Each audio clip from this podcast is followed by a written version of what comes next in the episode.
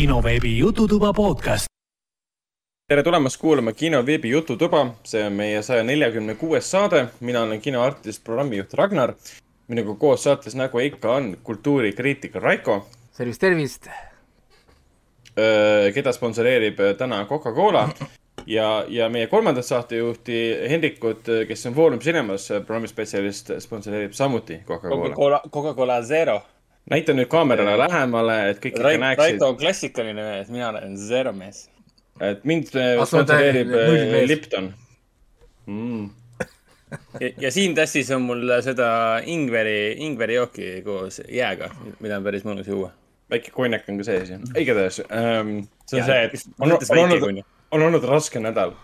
jah, pühapäev uh,, muidugi mõistlikum alustada täpselt nii aga, aga liigumegi kohe, kohe edasi, teeme selle kohustusliku ringi ka ära, et ähm, kinoveebi jututoad, kõik saated on leitavad Delfi taskus, SoundCloudis, Apple podcastis, Spotify's, Google podcastis ja enamustes teistes äh, podcast'i rakendustes. lisaks äh, saab meile muidugi kirjutada info, et äh, kinoveeb.ee lehele, kus me siis saame teile, teie, teie küsimuste, küsimusi näha ja siis saates nende üle arutada ja muidugi kinosaade.ee lehel on siis kõik, äh, kõik näha meie viimased saated, meie tutvustused, kuulajamäng äh, ja, ja kõik muu info selline. ja siis, äh, mis siis veel, aa, kinoveeb.delfi.ee, sealt leiab ka meie, meie saateid. ja minge pange äh, likeid Facebookidesse, ärkidesse, sealt saab infot siis laivide kohta ja, ja täpselt, et ja face..., ja tõenäoliselt Facebookisse ma hakkan tegema ka postitusi, mitte ainult mina, vaid Hendrik Ragnar ka, kui me näiteks lähme õhvidele või niisugustele kohtadele, kus on hea jagada otse muljeid, muljeid, jagame pilte ja muljeid, nii et siis on ka võimalus meid sto stalkida ja üles leida nendelt eventidelt, et Hõhvi ajal isegi peaks üritama teha live, live saade nagu Hõhvil olla ees. kuskil seal kohvikus umbes, et, et Helmut läheb mööda, siis hüüame. Helmut, tule, tule kommenteeri, mis sa, kuidas sa õigustad selle filmi valikut siia? Seda... kuidas sa õigustad seda? kuidas sa vabandad seda? siis ja siis Helmut vaatab otsa? Uh,, vaatab Raikole otsa, et Raiko peab seda selgitama. mis mõttes, Helmut tuleb mööda, vaatab meile otsa mingi, otse Facebook Live'is mingi, aga kes te olete sellised, ma ei tunne teid, nägemist. aa, see on ta, Helmut käib mööda, et vabandust, mul ei ole, ma ei suhtle võõrastega, sorry. Uh, jah um,, ja siis jaa, täpselt nii nagu Raiko mainis, et, et Facebookis, Youtube'is, Twitch'is leiab meid siis kinosaade nime alt et seal on eh, kõik teated tulevad üles, et millal me saadet salvestame. sealt leiab ka SoundCloudi lingid eh, ja, ja, ja muidugi SoundCloud on praegu kõige parem koht, kus, kus näeb kõik saated ära selles mõttes. ja, ja, ja, ja, ja, siis, kui Joe Rogan e-, e-, ennast sealt ära ei võta või SoundCloud või muud kohad nüüd välja viskas, siis me lähme minema kas te ei ole tuttav uh... meemidega või? Oh my god ma pean siis iseendale krik-, krikete panema praegu, sellepärast et te lihtsalt ei saa aru mis meem, see meem, et äh, Joe Rogan on Spotify's ja kõik äh, vanad äh, USA lauljad lähevad ära sealt või? jaa, ja siis mitte ainult Spotify, vaid nad tahavad ka SoundCloudid ja teised ka võtaks ta ära. Okay.. mingi, mingisugusel põhjusel, sellepärast et ta vist on, tal on hästi palju anti-vaxxer stuff'i muidugi, siis minu arust hästi hea äh, huumor või noh, nagu see oli äh, kus tal oli, üks arst oli siis seal ja siis see arst lükkas talle kõik väited ümber ja siis ku, kus sa need võtad või kus info tuleb ja siis arst andis talle kogu info kätte, vaata. siis ta jäi nagu mm., tükk aega oli, oli vaid, oota, kuidas me nende allikaid kont-, kontrollida saame, siis see arst küsis, now you ask this enne kuulad ära ja siis pärast küsid, et ei noh, ei noh, ei no nagu nüüd ta tahab kontrollida, vaata, sest nagu asjad ei läinud nii, nagu tahtis, vaata. aga niikaua, kui kõik asjad lähevad nii, nagu tahab, siis tal ei ole kuidagi vaja, vaja kontrollida mis on tegelikult, läheb teemasse asjadega, mida ma täna vaatasin ka. Äh, läheb väga äh, huvitav tähelepanek, et meil on Youtube'is seitse vaatajat. mina olen üks, Andre on teine. mina olen kolmas. kolmas on Hendrik. kuidas, Raiko, sina oled ka või? Nope. mul on, mul on otse läbi ainult selle äh, Restream selle meil on, meil on siis paar inimest, äh, keda, kelle identiteeti me ei teagi no äkki, äkki minu pere kuuleb kuskil siis ka eemal praegult. aa, okei okay. jah, kuulajad, kes te olete, öelge meile, kes te olete. ehmatad ära viimased no oota, kuule, tõmba hoogu maha, ehmatad ära muidu. kuule, juba läks kuue peale, aga nüüd on viis. lõpetage ära. aga, aga liigume, liigume edasi. kuidas me seekordse kuulajate mänguga teeme? aa, kohe ka jõuame sinna, siis ma räägin.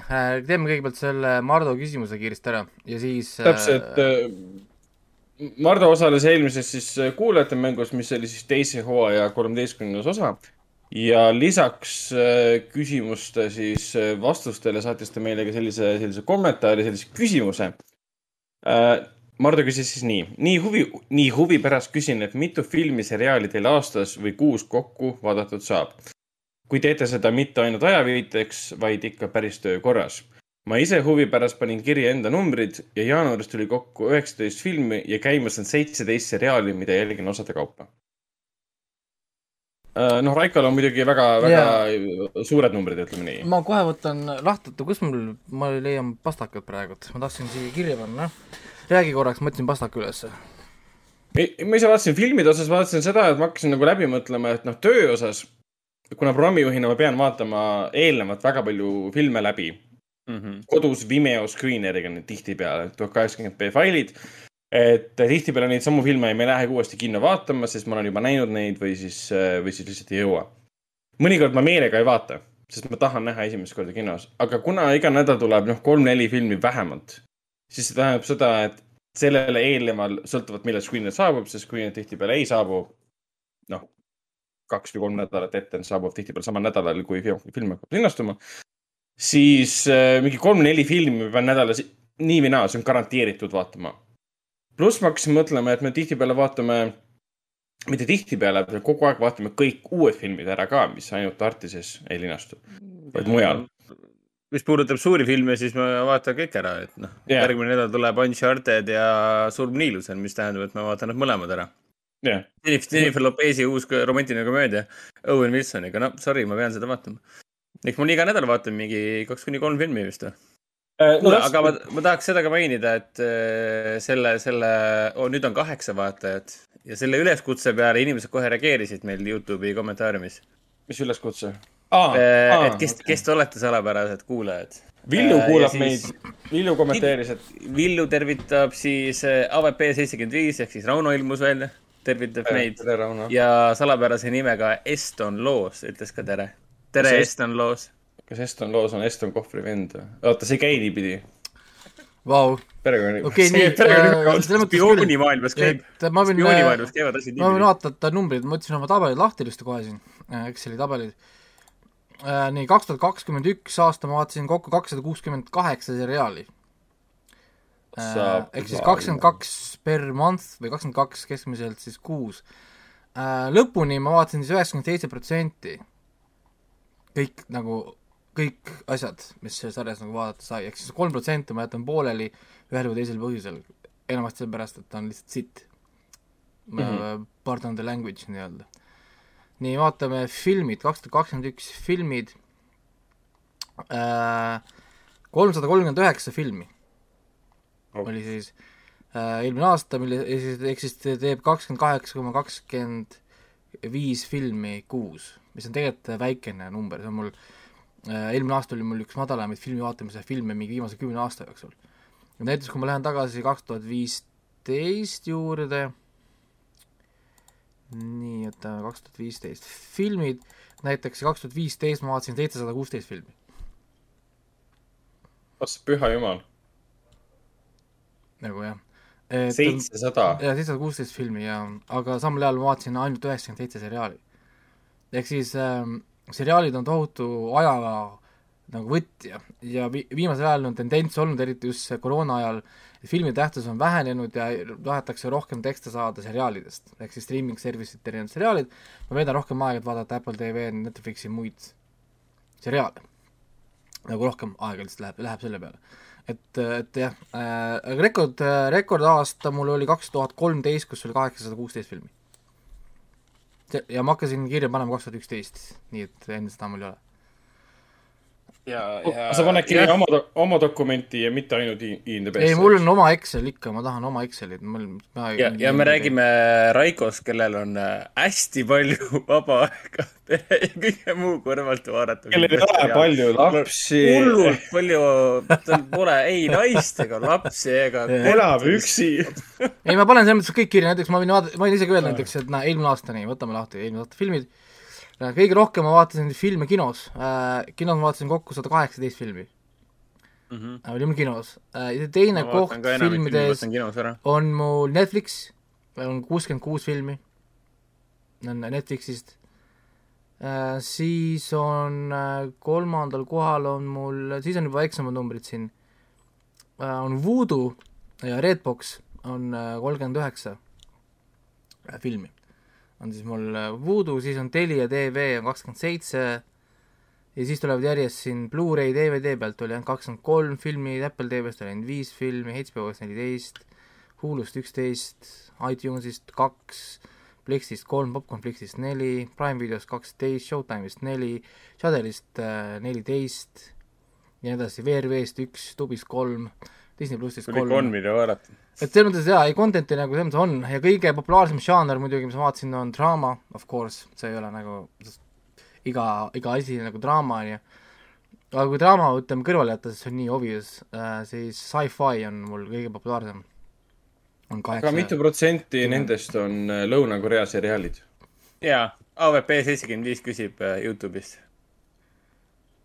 et mitu, mitu protsenti on Lõuna-Korea seriaalid või? Jah. -hmm.. vot, ma ei teagi selle kohe, ma pean äh, mingi uue algoritmi endale siis Excelisse panema. No,. sest äh, ka..., sest mul ei ole hetkel, hetkel ühtegi siis... riikide järgi mul ei isegi jaota seda, nii et mul on no, äh... mina vaatan nii palju, kui Netflix teeb äh, zombiseriaale Lõuna-Koreast, nii et aga, aga noh, siis ma vaatan seda ma saan küll öelda, et äh, sellest äh, eelmise aasta kahesaja kuuekümne kaheksast seriaalist oli kaheksakümmend kuus on anim nice.. ja nendest kaheksakümne kuuest on mitu siis isekai anime? no tõenäoliselt äh, mingi kahe, kaheksakümmend aga, aga ei, täitsa crazy tegelikult, ehk siis kahesaja kuuekümne kaheksa seriaalist sada on lihtsalt animatsioonid. on ju? ja siis mm, -hmm. ja animatsioonidest kaheksakümmend kuus on äh, anime. Ehk siis äh, selles mõttes, et ma kolmandik asjadest, mis ma vaatan, on tegelikult anime, mis on tegelikult nagu päris suur ja ülekaalukalt domineerib siis fantasy, see noh, sellepärast et animatsioonid on üldiselt äh, fantasy. ja, ja, ja horrorit ka muidugi on päris nagu palju ja, ja saarseriaalides domineerib äh, üllatus, üllatus Crunchyroll mm.. Äh, Crunchyroll on siis kõige ees äh,, Funimation ja Netflix ja Hulu on siin suht üksteise kõrval kõik. seriaalides on see jah, rohkem nagu lähedal, filmid on, kino on ikkagist nii palju ees äh,, kino vastu ikkagist ei saa nagu selles mõttes ja, ja keskmine hinne, mis ma olen andnud siis eelmine aasta näiteks ka, ma saan kohe vaadata siit, on seitse koma viiskümmend kaks siis seriaalidel. ja filmide keskmine hinne on mul kuus koma kaheksakümmend neli aasta peale siis. nii et, et jah äh,, igasugused äh, huvitavad asjad ma ikka korjan siia endale ära, sest äh, huvitav on ikka vaja mingi hetk teha mingeid kokkuvõtteid ja, ja, ja vaadata, üks asi, mis ma kustutasin siit ära, mul mingi hetk oli, oli ilus number, mis äh, arvestas selle filmide, seriaalide kestvuse, arvestas siia mulle minutiteks ja siis mul oli siin rida, mitu minutit ma olen äh, raisanud. ja see tekitas mul alati depressiooni ja ma võtsin selle ära. jah, jah, see on, äh, see on hea asi, mida mit, mitte sinna lisada tõesti. et ma võtsin, võtsin selle, võtsin selle ära, et see olid crazy'd numbrid. Ja, ja siis lapsed tulevad umbes, et oo, et mängime täna midagi, issand, pole aega, siis vaatad neid numbreid siin, et kuidas mul juba pole aega, kui ma saan vaadata kuradi sadu ja sadu ja tunde kuradi äh, sitta põhimõtteliselt. jah, ja okei okay,, see on hea point tegelikult, jah vaimse tervise nimel, ütleme nii siis. ei, ma võtsin selle ära ja, sest see, tal ei olnud tegelikult üht, ühtegi äh, eesmärki või noh, nagu niisugust, ta oli lihtsalt selle jaoks, et selle, et vaata, kuhu sa oled kõik oma aja pannud. ja ärge unustage, mul on videomängud ka. mul on veel video, video ja lauamängude tab veel siin eraldi nii et kuidas te selleks aega ei leia, seda keegi meist sellest äh, ega ma ei teegi midagi muud, selles mõttes, et äh, noh, ma ei tee mitte, mitte midagi nagu muud, ma ei käi kuskil nagu tööl või noh, saad aru, selles mõttes, et ma ei lähe ju noh, nagu ma ei tea, hommikul uksest välja, et tööle tulen õhtul tagasi, ei. see ongi nagu jah, selle, selles mõttes niimoodi ta toimib. siia sobib see meem, vaata, kus äh, Jokker vaatab hommikul peeglisse, et äh, mina valmistumas tööle minemaks, samal ajal kui Jah. Raiko mängib, kui see teenib sellega raha. jah, aga see on ei, hästi see ei ole Jokker, see on kloun ju. või kloun lihtsalt. jaa, ei, aga Joko, Joko Jokker ei ole ju klaun selles mõttes. No- nii nojah, aga nad on- et, aga kui ma vaatan kui ma vaatan neid Mardu numbreid, siis Mardu on tegelikult päris suured numbrid, sest ta on see aasta, näed, pani üheksateist filmi ja seitseteist seriaali, siis näiteks minul selle aasta numbrid on kolmkümmend seitse filmi praegult tänaseks ja kuusteist seriaali, ehk siis seriaalidega on tegelikult Mardu juba ees minust. Seriaalidega mina olen kindlasti väga, väga maas, ma nii palju ei vaata nädalas. no siin on muidugi küsimus ka, et kas vaatad lõpuni või mitte, sest äh, minul on nagu see, et, et ma jätan, ma räägin ainult kolm, kolm protsenti jätan pooleli, enamus inimesed tegelikult jätavad pooleli mingi, enamus sarjad jätakse pooleli, ta vaatab mõne episoodi ära, järgmine vaatad mõne episoodi ära, et see lõpuni vaatamine on tihtipeale väga challenging, sest satudki vaatama mingit jura ja siis vaatad ja vaatad ja mõtled, et kurat, et see on nagu jura ja, ja, ja, ja siis on küll nagu tobe, aga, aga kui on ikkagi hea asi ja noh, mõnus vaadata, siis, siis on ikka mõnus ja, mõnus ja tore, et nii et jah, numbrid on sellised äh,, kokku mul peaks olema umbes kaheksateist tuhat kuussada filmi siia, siia või siia-sinna äh,. nii et äh, jah, life well spent. jah. Rauno täpsustas veel seda ka, et viimase üheteist aasta Lõuna-Korea filmide ja seriaalide statistika on järgmine. seriaali kokku vaadanud sada kaheksakümmend kaks päeva ja kuusteist tundi, see on kolm tuhat üheksasada kaks episoodi ja sada üheksakümmend kuus seriaali. filme vaadanud kolmkümmend neli päeva ja üksteist tundi kokku, see on nelisada kolmkümmend üks filmi. ehk siis viimased üksteist aastat. kui rääkida ainult Lõuna-Korea filmidest. keegi jah, Rauno on seda tüüpi inimene jah, kes eh, samal ajal kui mina siin lähen vaatan, ma ei tea, Moonfalli ja raiskan põhimõtteliselt aega, pärast räägime sellest, miks aja raisk oli. aga Rauno samal ajal eh, naudib eh, tõelist eh, kvaliteeti. isegi kui lõunakorealased teevad, sorry, aga paska, klišeelist paska, siis see klišeeline pask on eh, viiskümmend protsenti parem kui see, mis Hollywood teeb. kvaliteet on lihtsalt niivõrd hea ah,. Rauno mainis ka seda, et ta vaatas äh, Demon Slayer ära. oo, nice. esimese hooaja vaatas lõpuni, nii et äh, Rauno hakkab meil järgi jõudma. nii et ma pean ka Ähm, alustama. praegu vaatasin jah, et millegipärast jooksis see kokku meil see chati refresh selle peal äh,, meil selles. aa, nagu striimi enda peal. no Youtube'i chatis on kõik okei okay praegu. ja ma lihtsalt, et tegin talle nüüd äh, reso ja, ja äkki siis tuleb sinna, ma, mul endal pole Youtube lahti, siis, siis te peate ütlema mulle, et mina näen ainult seda, mis mulle tuleb siia ja siis ma selle järgi saan teha. aga olgu, liigume, liigume asjade juurde ja, ja räägime asjadest. või, või, või tahab Hendrik veel rääkida oma statistikast või, või no nii palju ütleks, et mina vaatan enamik filme kinos, sest äh, ma ju töötan kinos. Pressikad äh, ja, ja koos kinosed ühised vaatamised, noh, noh, ütleme niimoodi, et igasugused Moonfallid ja Nightmare Rally'd, need on niisugused kohustuslikud filmid, mida sa ühel või teisel hetkel ära vaatad juba esimese nädala peale, et mul on pigem yeah. see teema, et ja siis sa paned siia juurde ka filmi, mida sa vaatad kodustes tingimustes, et tõenäoliselt mul siin mingi kaks-kolm-neli filmi nädalas ikka tuleb, aga noh, viimasel ajal aina vähem selles mõttes, et ei jõua lihtsalt. ja seriaalide suhtes, mis meil on siin, et äh, kolmapäeviti Boba Fett, neljapäeviti Peacemaker äh,, siis nüüd hakkas jooksma see Race by Wolves. no sul on veel ju Veera ja Shetland. Veerat me ei viitsi vaadata tõenäoliselt, Shetland on läbi äh,. no siis ongi, Eufooria jookseb pühapäeviti. mul on mingi viis episoodi, kuus episoodi nädalas, pluss äh, need on siis jooksvad seriaalid episoodide kaupa. Pluss siis seriaalid, mida ma vaatan niisama, ehk siis, eks asjad on juba väljas, umbes nii nagu see The Maid nii-öelda, võtad ette Mm. hakkad järjest läbi vaatama. aga jah, ma arvan, et mingi viis episoodi nädalas on vist uh,, mis on nendest kord nädalas asjadest. mulle see kord nädalas asi täitsa meeldib tegelikult. mul on vanakooli mees, mulle ei meeldi, kõik asjad on korraga kätte antud.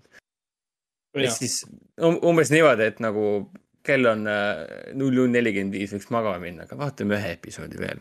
homme on tööpäev, vaatame ühe episoodi veel, et noh, see on, see on probleem. aga ja siis, ma, ma, ja siis hommikuti pea valutab ja tahaks kauem magada ja siis titt, titt karjub. anna süüa ja mine tööle raisk Mm.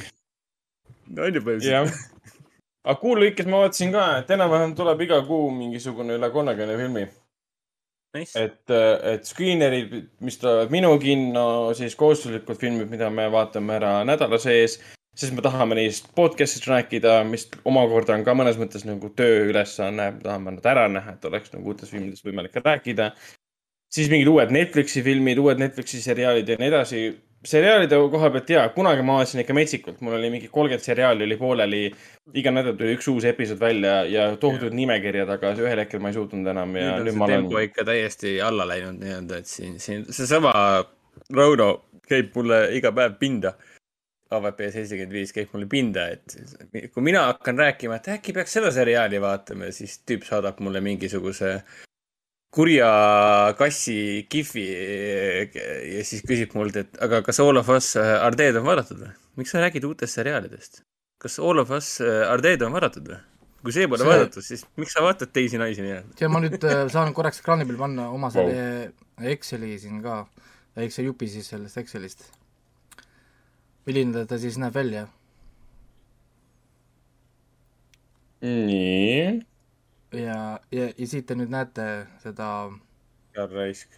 noh, mul seda Exceli mm., Exceli tabelit wow., kus on võimalik erinevaid äh, asju vaadata, kus nad erinevaid neid infot tõmbavad ja korjavad ja on, tuleta, tuletame meelde, et nende kõikide vaatamise eest äh, Raiko maksab raha.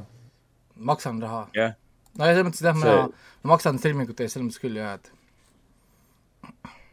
Raiko on jah seda tüüpi inimene, kes, äh, kui, kui talle ei anta võimalust äh, maksta raha mingi filmi, filmi eest näiteks, siis Raiko põhimõtteliselt helistab filmi režissöörile ja ütleb oh,. kirjutan oh,, kirjutan tiimile. miks ma ei saa sulle raha anda? see oli jah, selle, see oli see Taani film, see Guilty oli küll jah niimoodi, mind ajas see nii närvi, et Euroopa filmi mitte kuskil Euroopas seda vaadata ei saa või pealehed on kõik täis seda, ma vaatan tasuta, kui tahad, kirjutasin endale sellele filmi produtsendile, kuule, et kas sa tahad raha või ei taha?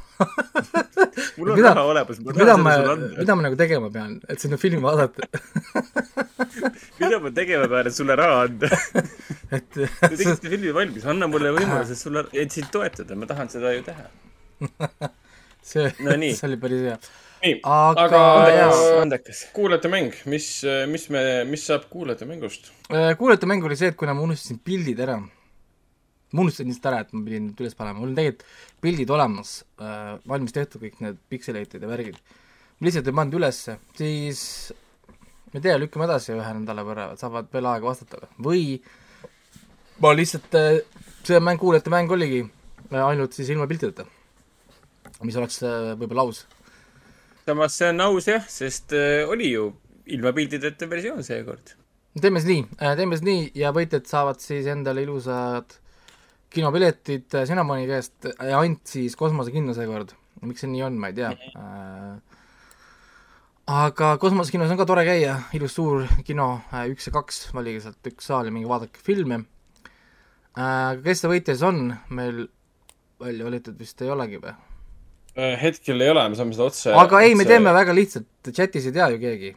et äh, kes ei võta osa, Rauno ei võta osa, Rauno, ütle üks number ühest, ühest kolmeni siis kõik vastasid õigesti, ütleme nii, et äh, jah ja. ja., kolm osalejat oli.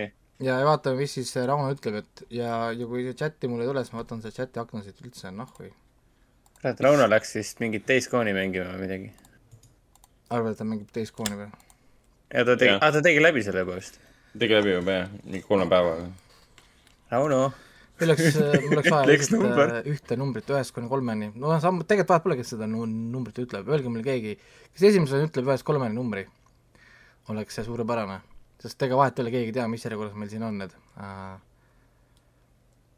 ja, ja, ja AVP vist reageerib midagi, ma võtsin telefoni isegi lahti, muidu mina kolm, mhm. number kolm tuli. Ja number kolm on äh, Villu, palju õnne Villule. Palju õnne, Villu! said endale vähemalt äh, Cinnamoni piletid, teen su nime ilusti punaseks siia, et ma saan sulle aitäh, Rauno, sa olid väga vastutulelik. saan ilusti ära äh, saata sulle siis pärast äh, piletid. aga äh, õiged vastused siis olid äh, Sherlock, Babylon Five, mis oli eriti lihtne, sest äh, tekst oli seal nagu konkreetselt äh, intros sees. Äh,, Dark, mis on siis hästi kiidetud Netflixis, aga pooleli nii-öelda mingisugustel maagilistel põhjustel mul pooleli jäänud, ilusti seal äh, puna, punane mul selle Exceli tabelis seal äh,, Mad Men ja siis muidugi Queen's Gambit, üks parimaid asju, mis Netflix kunagi on äh, produtseerinud äh,. Nii, need olid siis äh, seekord äh, need kuulajamängu omad, aga nüüd küsimus ongi, et et äh, kus minul on tänase mängu omad, oodake, ma otsin selle folderi üles endale kiiresti. nii kaua, nii kaua tuletan meelde ka, et äh, kuulajamängus äh, osalemiseks on vaja vastused saata kindlasti info, et kinosaade.ee ja pildi osas peab minema siis ähm, kinosaade.ee lehele, kus on tab kuulajamäng, kus on siis uued pildid mille pildid on siis filmidest, need on võib-olla natukene abstraktseks muudetud, et aru, tuleb aru saada, mis filmidest on need pärit. chati palume kindlasti mitte kirjutada vastuseid, mida te chat selles ähm, stream'is nagu kuulete, sest see oleks äh, cheat imine. Ja siis kindlasti... on, siis on võistlus kehtetu selles mõttes ja, aga jah, info, et kinosaade.ee ja seal kuulaja mängu tääbi all kinosaade.ee-s, et seal on siis näha ka kõik senised võitjad äh, ja praegune edetabel ka et kogu et... info on avalik teie ees.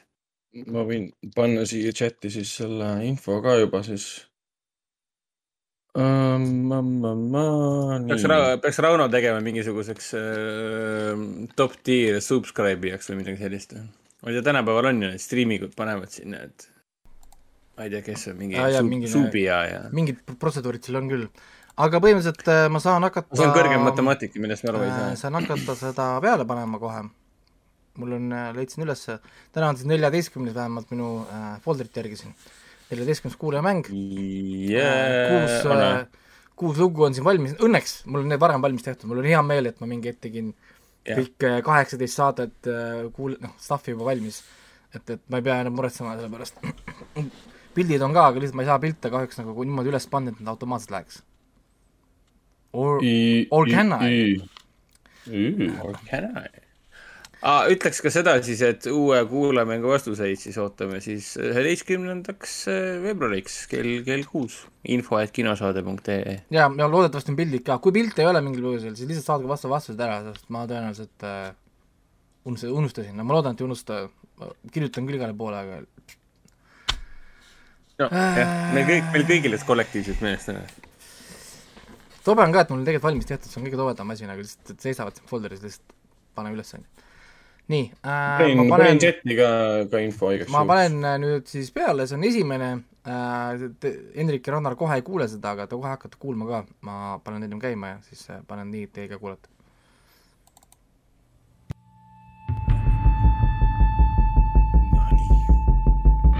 Nonii. Nonii.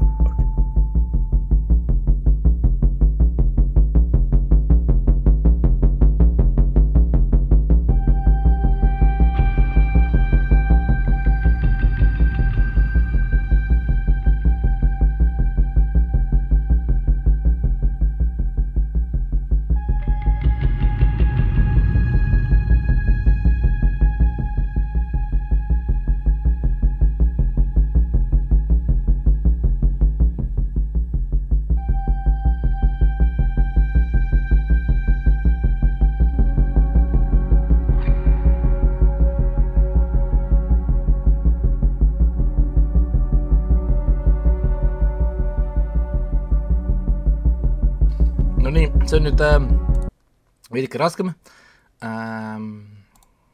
ja, ja mis see küll võis olla, järgmine on väga kerge, äh, see on siis äh, pühendusega siis Raunole, nii et äh, palun kuula ja naudi. Yeah.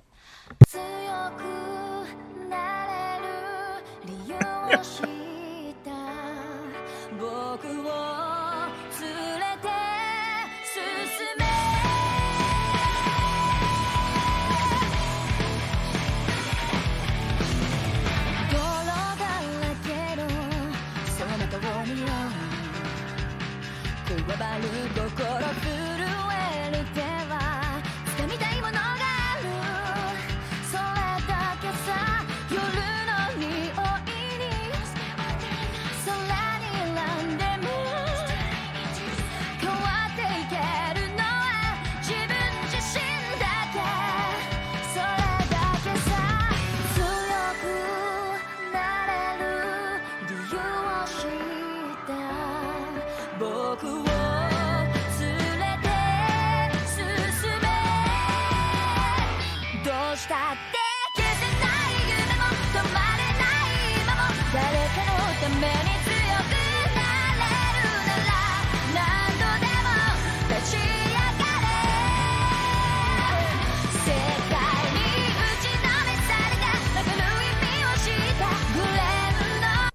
no nii, Youtube copyright here we come äh,, oli fun ah,. jah, rääkides animest ja juut-. ma ei tea, millest En- Hendrik räägib, igal juhul me jaa, okei, liigume, never mind. liigume number kolme Oh no juurde. you didn't.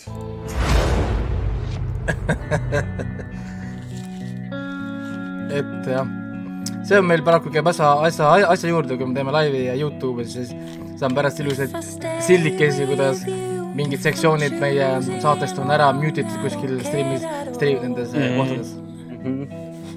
võib sattuda hoogu. I'm losing now, but I'm winning late, that's all I want.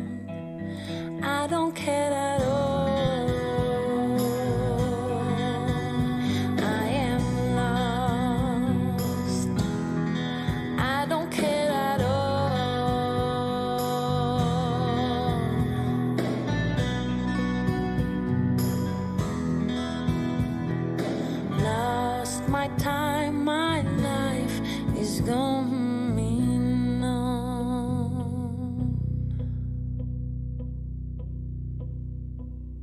Nonii äh,, sujuvalt otse kohe number nelja juurde.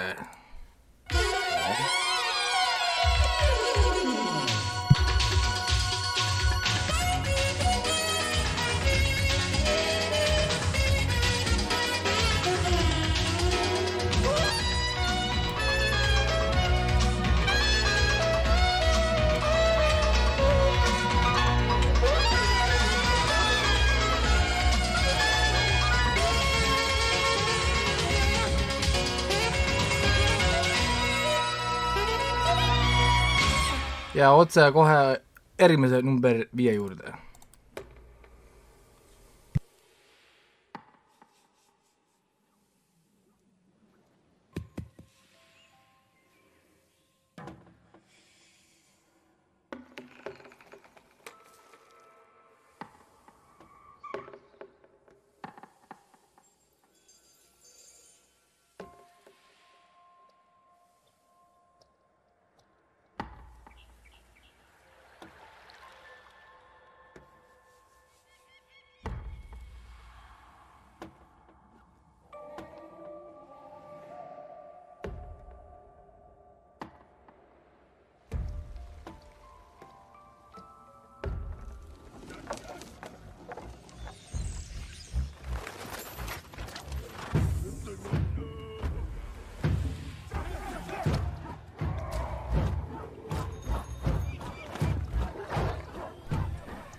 No nii palju ütlen, Hendrik arvas selle ära praegu.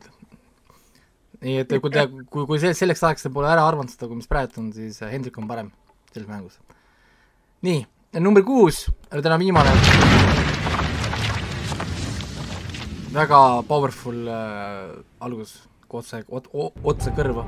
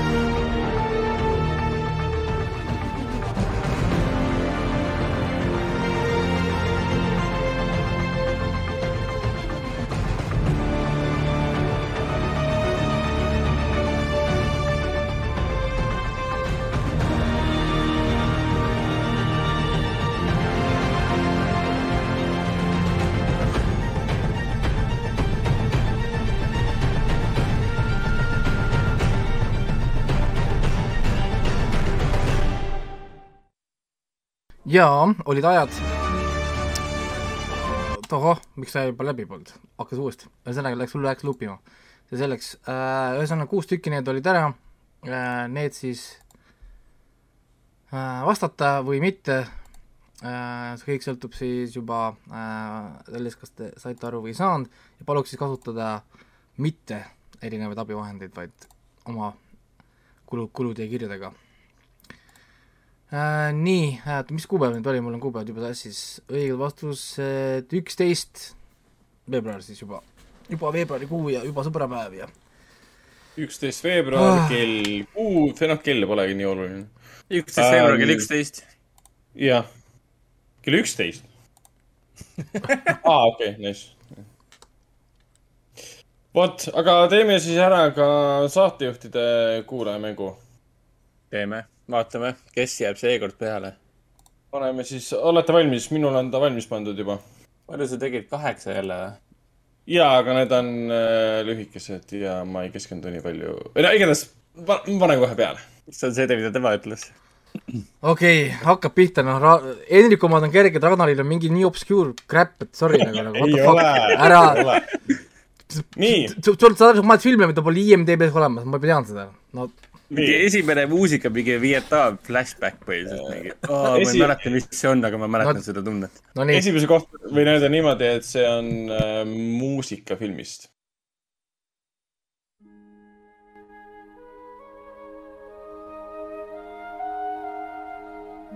Äh, chat, palun mitte ära arvata, sest muidu reedate vastuseid. podcasterid praegu arvavad ähm....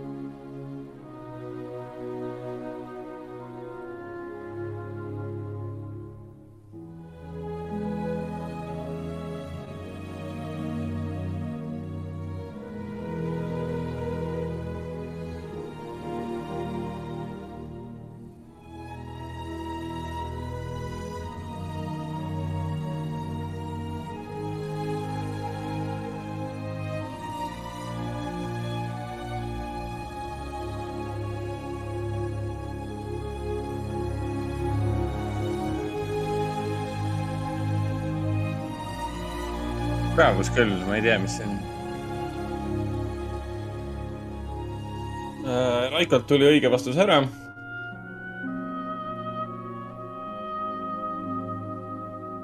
oota.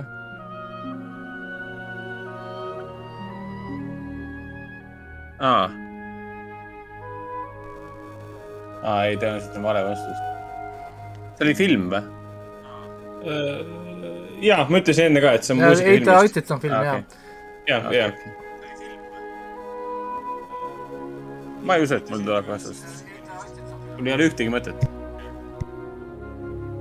Nonii, ma, mind täitsa huvitab, mis see on. kuulame natuke veel, see on nii ilus.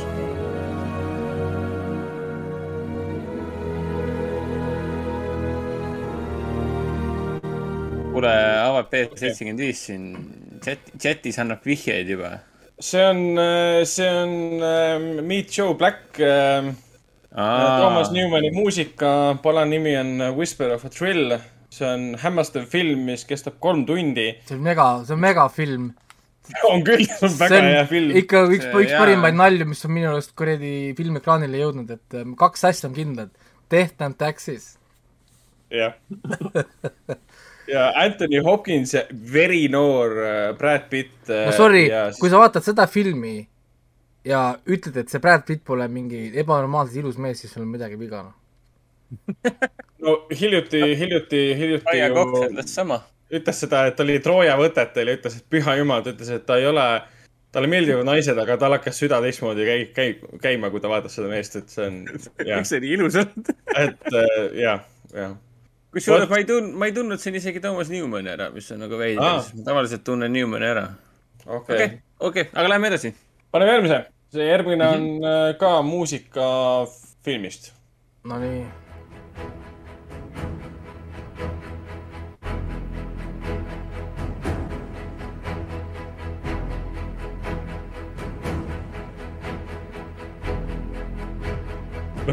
Vett kirjutas, see on see. aa, ei, see on, oota.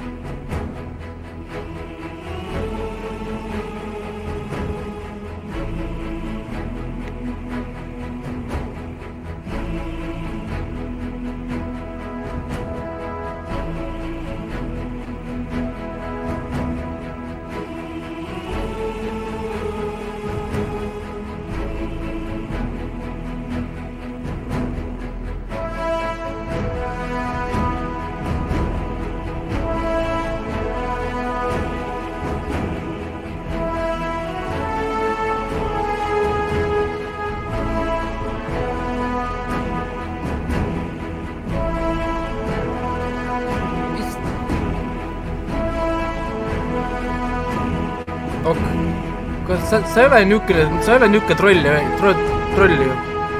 mis mõttes äh,? ei ole, aga sa oled lähedal. pane veits vaiksemaks, see on päris kõvasti. vot nii jah. et, et äh, sa oled väga lähedal. mõtlesin, et sa oleks ikka vä- väga valus troll oleksid praegu. ei, ei, ei, ma nii, nii hull ma ei ole. Aga mõte, mõte on sul väga õige. nii hea võistlus on. no sul,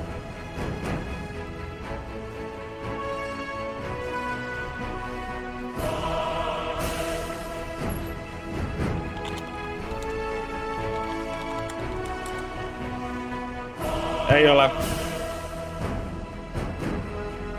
aga jällegi, mõte on väga-väga-väga õige.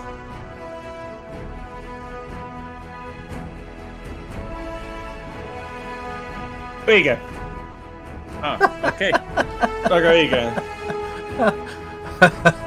see oli pärit äh, Oliver Stone'i äh, filmist Aleksander, lõpumuusika, siis kui Anthony Hopkins ütleb viimased kuulsad laused, siis tuleb see eepiliselt lõputiitrid peale kui selles filmis kunagi mingit versiooni vaadata, siis vaadata seda mingit kümnendat versiooni, mis Oliver Stone lõpuks valmis sai kümme aastat hiljem, see mingi Ultimate, mis iganes cut. mis kestab mingi jah. üle kolme tunni. tead, ausalt öeldes ma püüdsin seda kõike guugeldada, ma guugeldasin selle informatsiooni ära ja mul ei jäänud meelde, milline neist viiest või kuuest, palju ta lõpuks tegi neid versioone, on, on see, mida ta tahab, et ma vaataksin. mina olen vist ta tahab, et vaataks kõiki. jah no,. mul on niisugune tunne, et ma pean mingi Sheldon Cooperit tegema ja kõik versioonid üks, ükshaaval ära vaatama. see. kõik on mingi kolm tundi pikad. ma alguses pakkusin, pakkusin Trooja, sest mõtlesin, et ta on nii troll, vaata, ta räägib, et oh, Brad Pitt filmis Trooja, siis paneb kohe pumm, Trooja muusika peale. kes tegi Trooja muusika? ma tean, et Volkan Peterson lavastas ta ah,, kusjuures see oli, kas sa mainisid, et Vangelis tegi muusika või? Vangelise muusika, jah. ma enne panin siia listi, seda siin ei ole, Vangelise ühe teise filmi muusika ka, mis on Ridley Scotti film. ma ei ütle, mis film see on. Trooja muusika tegi James Horner ehk siis see, kes tegi ka Ah, selle okei. Avatari. Nice. jah. aga Vangelise muusikaga ongi see, et kui ma oleksin selle teise pannud, ta poleks ära arvanud nimina. vot äh,, paneme peale kolmanda. kolmas on mm. nüüd ka filmist.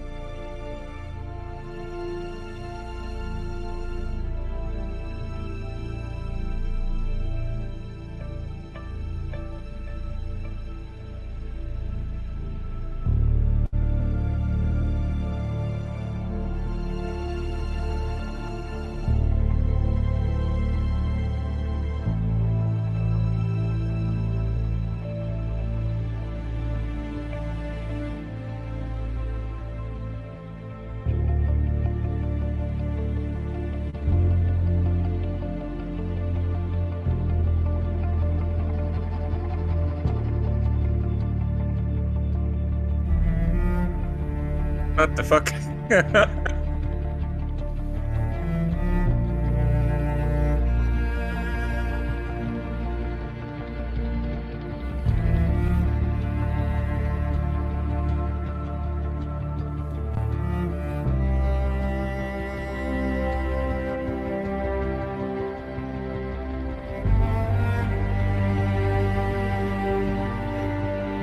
Fuck you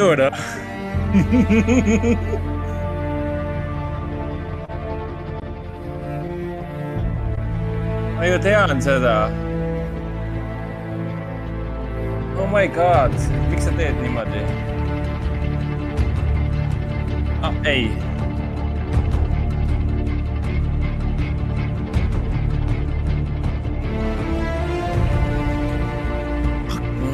täitsa lõpp noh.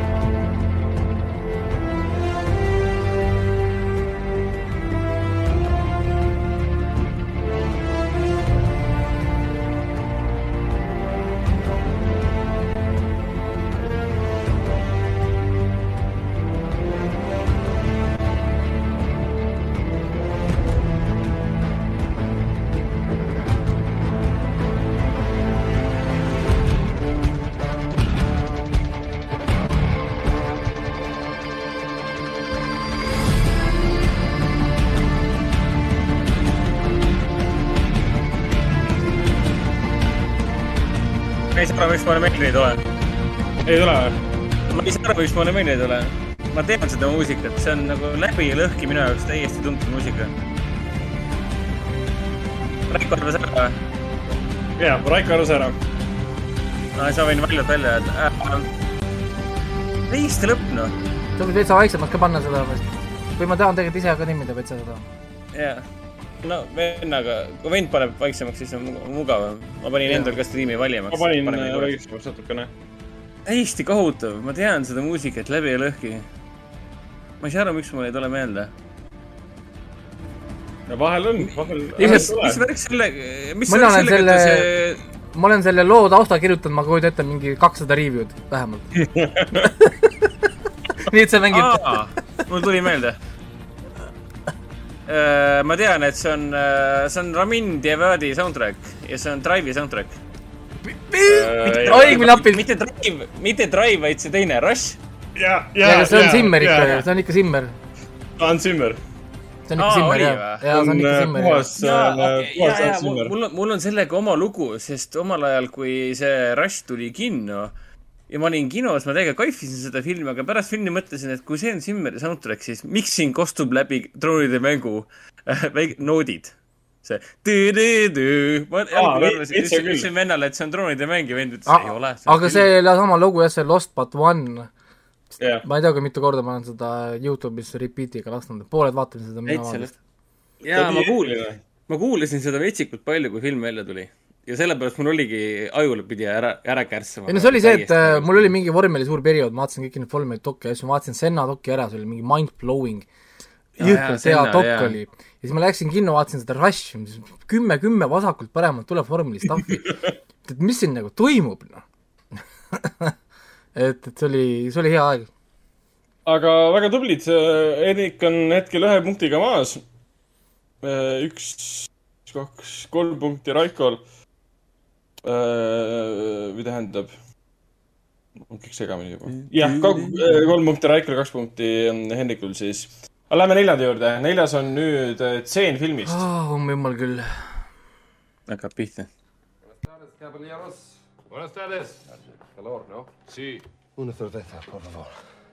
Mida vitt?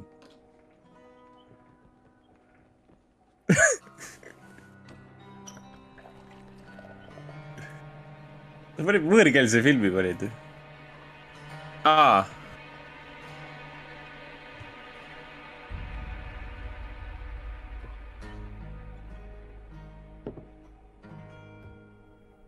Deutsches Bier. Claro. ja, ist Bitburger. Schmeckt gut, ne? aa, sorry, ma panin vale filmi sulle um,. ole nüüd tasa natukene. Das Beste.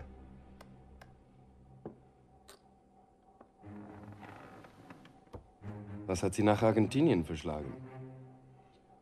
Ach, das Klima. Ich bin Schweinebauer. Schneider. Schon seit meiner Kindheit. Mein Vater hat die schönsten Anzüge Düsseldorfs gemacht. Meine Eltern kamen aus Düsseldorf. Ach. Ja, Und wie ist dein Name? sie hatten keinen Namen. Ihr Name wurde ihnen weggenommen. Schweinebauern und Schneidern. Vau. Hendrik vastas õigesti.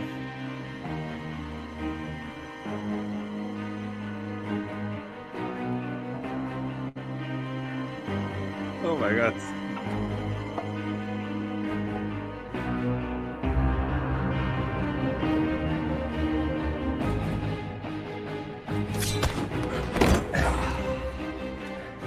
Blut und Ehre.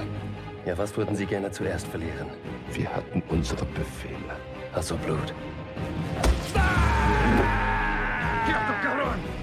Was sind Sie?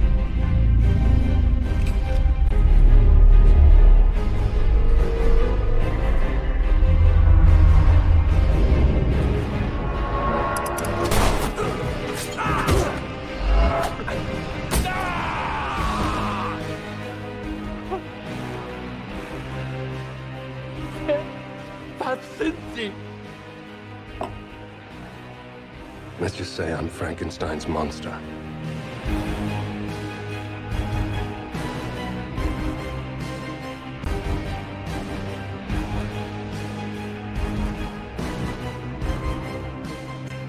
I'm looking for my creator.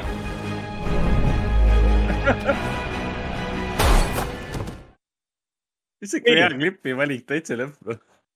äh,. Raiko, mis sa arvad, mis see oli?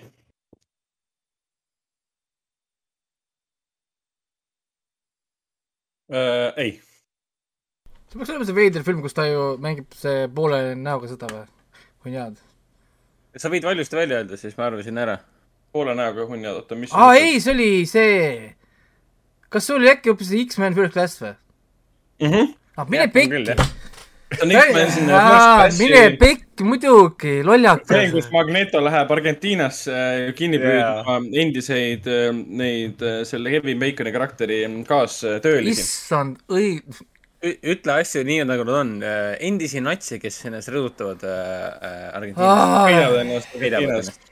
ja see on hea klipp, sellepärast et see on võõrkeelne esiteks. see viskab teid kohe nagu ree pealt ära, et arvatakse, arvatakse, et on vale film.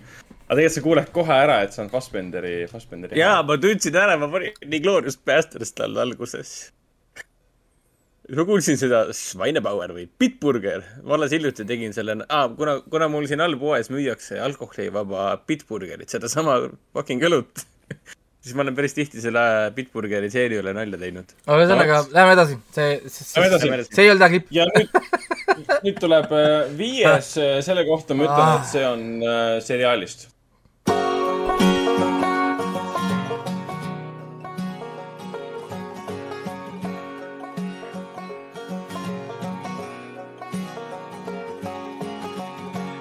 Door just in time. New boss by 8 a.m. The phone rings in the car.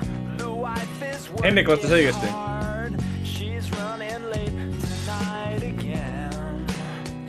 Well, I know what I've been told. You gotta work to feed the soul. But I can't do this all on my own. No, I know I'm jep. no mul oli vaja see, kuni tuleks refrääni kohta, aga mina muidu ei saa aru. täpselt, sest see on täispikk intro sellest äh, Scrubsi algusloost. mõlemad vastasid äh, õigesti. kui ma oleksin kasutanud Jaa. seda ühte juppi, siis oleks kohe vastused ära andnud. aga vot jah. nojah, siis, jah, siis me oleksime kohe aru saanud ja absoluutselt nõus, jah. I m no Nii. Superman. ah, peaksid uuesti vaatama. Täpselt Nii., VR4K UHD uh,. nii, kuues läheb äh, peale. see on ka, see on ka nüüd seriaalist. sellega ma pean ettevaatlik olema, sest ta on lühike. nii uh,, on kuues, jah, kuues läheb peale nüüd.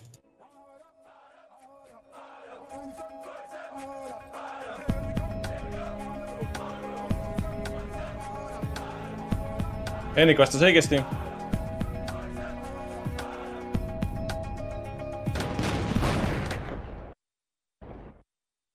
Kuidas sa üldse selle peale tulid?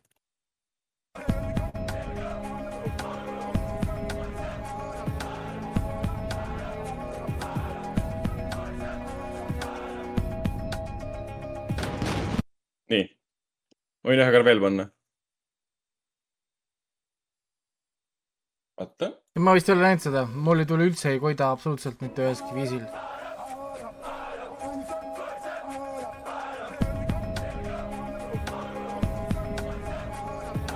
Ei koida.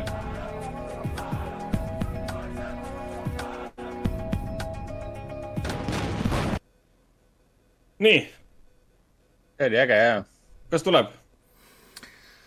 ma ei tea, ma vist olen näinud seda, sest äh, võõras.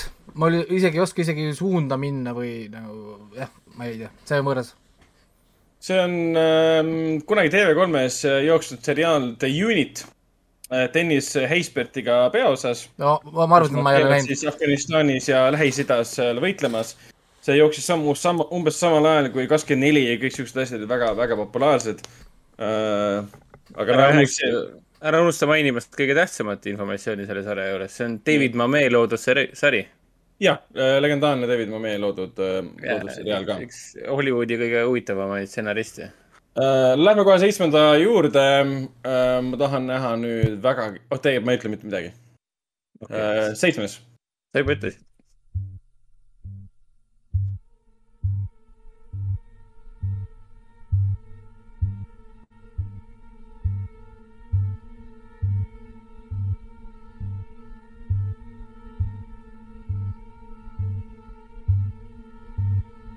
Raiko vastas õigesti. Hendrik mõtleb veel.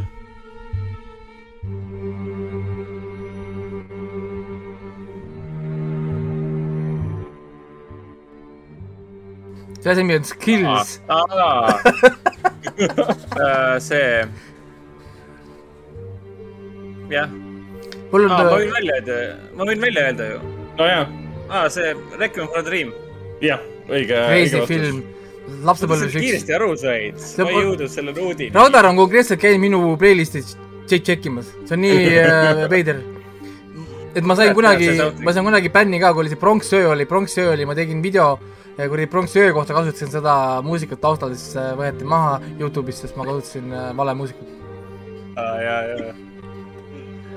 okei, ah, legendaarne, legendaarne Clint Mansell, kes pole ammu väga aktiivne olnud. Okei okay,, seni on ainult ühe korra Hendrik valesti vastanud uh,. nii uh,, läheb peale viimane. ja see on filmimuusika.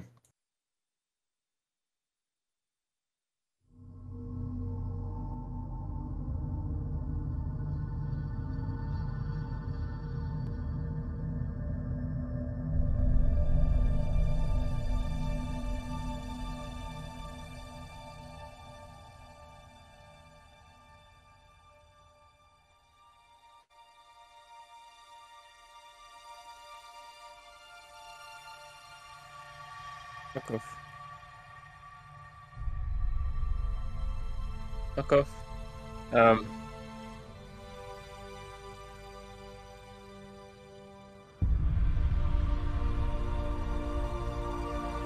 masendav, sa oled masendav. aitäh.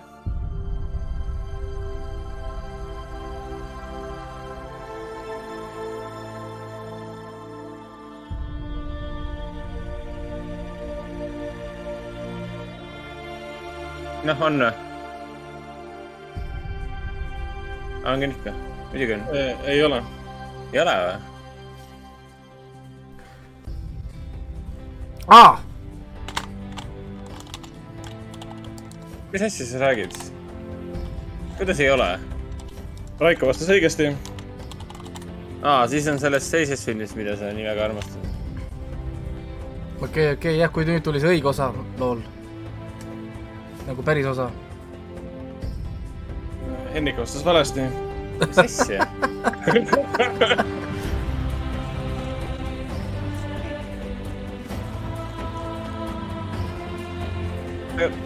ei saanud aru.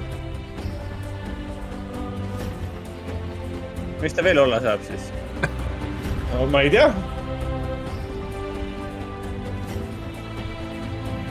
oli ikka veider, veider film tegelikult. ei, ma ju tean seda, see on väga tuntud muusika. see on ju, Raiko vastas õieti või? jah, see on ju Simmer, ei ole või? ei ole.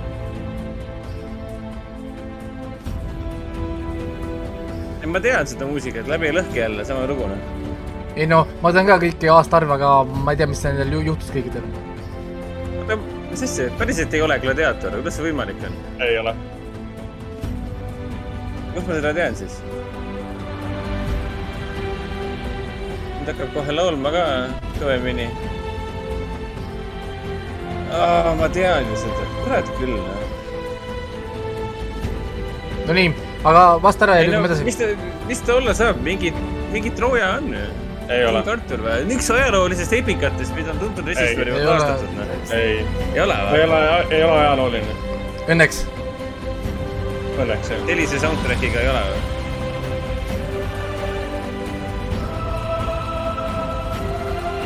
olen väga segaduses, mul aju mm -hmm. täiesti lühises praegu.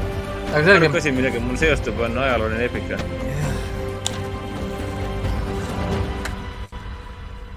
nii uh,, ma ei tea, väga imelik, väga piinlik, et ma aru ei saanud praegu, mis, aga mind täitsa huvitab, mis see on, et, et ma saaksin endale öelda, et fuck, kuidas ma seda tean. Äh, see on Michael Bay The Islandi soundtrack'i lõpulugu Steve Jablonski poolt äh, My name is Lincoln no ei, selle, selle filmi puhul ma ei saa küll öelda, et oi fuck, mul on piinlik, et ma ei teadnud. Sorry, aga Jablonski, Jablonski soundtrack'id on Michael Bay filmides nagu kõik fucking ühesugused. Island mulle kohutavalt meeldib, aga sorry. ei, ei ütleks Music, musical cue'd ei seosta mul silma. kunagi Islandiga. ei, soundtrack'ina minu arust väga, ta paistab silma tegelikult selle filmi. minu arust. äh, jaa, aga Jablonski kipub ennast nii kõvasti kordama, siis ma ei oleks Michael Bay peale küll tulnud, sorry. ta on ikka nii maha ennast teinud, et kõik tema filmid kannatavad tänu sellele. Ära nüüd ole nii negatiivne. ei no mis asi oli, mis asi oli Transformers Last Night? selles okei, mõttes, see, et see, see oli Moneymaker oli see see oli, nimi oli Moneymaker. nii, üks, kaks, kolm, neli, viis, väga hea, hea lugu oli. kuus. nii veider, et see ei olnud, ma ei tea. jäigi, Raiko jäi siis peale. kahe punktiga vist või? ei, ühe, ühe, ühe punktiga vist jäi vahe jah, sest ühe punktiga jäi peale, sest Ah. ah. Raikol oli siis äh, kaks nullist ja Hendrikul oli üks nulline. tähendab okay., jah, üks rohkem on siis. jah, Hendrikul tuli viimane, viimane tuli valeks. või tähendab, ma esimene, esimene ja viimane tuli valeks, tähendab, ma vabandust. võtan f- for kuulajate sake nii-öelda, ma võtan oma sõnad tagasi, kui ma ütlesin, et äh, Clint Mansell ei, ei tegutse eriti praegu, et noh, ta ju Peacemakeri kuradi soundtrack'i tegi ja on. Ja ta siin Ben Wheatley uue filmi In the Earth'i soundtrack'i tegi ja No, ta teeb, teeb ikka küll. väikseid fi- filmid on ikka väiksed pigem Netflixi filmid ja nii edasi aga ma võtan oma sõnad tagasi et eh, natuke ülbe minu poolt ilma guugeldamata siin Mansellile puid alla panna vaata, kui, mõtle, kui kõik inimesed räägiks nii, et sa enne guugeldad. ja siis, ja siis ütled Jah. asju. elu oleks palju konfliktivabam no ega ikka, ikka oleks olnud. kokkuvõttes äh, väga tasavägine mäng, ühe punkti vahe ja taaskord äh, aitäh teile, et osalesite. järgmine kord vaatame, kes äh, läbi viib. aga liigumegi edasi filmide ja seriaalide juurde, mis me oleme vahepeal vaadanud.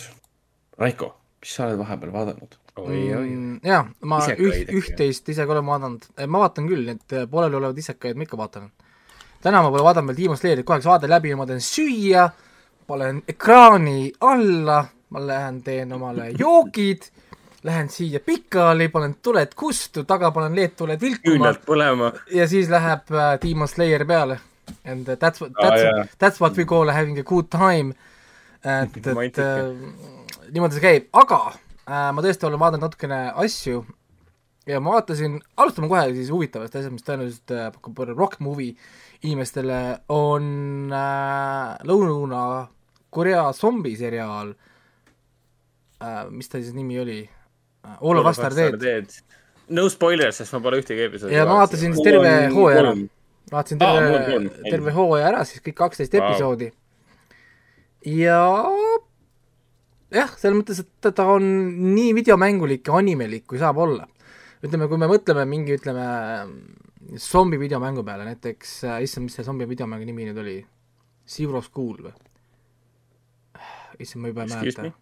on üks zombi video, videomäng oli kunagi, kus sa oled koolis, kõik õpi-, õpetajad, õpilased muutuvad zombideks ja siis sa liigud nii-öelda nagu küljelt vaates, liigud treppidest üles-alla, väldid zombisid pimedates nurkades, peidad ennast klassides, värkides, sa pead liikuma nii-öelda nagu läbi kooli.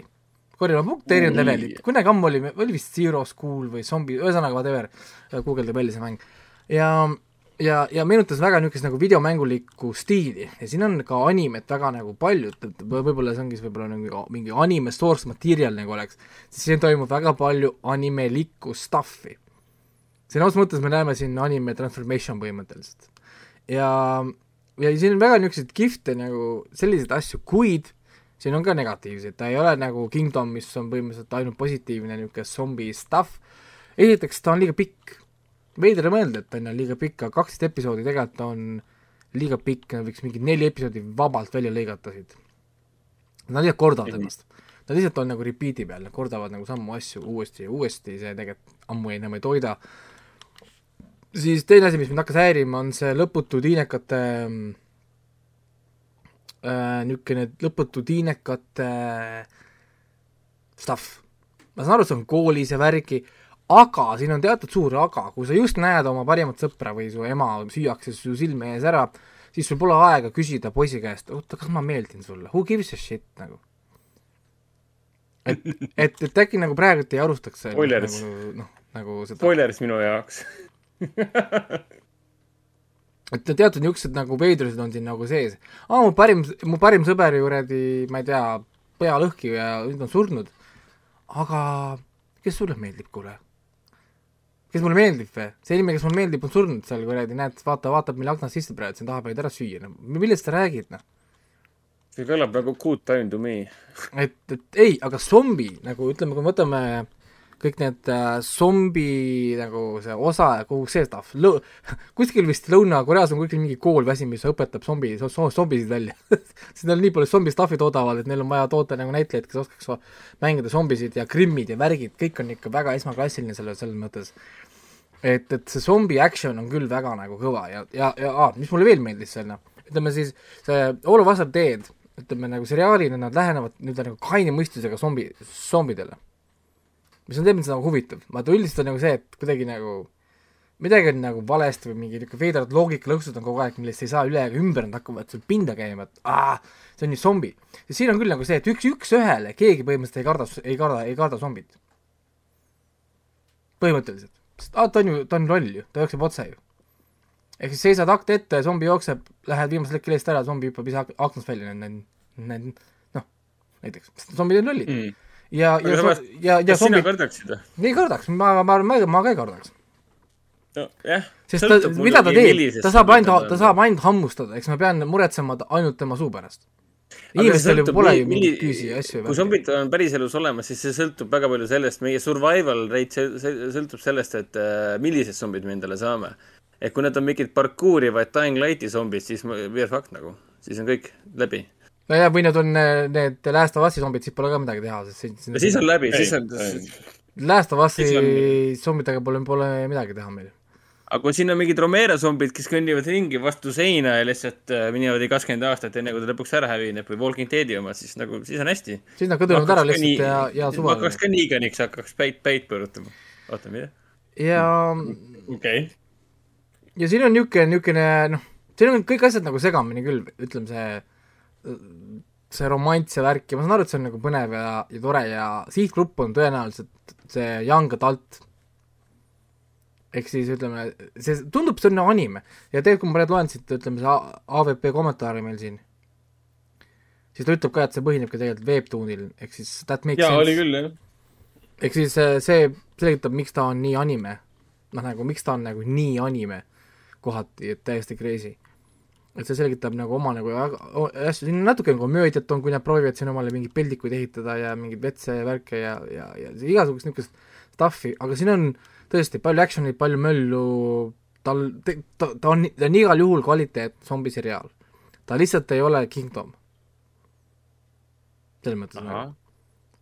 et siin, siin, siin ei ole vaja minna, et noh, ma näen järgmist Kingdomit oma- mingi uues settingus on ju, ei, sa lihtsalt vaatad midagi muud. Sest kui sa lähed sellega siia peale, ta on pigem nagu hashtag live pikaks veni-, venitatud. ta ei ole nagu nii kondenseeritud, kui hashtag live oli. ja, aga me saame kõik vastused ka, me, me saame kõik äh, vastused, kust tuleb haigus, mismoodi, whatever, kõik, kõik jutud, me saame täis full circle. mitte, põhimõtteliselt mitte midagi ei jää õhku. siis aga mul üks küsimus vist oleks küll, et äh, see on võimalik, et see on spoiler, et ära siis ütle mitte, mitte, mitte midagi, kui see, kui see tõele ei vasta, et kas kogu hooaeg leiab aset koolis? ei, ok. mul jäi mulje kogu aeg, et see kõik on nagu kool on äh, väike, väike, väikene osa, ta räägib sellest linnast ikkagist siiski. see Ah, ah, okei, linn, kus okei,, kus see kool asub. ja, ja peategelased siis, üks grupp peategelasi on kooliõpilased. okei, selge, selge, selge. aga okay, ta on, ta on, selles mõttes jaa, ta on ikkagist äh, äh, pro-, probleem tervele Koreale siiski, mitte ainult nagu ühes väikeses koolis. et, et jah. jah, põhimõtteliselt tal läks iseenesest päris kiiresti, see ei olnud umbes nagu väga raske vaatamine või kuidagi veniv või midagi äh,, väga mõnus oli vaadata. näitlejad olid ka siin äh, ütleme, see Nam, Nam Ra vist oli see üks äh, klassi presidendi roll, kes oli see ilus vaikne tüdruk, klassi president, whatever, kõige, kõige targem mm. -hmm. siis äh, siis temal on, tema on jah, nagu ütleme, näitlejana võib-olla kõige challenge, challenging roll võib-olla, ma ei oska öelda.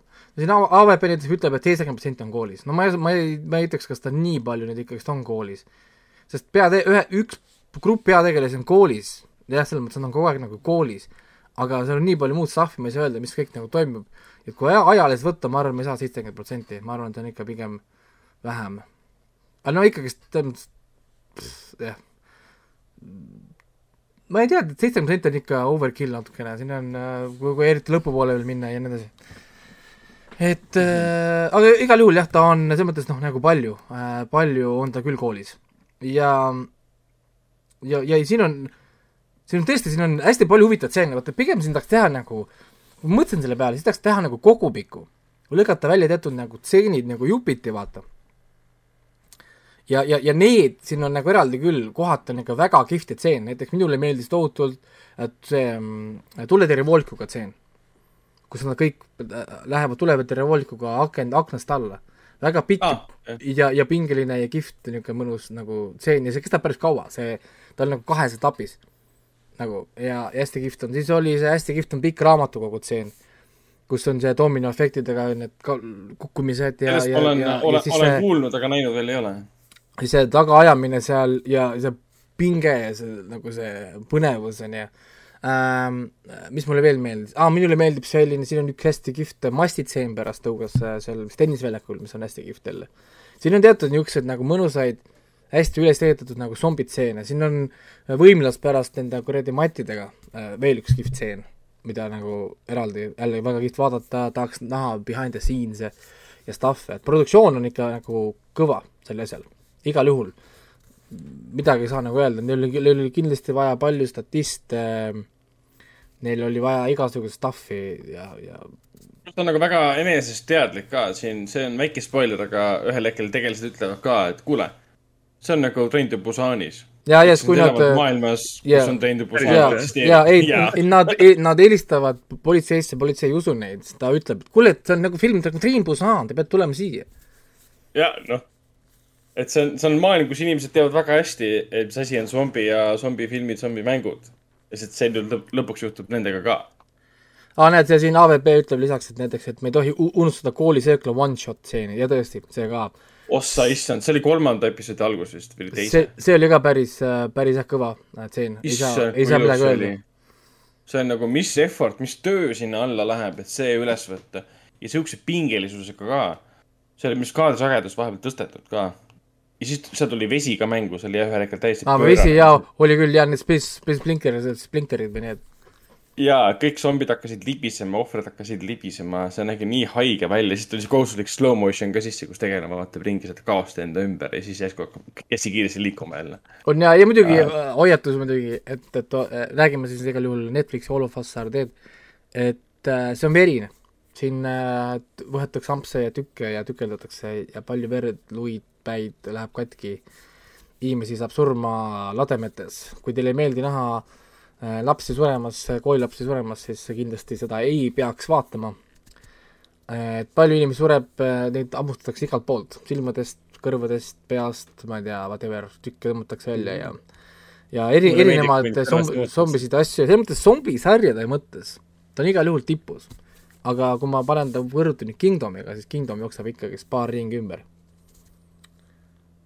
ja, ja, ja selles mõttes küll äh,, jah, ma pigem ootan mingit niisugust huvitavat, tahaks nagu näha võib-olla natuke behind the scenes'i stuff'i, siin on päris huvitavaid asju, ma tahaks näha, kuidas nad tegid erinevaid asju, see oleks huvitav vaatamine.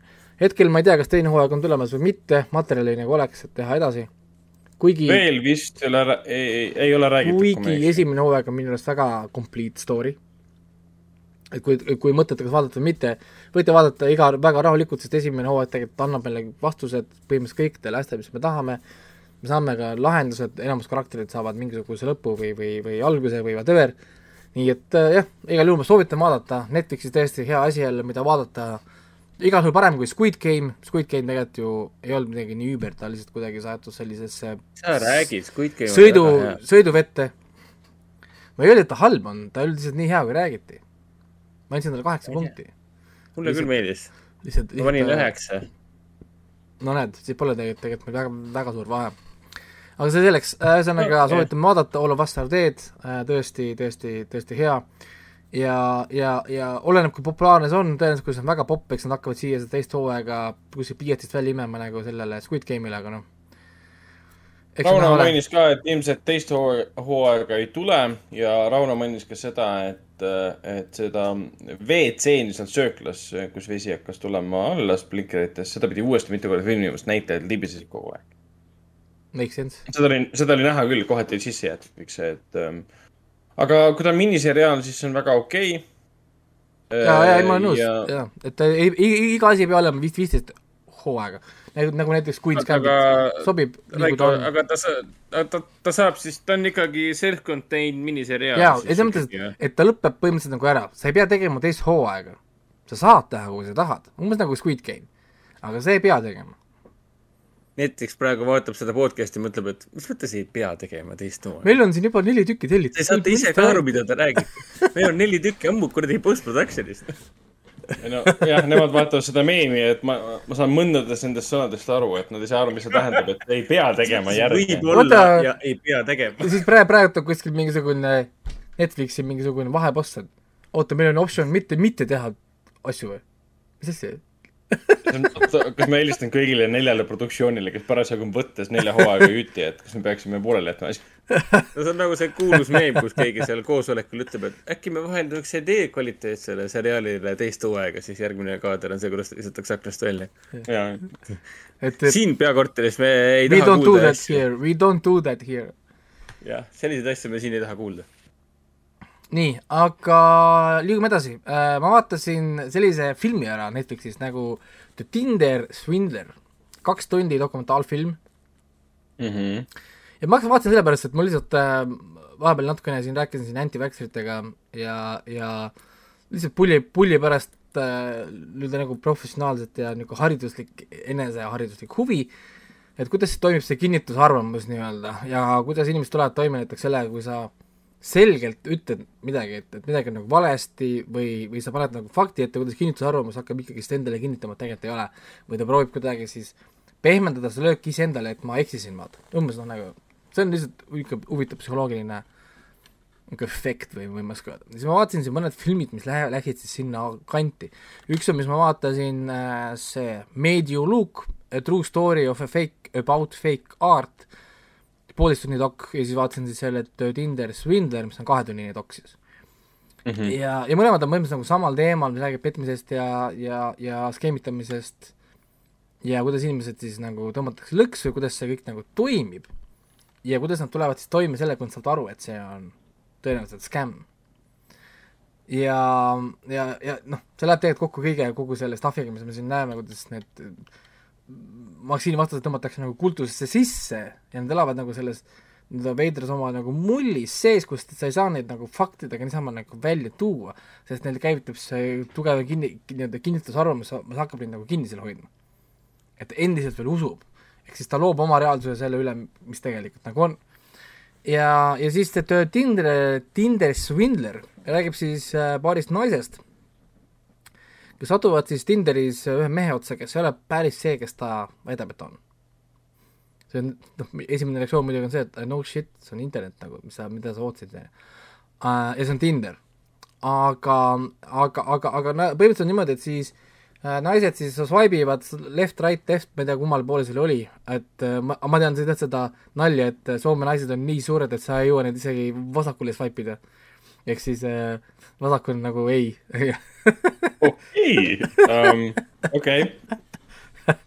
siis hmm. ähm, ja siis neile muidugi tähelepanu tõmbab muidugi üks siis väga fancy riietustega kallid kellad, värgid äh, mees.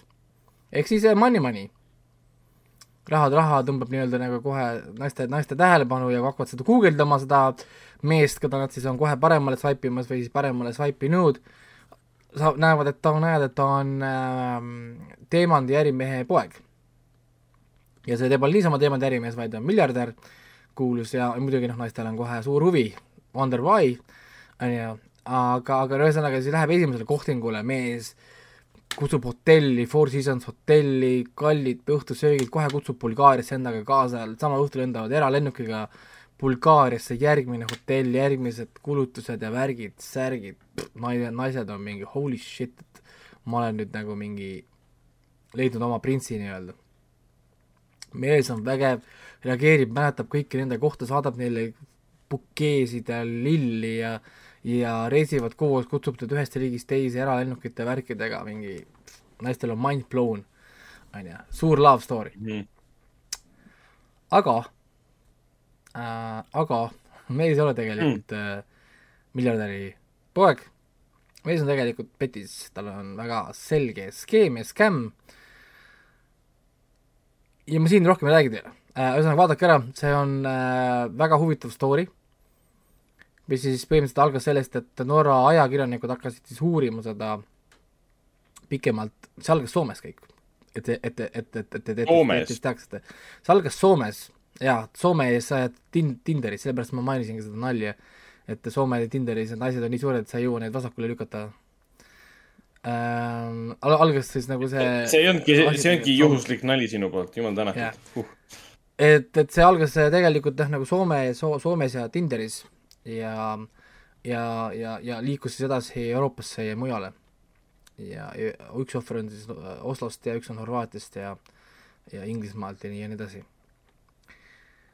ja, ja mees siis kasutab ära, et naistel, naist, naistel on võib-olla natuke rohkem raha äh,, edukamad võib-olla naised ja väga huvitava skeemi on teinud ja see muidugi tekitab päris palju küsimusi minul, ütleme ka erinevate karistussüsteemide kohta ja erinevate üldse süsteemide kohta. ja, ja nii palju ma spoil in teile, et see mees on täna veel vaba.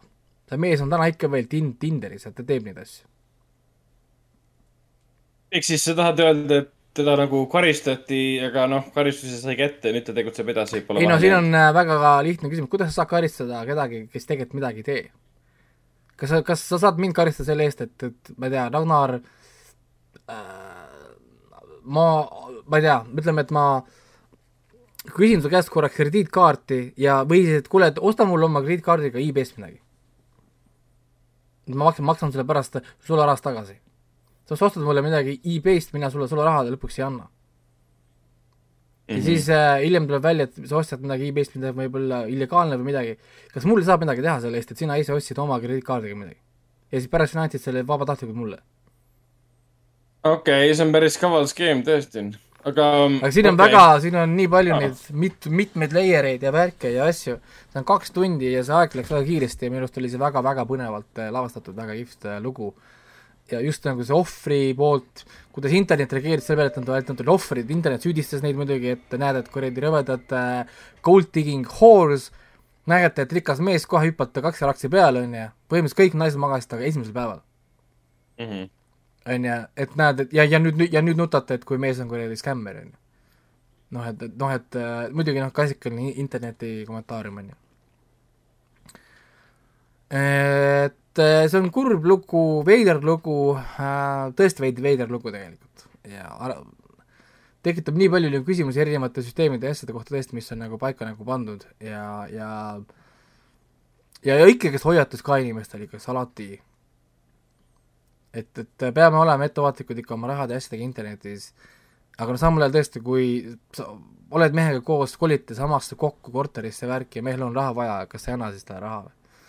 noh, see on nagu kõik märgid äh, viitavad, et teil on päris äh, suhe, reaalne armastus ja siis lihtsalt selgub, et ta kasutab sind lihtsalt ära, et, et koguda asju või noh, raha sinult pett välja. see on nii petu, huvitav skeem, muidugi sa võid talle anda kümme tuhat euro, eurot ju.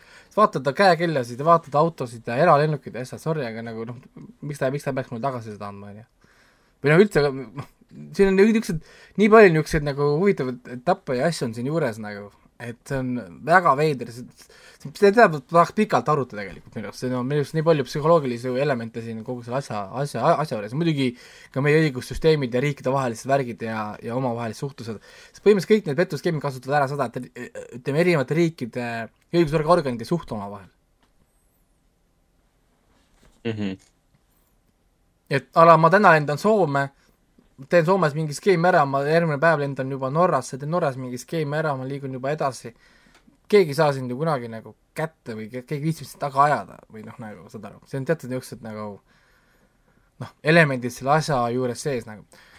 et soovitan vaadata igal juhul, ta vist oli Eestis ka num- number üks praegu täna oli äh, Netflixis ka, nii et, et äh, soovitan vaadata tõesti, tõesti huvitav äh, dokumentaalfilm, The Tinder Swindler nii et naised, naised siis ka äh, Tinderis, Tinderis ettevaatlikud, kuigi Tinder on põhimõtteliselt nagu koht, kus mehed peavad tegema tööd mingil põhjusel, mis on nii veider, et, et naiste tähelepanu, tähelepanu eest võidelda ja, ja siis, siis tasub olla siiski ettevaatlik, et äh, näiliselt naised hoiavad jah, trumbid enda käes, sest nad ei pea midagi tegema, lihtsalt eksisteerima, mehed hakkavad võidu jooksma, on ju. siis sellel on siiski hind ja oleme ettevaatlikud nendega, kelle, kelle siis välja valite ja otsustate, et nendega välja minna ka. aga kui palju tal neid nagu ohvreid oli või siis pigem, pigem kui, mitte kui palju ohvreid, aga kui suur see kahju oli siis? nagu kokku, ma arvan, et ikka mingi kümnetes miljonites. oh sa kurat.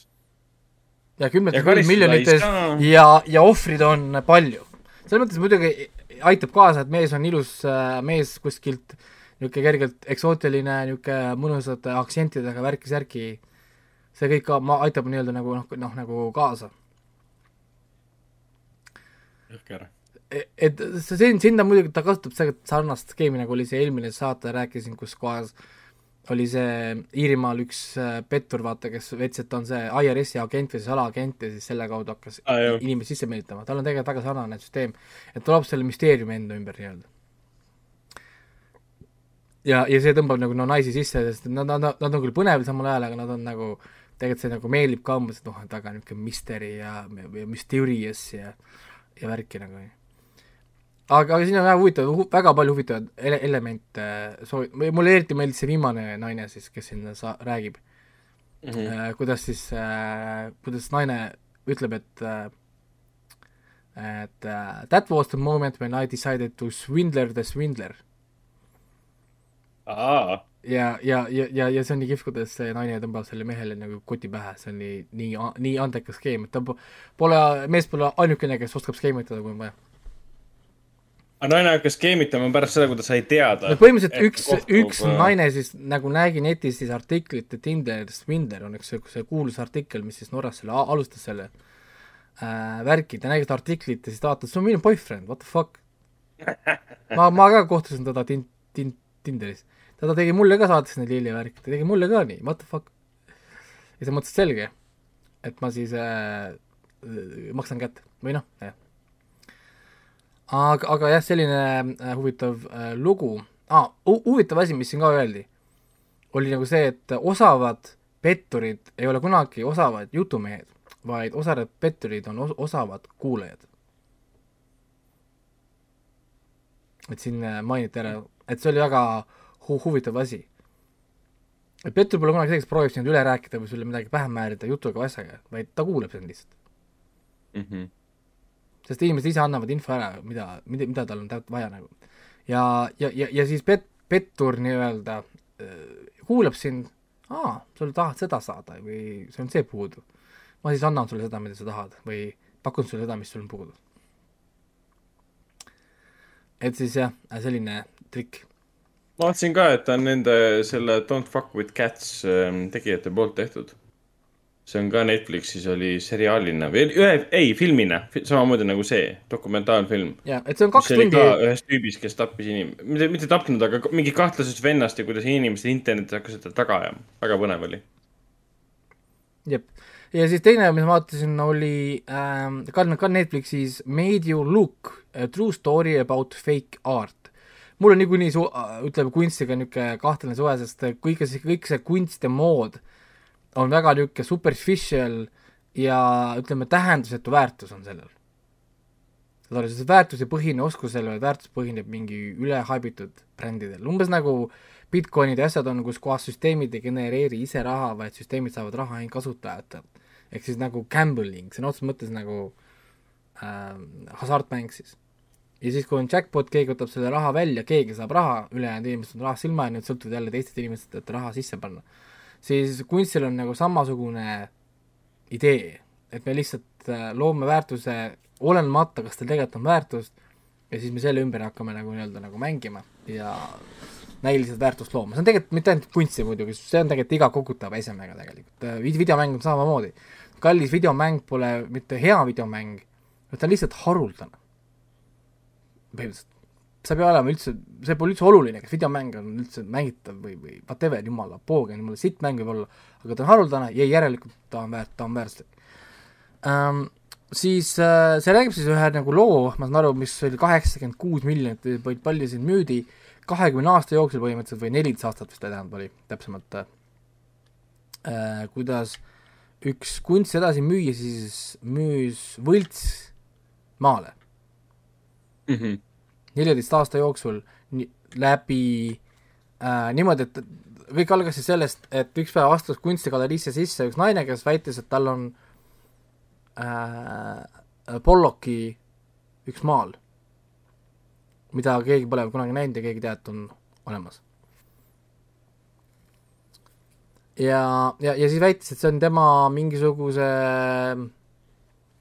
kliendile kuulub see nagu maal ja see klient on siis Mehhikost, ta isa ühesõnaga oli kuskil mingi aeg seal, ostis siis kunagi odavalt nagu kokku, ühesõnaga kõik lugu, mis oli väga täpselt paika pandud, on väga probable või noh, väga, väga tõenäoline, et see võis nii olla.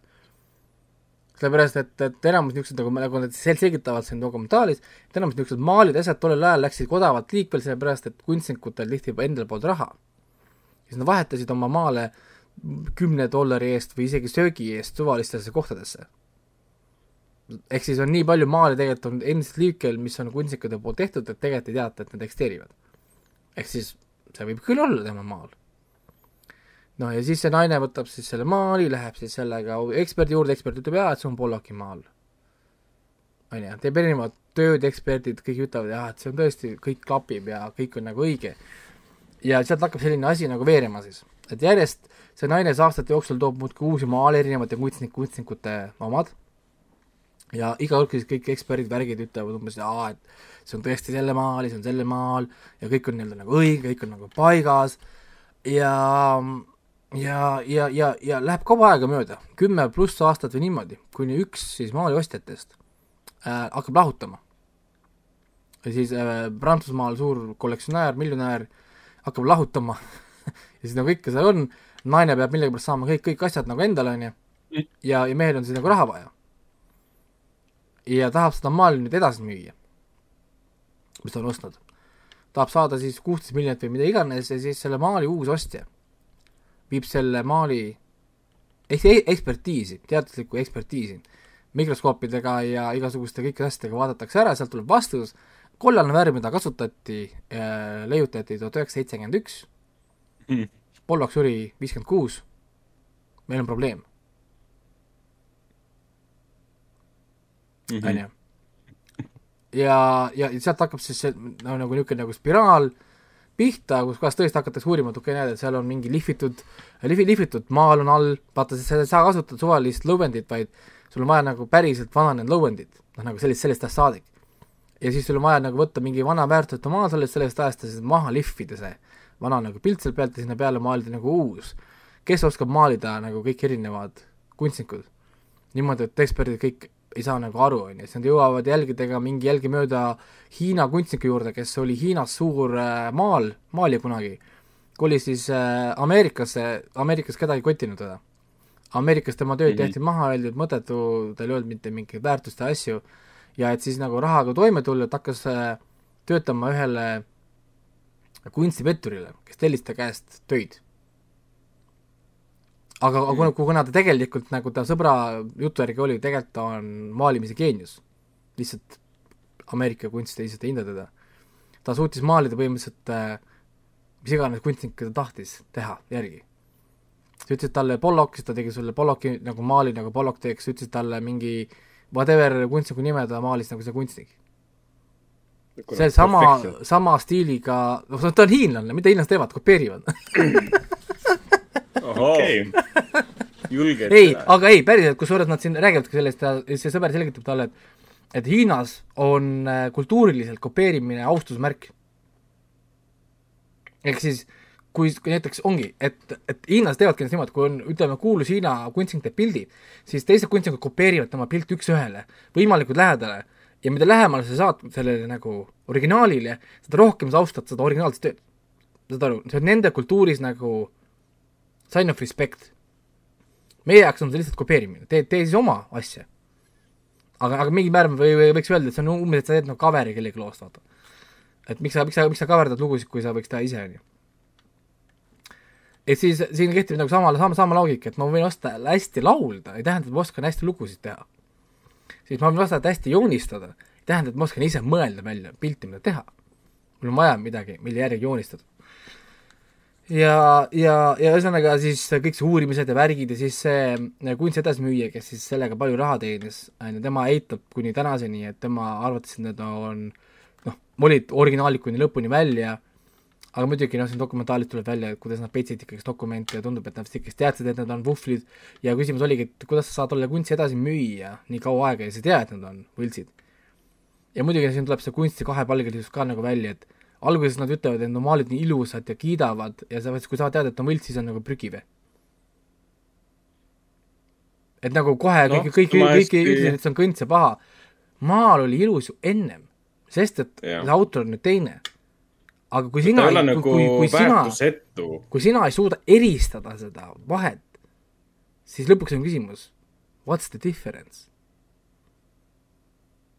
kui sa ei suuda teha vahet sellel, nagu, aga kui, kui näiteks ma annan sulle kaks videomängu, Breaker nelja oma, üks on originaal, teine ei ole, mõlemad töötavad Playstation samamoodi, sina ei tee vahet karpidel ja plaatidel ja asjadel, lõpuks on küsimus, what's the, what's the difference? Mm. kui keegi vahet ei tee.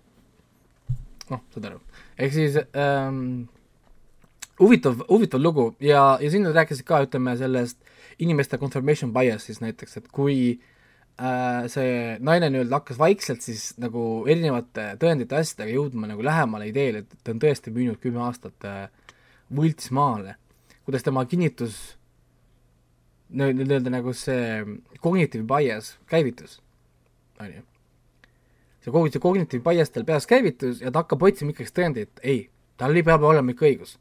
ta igno-, otsustas ignoreerida tõendid ümberringi, mis tal olid. ja proovib ikkagist kinnitada seda, mida ta juba teab.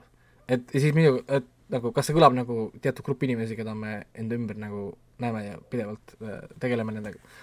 jah, et see ongi niisugune nagu psühhol-, psühholoogiline niisugune efekt, et, et sellega on keeruline nagu toime tulla ja see on nagu ka hästi kihvt lugu ikkagist jälle äh,. kunst on muidugi niikuinii niisugune noh, so is so, see on, ta on niisugune nagu veider, veider asi, et kui ma ise kunagi käisin kunsti äh, äh,, siis mul oli ka lõpuks niimoodi, et mina oskasin ainult joonistada järgi. No kuni, kuni tänaseni niimoodi, ma oskan teha nagu järgi, ma oskan teha põhimõtteliselt neid fotorealistlikud asju, ma joonistan järgi. aga kui sa ütled mulle, nii et ma ei näe midagi, joonistada puu ma puud ei näe, I have no fucking idea what to do ehk siis mul ei ole nagu seda, nagu seda is- ise väljamõtlemise talenti. ma võin lihtsalt kopeerida nagu pilte a la jäneseid asju sulle joonistada, kuhu sa tahad, aga ma ei oska teha ise. noh, nagu ehk siis see on nagu selline nagu asi ja siis siin oli hea näide, et kuidas noh, üks kunstnik, kes oskab nii hästi kopeerida teisi asju teha järgi äh,, ta teeb nii hästi järgi, et eksperdid ei saa aru. see on nagu crazy hea, hea point tegelikult jah. ainuke erinevus on siis see, et autorid on erinevad. Kvaliteedi erinevust ei ole jah, kui sa ei saa aru, mis vahet sellel on, see on, see on nii nagu kunagi tehti ju a la mingi Van Goghi kuradi õpilane teeb mingisuguse maali tal, ta paneb oma, oma allkirja peale. selles mõttes nagu mm.. tema ei teinud seda maali ju. noh, ja küsimus ongi selles, et kas sellepärast on see nüüd vähem väärt või, noh, nagu mida see tegelikult noh, nagu tähendab või noh, nagu noh, kus see väärtus siin tegelikult nagu siis peidub, peidub, peidub, peidus siin nagu on, on ju.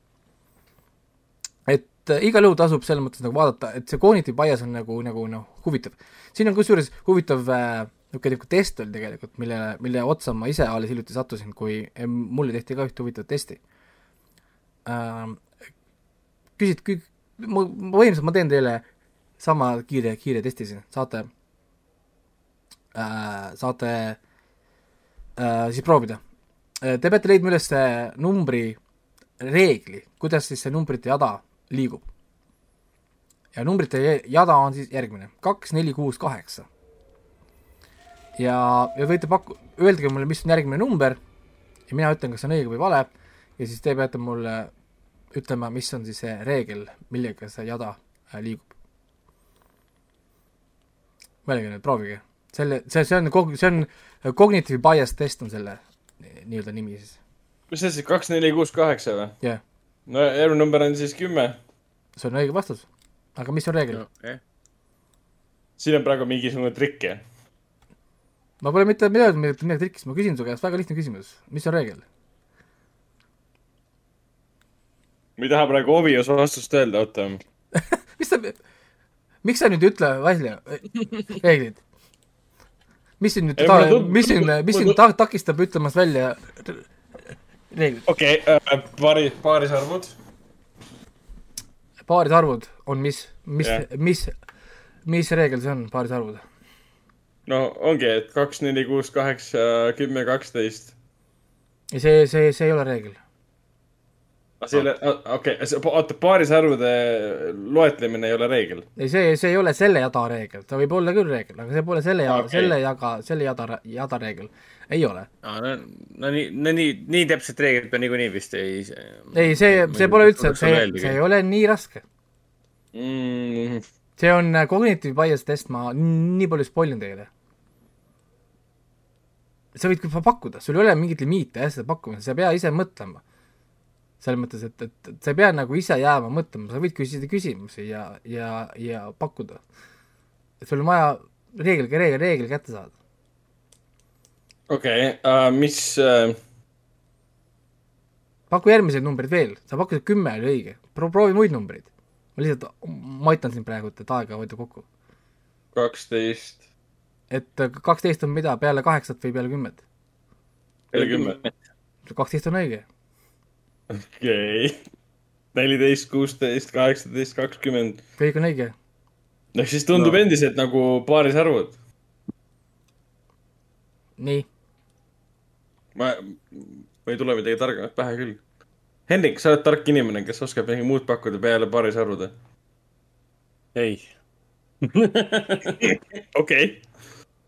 Um, ei no make sense päris aru, mul ei ole midagi rohkem lisa-, lisada siia. nii, Ei siis? cognitive bias test on see, et te praegu kinnitate asju, mis te arvate, et on õige. proovi leida vale vastus. uh, vale vastus. proovi see, proovi saada, et ma ütleks, et ei ole vale, et, et see, et see on vale vastus. aga praegu on see, et sa võtsid, et kümme on õige ja nüüd sa iga kord, kui sa pakud midagi, sa jääd selle juurde, et kümme on õige. kümme, kaksteist, neliteist, sa jääd selle juurde, mis sa esimesena pakkusid, on õige. esimene õige vastus ja sa jääd selle juurde kinni. ja nüüd sa kinnitad lihtsalt iga järgmise küsimusega, see on õige, õige, õige, õige. leia, leia nüüd variant, kus ma ütlen, et see, et see ei ole õige vastus.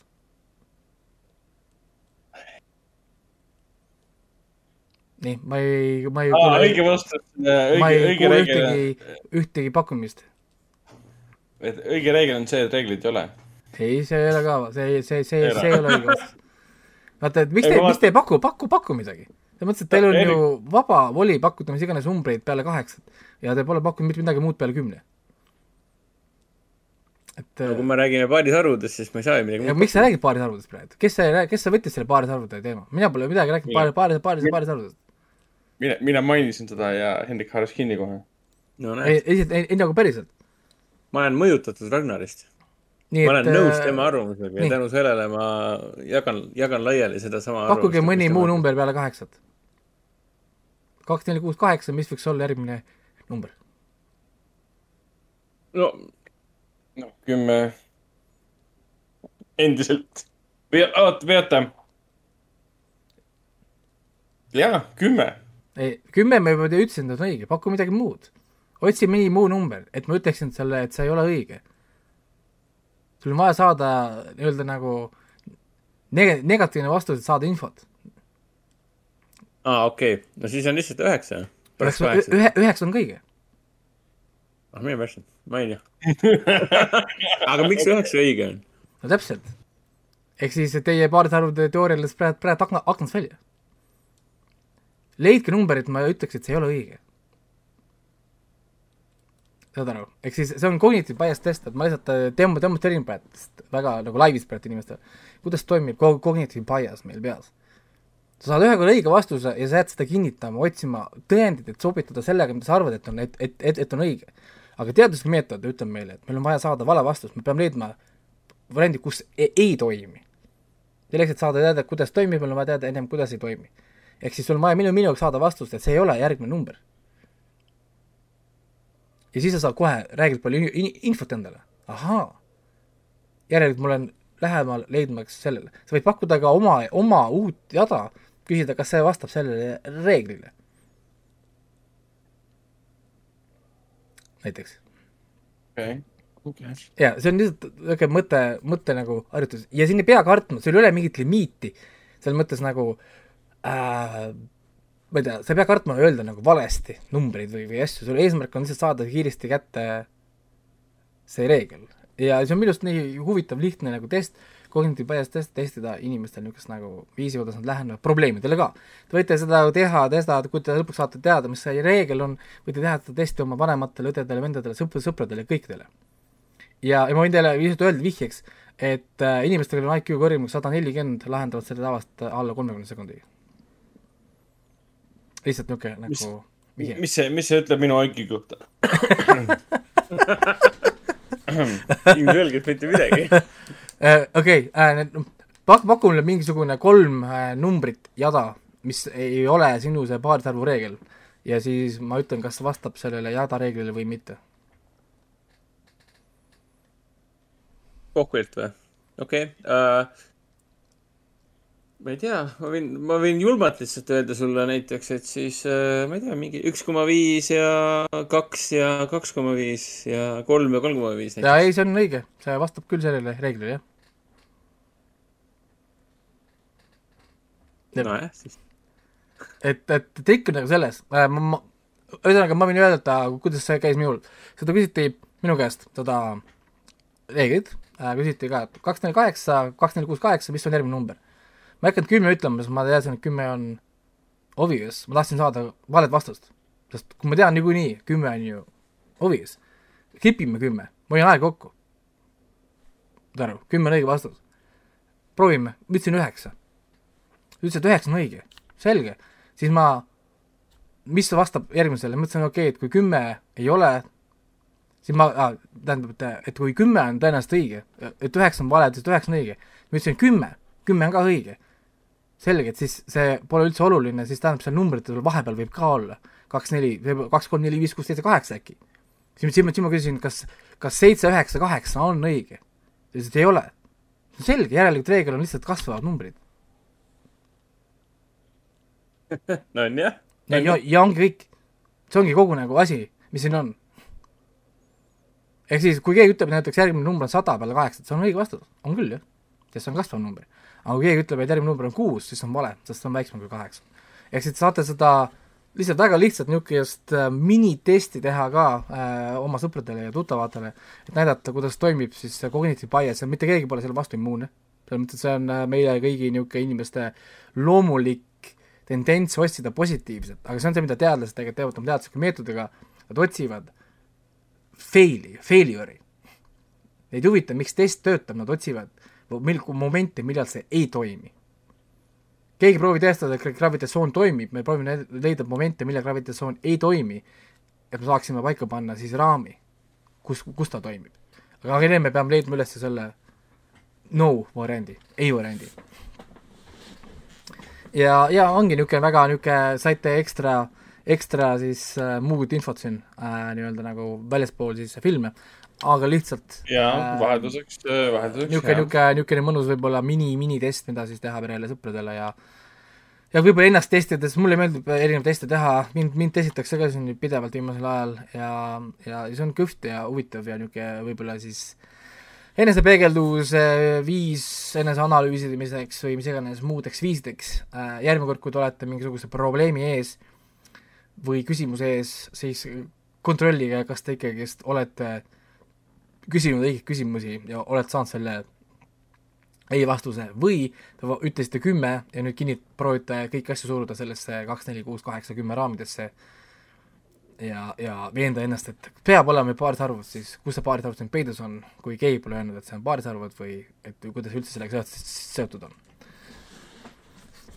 nii, aga äh, mis ma veel kiiresti mainin ära, ma vaatasin äh, Netflixis seda uut animet, mis on The Orbital Children, esimese episoodi vaatasin ära, suhteliselt boring tundus äh,, äh, lugu on siis väga lihtne, et äh, kuupealselt sündinud laps elab äh, kosmosejaamas, mis on siis sellel orbiidil, ta pole kunagi maa peal käinud, tal on sada miljonit follower'i Youtube'is või mis iganes äh, see okei, äh, stuff seal on. sada miljonit. sada miljonit teha, sest inimesed, no PewDiePie'l on ka ju sada miljonit ju, sada mingi kümme miljonit või okei, see ei olegi nii ulme. jah, et tal on mingi sada miljonit äh, follower'i, kes kõik vaatavad, mida tema siis seal kosmosejaamas teeb, siis to- toimus mingi konkurss, tuuakse uued lapsed siis maa pealt talle sinna juurde ja siis toimub mingi veider rünnak selle jaama vastu siis nad jäävad kõik sinna laeva nagu kinni. ja see on siis esimese episoodi nagu kogu story ja ma ei olnud väga impressed, et ma ei ole kindel, kas ma isegi viitsin seda edasi vaadata. siis ma vaatasin sellist asja Yout- Youtube'ist jah äh,, Netflixis nagu The Secret UFO Projects Declassified Season One seal ei tule tegelikult nagu midagi. aga selles mõttes, et ta on nagu põnev muusikavärk ja kõik, oo, mingi flying saucers müstika ja. ja müstikavärki, aga tegelikult on seal põhimõtteliselt null informatsiooni. tegelikult, ta lihtsalt on nagu, põhimõtteliselt nagu vaataks seda History Channel'i, seda Ancient Aliens'i. aa, ma vaatasin nagu- ka mingi aeg seda esimest episoodi Nagu- ja ma olin ka väga, seal ei ole tegelikult mitte midagi. see on tegelikult tühi lihtsalt. Mingist suvalisest Youtube'i videost kunagi kümme aastat tagasi ka saanud rohkem infot kui sellest. ja, ja, ja see ei olnud eriti, jah, põrutav, et seal midagi ei ole. jaa, et selles mõttes ta, ta on niisugune nagu noh, ühesõnaga mitte midagi erilist. ja siis oli mul äh,, ma vaatasin seda Joe Mendes Award Winning Comedy Special, mingi uus Netflixi oma vist oli või, või ma ei tea, kas uus oli, aga see Netflix Mendes. soovitas seda äh,. Hullult haibib ennast üles, kuidas ta on ikkagist jõhker kuradi koomik ja ta tahab saada auhinda selle Award Specialiga või selle Comedy Specialiga ja vaata, whatever. Aga kokku mingi kaks naerukohta vist on äkki he- heal päeval. Ähm,. väga basic, väga nõrk. Äh,, see nagu comedy special, võib-olla ma olen ennast ära hellitanud siin ka, vaatan siin kogu aeg mingeid K&B-le ja, ja, ja Chappelle ja Bill Burre ja siis vaatad kedagi teist ja siis hakkan mõtlema, et et, et äh, kas tegelikult üldse nagu äh, teised oskavadki teha nalja äh,. see ei soovita vaadata, on äh, tõesti midagi muud ka. ja viimane, mis ma Netflixist siis vaatasin, oli Murderville äh,, mis nüüd tuli. on aa, see on see äh, Arnetiga vist. ja, ja kus see, kus see härra Batman'i voice acting äh, prodigy Lego- low, low voice'is äh, mees Lego Batman. jah, Lego, Lego, Lego Batman'i mees teeb ähm, äh, erinevaid äh,, ma ei oska öelda, kuidas seda nimetada, ta on nagu pool päriseluline, sest neil on igas episoodis kuulus külaline, kellele ei anta skri-, skripti. Et meie Lego Batman on siis selline uurija, mis ta oli, mingi Seattle oli ta nimi või? Jimmy, Jimmy Chattel või, või, või issand, juba nimi meelest läinud, issand.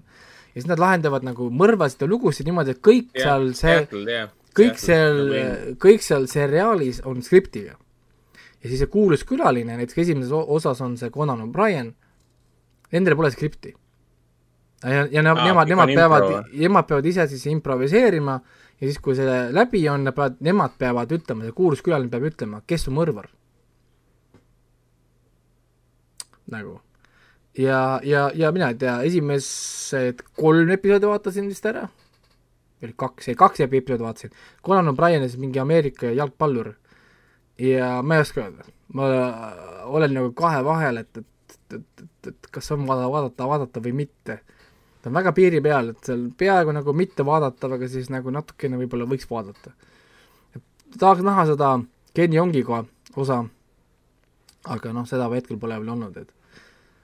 Et siin on teatud nagu naljakaid kohti, kus kohas just see, kui näiteks Conan O'Brien teeb mingit nalja niimoodi, et need inimesed ümber ei suuda naera nagu kinni, kinni hoida, need, need näitlejad siis, kes, kellel on see skript, kes ei suuda nagu ennast, endast tagasi hoida või siis seesama, kus kohas see äh, Conan O'Brien ei suutnud enda naeru kinni hoida, kui Lego Batman äh, selle mustkunstiku naljade üle reageeris. mina tegelikult seal, seal tegelikult naersin ka päris nagu, päris nagu palju see oli päris hea koht. et ma ei oska öelda, ütleme, kuidas kellelgi aega raisata on, on ju, sõltub siis sellest, kas seda Murdervilli tasu, tasuks vaadata või mitte, see tundub huvitav projekt, aga vahepeal on nii raske, raske saada aru, kas nad ähm, päriselt ka nagu, nagu, nagu äh, on teadlikud või ei ole teadlikud, sest kohati see improvisatsioon on neil nagu nii nagu tugev või nii nagu hea, et on vahepeal nagu raske, raske uskuda, et et, et nad ei ole nagu in on it nii-öelda või nad ei ole nagu asjas kaasosalised. ja, et äkki see on lihtsalt jutt, et aa, meil on improkomöödia mõrvaseriaal, et tegelikult on seal improt ainult üks protsent võib-olla. Aga see on kõik, mul rohkem palju äh,, nii, palju sa vaatasid Kimmerdervilli? kaks episoodi. kuus oli ja teise kokku- osaga läks kokku vist. teise osaga nagu on, on näha, teine point on selles, et, et on- ei, teine osa oli minu jaoks pointless, sest ma ei tea, kes on see Ameerikas see jalgpallur. aa, Marshawn Lynch, Who the ma fuck ei is. Marshawn Lynch? aga ma vist tean teda tänu sellele, et ta äkki oli Conan O'Brieni seriaal, selles saates ja nad koos mängisid mingit mängu, tegid seda videogame review'd, ma vist selles Mm. kontekstis tean teda. no okei okay,, see Clueless Gameri stuff'i mängisin. Clueless Gamer jah, täpselt Okei. okay., täpselt. okei, okei, aga jah, mina ei tea nagu teda ja siis selle võrra nagu see kohe muutus nagu nii veidraks vaata, sest ta oli minu jaoks nagu tundmatu nimi, kes proovib teha improt või noh, nagu tähendusetu. et äh, ma mõttes ikkagi vaatan natukene edasi, sest ma pulli pärast tahan noh, kindlasti tahan näha ära selle Keon Yongi äh, osa. Sest see mees on üldiselt naljakas kogu aeg, noh nagu niisama, ilma nagu mingi äh, lisa, lisa, lisadeta. kolmandas on Kumail Nanjiani, neljandas on keegi Ann Murphy, Annie Murphy. raudselt Ken Yong on viimased. Sharon Stone on eelviimases.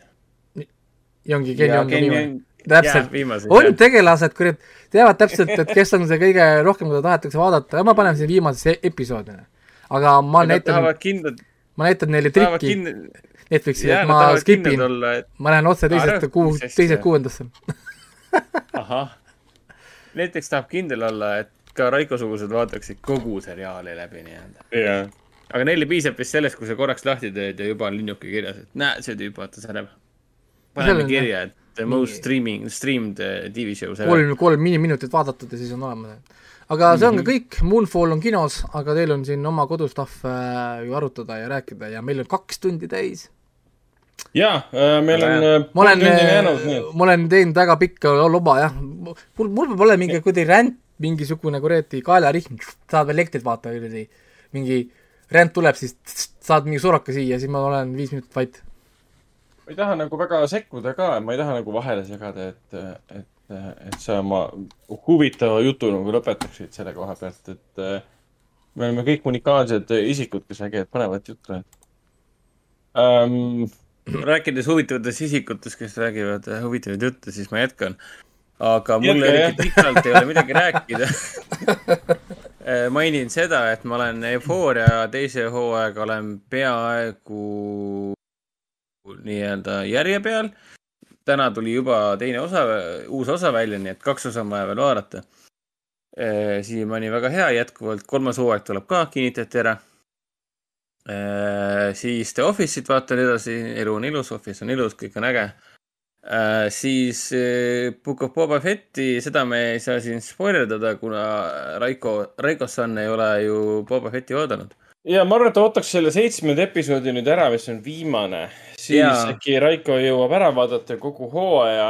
ei, aga on te palju-, te, te võite rääkida küll, sest ma niikuinii pean korraks äh, liikuma, nii et sa võid rahulikult rääkida ja mul klapid lähevad. ei no Aga ma ma ei taha sellest- kuulajatele ka ega tegelikult ma pikalt ei. peatu, ma pigem tahaksin sellest Oblovumist rääkida. nii, okei. aga Bob- Boba Fettiga on see tore asi, et, et nojah, need kaks viimast osa olid nagu jah, väga kihvtid, aga mul lihtsalt tekkis väga palju küsimusi, miks need kaks osa olid sellisel kujul, nagu nad olid. et miks on vaja Book of Boba Fetti nimelisel seriaalil äh, neid kahte osa, et kes on näinud, see saab aru, mida ma mõtlen. et et neid kahte osa oleks võinud kuskil mujal kontekstis vaadata nii-öelda või siis, või siis väga palju vähendatud kujul. tekkis tunne, et sa ei vaata enam sama, sama seriaali. et kelle, kelle raamatut ma siis vaatan, kas siis Boba Fetti raamatut või kellegi teise, et noh, jah. sest mulle, mina oleks tõenäoliselt üks vähestest koos Ragnariga, kel, noh, ma arvan Ragnar, sina ka ju, et mulle ju te Boba Fett tegelikult väga meeldib, ta loomulikult ei ole kuidagigi, minu meelest Boba Fett ei ole võrreldav äh, Mandaloor-, Mandalooriani kvaliteediga. et kui see oli ikka püsivalt, püsivalt, püsivalt äge, püsivalt no. pingeline ja püsivalt müstiline ja palju küsimusi ja avardas seda suurt maailma, kõik need Ashoka Tanod ja, ja, ja Skywalkerid ja, ja mis seal kõik esimeses kahes hooajas toimus. siis Boba Fett võtab seda asja väga rahulikult ja mulle see gängsteri, gängsteri Star Wars täitsa meeldib, mul ei ole selle vastu midagi, mulle, mulle pigem meeldib, meeldib Boba Fetti seriaal. ja seda enam mind häirib see, et see, mis asi oli viies ja kuues osa. mitte, et mulle ei oleks see meeldinud, ma lihtsalt ei saanud aru, miks, miks need nagu sellisel kujul siin seriaalis olid. See tekitas jah palju, palju küsimusi jah. ma oleksin tahtnud Temuera Morrisoni edasi vaadata, mitte teisi tegelasi. mitte, et mul selle vastu midagi oleks olnud, ma ei tea, see on nii veider konandrum minu jaoks. nagu loogika tasemel ma saan aru, miks nad selle tegid No, um,. siin tuleb viimane episood, mis koondab, ütleme, tegelasi ja neil oli vaja süveneda ühele tegelasele. nojah, jah, aga see, et sa süvened sellesse niimoodi, et sa ei tee nagu paralleellugusid, vaid sa lihtsalt süvened sellele ja unustad ära algupärase tegelase, natuke mind häiris, sest see mõjus umbes niimoodi, et Disney oli teadlik, et Boba Fett on liiga teistsugune. et toome tagasi nüüd lemmikud, keskendume neile, kõik on hästi rõõmsad, kiidavad meie episood on nüüd taevani. ja liigume siis edasi tagasi või noh, edasi ja tagasi siis selle tegelase juurde. Rauno kommenteeris ka chatis, et eh, talle mõjus see eh, nagu Mandaloorian kaks punkt viis. ja põhimõtteliselt oligi, et sa nagu Nagu- vaataksid Mandalooriani kolmandat hooaega, oli selline tunne. Ja, see ja, siin tehti- see hakkas peale neid- keset Boba Fetti nagu. netis tehti päris palju nalja, et "Aa, kolmas hooaeg juba algaski või, et mis Boba Fett jäi vahele vahepeal, et mis, mis toimub. aga jällegi narratiivsel tasemel on see loogiline, miks nad seda tegid, lihtsalt see tundus nagu liiga siukene forsseeritud, näed. Toome fännidele asjad tagasi, toome kõik See- asjad fännidele tagasi. ei, see, mis seal toimus, see ei olnud forsseeritud. forsseeritud kindlasti, kui sa seda mõtlesid, oli see, et miks ta pidi olema Boba Fetti seriaalis. ta oleks Mm. pidanud olema palju-palju vähendatud kujul, vähendatumal kujul. mitte, et see mulle ei oleks väga meeldinud, nii et jah, et Boba Fett äh, läks järsku väga teistsuguseks, aga mina täitsa igatsen praegu Demuera Morrisoni ja Fennec Shendi, Bobat ja Fennec Shendi, et ma tahaks nend-, neljanda osaga läks just minu meelest see, et ohoh, nüüd hakkab pihta see suur gang war nii-öelda, võitlus meie territooriumi peal. aga see jäetakse ka viimaseks, viimaseks osaks nagu. et see ei kesta nagu mitme osa jooksul. võib-olla viimane osa tuleb siis tavapärases pikem episood, kolmekümne nelja minuti asemel. võib-olla jah, võib-olla jah. Aga Et- loodame, et see seitsmes siis vastab kõikidele küsimustele ühel või teisel kujul ära, et ja, ja, ja natuke näitab ju natuke rohkem Boba Fetti ka. igal juhul räägime siis Boba Fettist rohkem siis, kui ta Raikol ka vaadatud on ja, ja viimane osa on väljas ah,. vahepeal seoses Disney plussiga tuli ju uudised ka, et suvel äh, tuleb Disney pluss Eestisse ametlikult. millal suvel, seda me vist ei tea. aga, aga kuskil suvekandis tuleb. ja, ja mingil hetkel sellel aastal äkki later this year tuleb ka HBO Max Eestisse ühel või teisel kujul. kas seda content'i hakatakse seal kuidagi selekteerima ka? mis on saadaval Eestis ja mis on saadaval näiteks, ma ei tea, Bulgaarias? ja see mingid mingi muutused, mingid muutused toob see kaasa niikuinii, et see Eesti HBO Max või Euroopa HBO Max ei hakka kindlasti töötama nii, nagu töötab USA HBO Max ja Disney plussiga samamoodi. Ta ei tööta Ja, ja, kindlasti nii nagu see. siin võib olla ju see teema, et lepingud on kõik tehtud ja, ja siin ju Go3 näitab Disney, Disney asju Jaa. ju ette ja taha, MCU asju. aga ja, ja, ma, ja Telia HBO on olemas, nii et. ma lihtsalt ei usu, ma lihtsalt ei usu, ma lihtsalt ei usu, et Disney plussi, Disney pluss teeb samamoodi nagu ta teeb USA-s, et äh, Encanto näiteks tuleb otse Disney plussi Eestis ka. Et see on pigem siis lepingujärgselt nagu USA teema, et hoiame ainult USA-s seda, miks nad selle otsuse vastu võtsid, et see mujale nagu ei tööta nii. aga ei, tore, tore, selles mõttes äh, lasku tulla. ja siis ma vaatasin Youtube'ist, vaatasin äh, Mosh filmi, see on siis äh, kuulus Nõukogude Liidu äh, filmistuudio. Mosh filmi Youtube'ist äh,, reaalselt Mosh filmil on oma Youtube'i kanal ja sinna on nad üles laadinud oma kõige kuulsamaid filme. Ja siis kahes äh, osas tunniste pikkuste episood, episoodil võib vist nii öelda, olid nad üles laadinud ka sinna äh, Nikita Mihhalkovi kaheksakümnenda aasta filmi nimega Oblomov. no okei okay,, raamatu nimi on Oblomov, aga filmi nimi on siis äh, A few days from the life of äh, äh, Ilja Iljitš Oblomov. -hmm. et mul siin äh, kodus loeti seda Oblomovi raamatut ja, ja kuna see on hästi kihvt lugu, siis hakkasime seda koos vaatama ja mina olen Mihhalkovilt olen üldse vähe filme pigem vaadanud. tuleta kuulajatele meelde ka, et mis film sa oled näinud või mis filmide poolest teda kõige rohkem tuntakse? no minu loogika ütleb seda, et teda kõige paremini tuntakse jah, selle päikeses raamestunud seeria põhjal.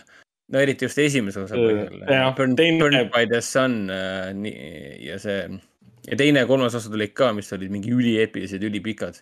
Ülimaha Hea tehtud ja hävitatud. ma ei ole näinud.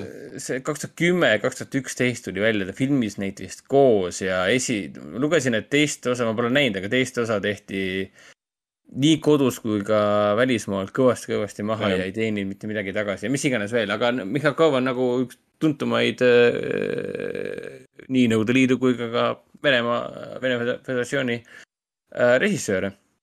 Ja ta tegi ka selle äh, Siberski Sibulnik äh, või mis ta nimi oli? Siberi, Siberi habemaja ja jah, see oli ka omal ajal mul äh, siin isaga koos vaatasime seda, neid Mihhalkovi filme ikka päris tihti. päikest rammestunud ja, ja Siberi habemaja ja. ja siis mul oli hea meel, et, et see Oblomovi äh, raamat oli siis Mihhalkovi enda poolt tehtud ja filmi peaosas on üks Nõukogude Liidu üks tuntumaid näitlejaid nimega Oleg Tabakov. Kes minule väga palju otseselt ei ütle, aga kui ma rääkisin isaga näiteks Oblomovi teemal, et ma seda filmi vaatasin, ta ütles, et jaa, jaa, Tabakov oli üks väga äge näitleja, väga äge näitleja, et enam teda meie hulgas äh, ei tohiks olla. Mhm. aga film ise, millest ta räägib, põhimõtteliselt ta räägib sellest, et äh, on olemas üks Oblomovi nimeline aadlik, kellel on elus kõik olemas, tal on raha olemas, tal on äh, maakoht olemas, mis teenib talle raha nii-öelda äh, viljad ja viljapuud ja kõik siuksed asjad, et põhimõtteliselt ta on naadlik, kellel on kõik olemas elus ja ta muud ei tee, kui magab hommikust õhtust, õhtuni. mitte midagi ei tee, ta ei viitsi mitte midagi teha, ta on paksuks söönud. ta ainult mõtleb selle peale, kuidas võiks oma elus veel midagi natukenegi ennast liigutada, mida ta teha tahab. Tal on põhimõtteliselt mingi veits poolearvulise olemusega, olekuga äh, see teener, kelle nimi on Sahar, mis kõlab nagu suhkur Äh, ja ta muud ei tee, kui elab äh, Peterburis, elab oma korteris, kardinad on kogu aeg ette tõmmatud ja magab, ei viitsi midagi teha.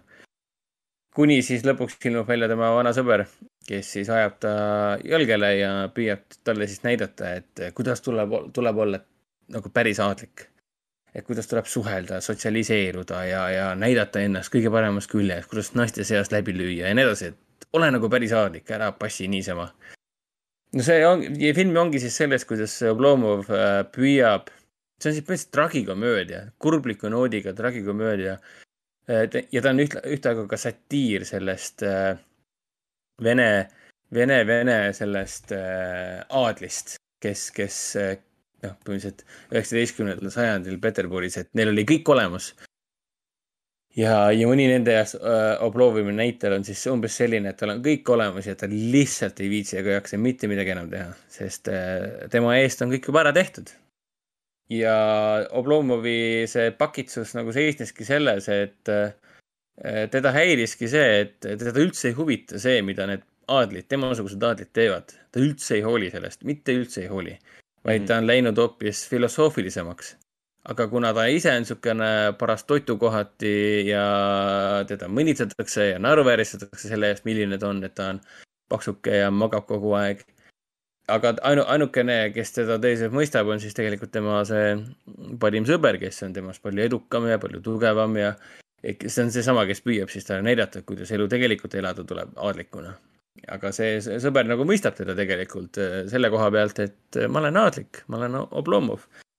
ja ma pigem siin vaatan seda, ma ei tea, suurt kasepuud ja, või tammepuud ja mõtlen, et kuidas see tammepuu on ühe koha peal ja ainult areneb ja areneb ja areneb, et ja mina siin olen äh, lihtsalt ühe koha peal olnud ja minu eest on kõik ära tehtud ja ma olen siin arenenud, arenenud ja lõpuks ma olen ära unustanud kõik, mida ma õppinud olen ja mis iganes veel, et noh lihtsalt sellised äh, karikatuntavad teema nii-öelda, aga ta on väga vahva film, natuke üle kahe tunni kestab. äh, väga hea huumoriga, väga, minu meelest väga hästi naeruvääristab seda aadliseisu nii-öelda. et kes need kahte sorti aadleid, et need, kes äh, vedelevad niisama ja need, kes püüavad kogu aeg siin energiliselt ringi joosta nagu Duracell'i jängud, et siis näidata ennast parimast küljest ja sebida igale poole ja nii edasi et väga kihvt film, et äh, ingliskeelsete subtiitritega on siis Mosh filmi Youtube'is täitsa olemas. Ablogumi nime all leiab ülesse, et soovitan kõikidele äh, vene filmide sõpradele. E, ja rohkem ma ei olegi midagi vaadanud. Äh, mina olen, mina olen kõigile lisaks, mis me oleme juba rääkinud, tegelikult vaatasin ära ka Miracle Letters to the President. Oh my god päriselt või? mis siis oli, kui ma ei eksi, oli Hendrik, sul oli ta siis ähm, eelmise aasta topis, parimate filmide topis. ja top kahekümnes äh,, ma pean nüüd meenutama, ta vist oli mul, jäi alla, alla kümnend, kümne kuni kakskümmend, kuskil seal oli ta. ja see oli ka meie, meie jälgija, Youtube'i jälgija AVP seitsmekümne viie ehk siis Rauno üks, üks lemmikfilmidest eelmisel aastal ja ka minu üks lemmikfilmidest. no okei um,. ma päris äh, eelmise aasta lemmikfilmis seda kindlasti ei paneks. top kümnes seda ei mahuks. küll. mis sa, mis sa räägid? küll aga ta on väga, väga tore ja, ja, ja liigutav äh, Lõuna-Korea draamafilm. siin on romantikat, siin on komöödiat, siin on ajalugu. see lugu on kaheksakümnendatel siis Lõuna-Korea sihukeses äh, kauges äh, provintsis, äh, külapiirkonnas asuvas küla, noh, provintsis siis, kus on siis väiksemad külad ja ühendused on halvad ja nii edasi. looga ja, ja karakterid on kõik väga toredad. Siin on väga kummalised pöörded ja, ja muusika. kummalised, just väga. no väga, mitte võib-olla, okei okay,, mitte võib-olla, mitte võib-olla kummalised pöörded, aga ootamatud. et, et seal on üks pööre selles filmis no selle peale annab tulla, ütleme nii, selle peale annab tulla. sa mõtled et... seda õe teemat või? no ära nüüd spoilerida, kui keegi tahab vaadata. mina vaatasin seda siis sellesse, mis see Rak, Rakuten või? jaa, Rakuten Wiki. Rakuten Wikis läksin VPN-i kaudu sisse, maksin üks üheksakümmend üheksa dollarit vist jumala eest. Nad on, need uued Korea filmid on seal Rakutenis hullult odavad. jah, ma peaksin selle koha enda ära salvestama, tegelikult see on suht kuulda väärt um, nii. vaadata Korea seriaale. ma saan aru, et sulle filmis üldse ei meeldinud või?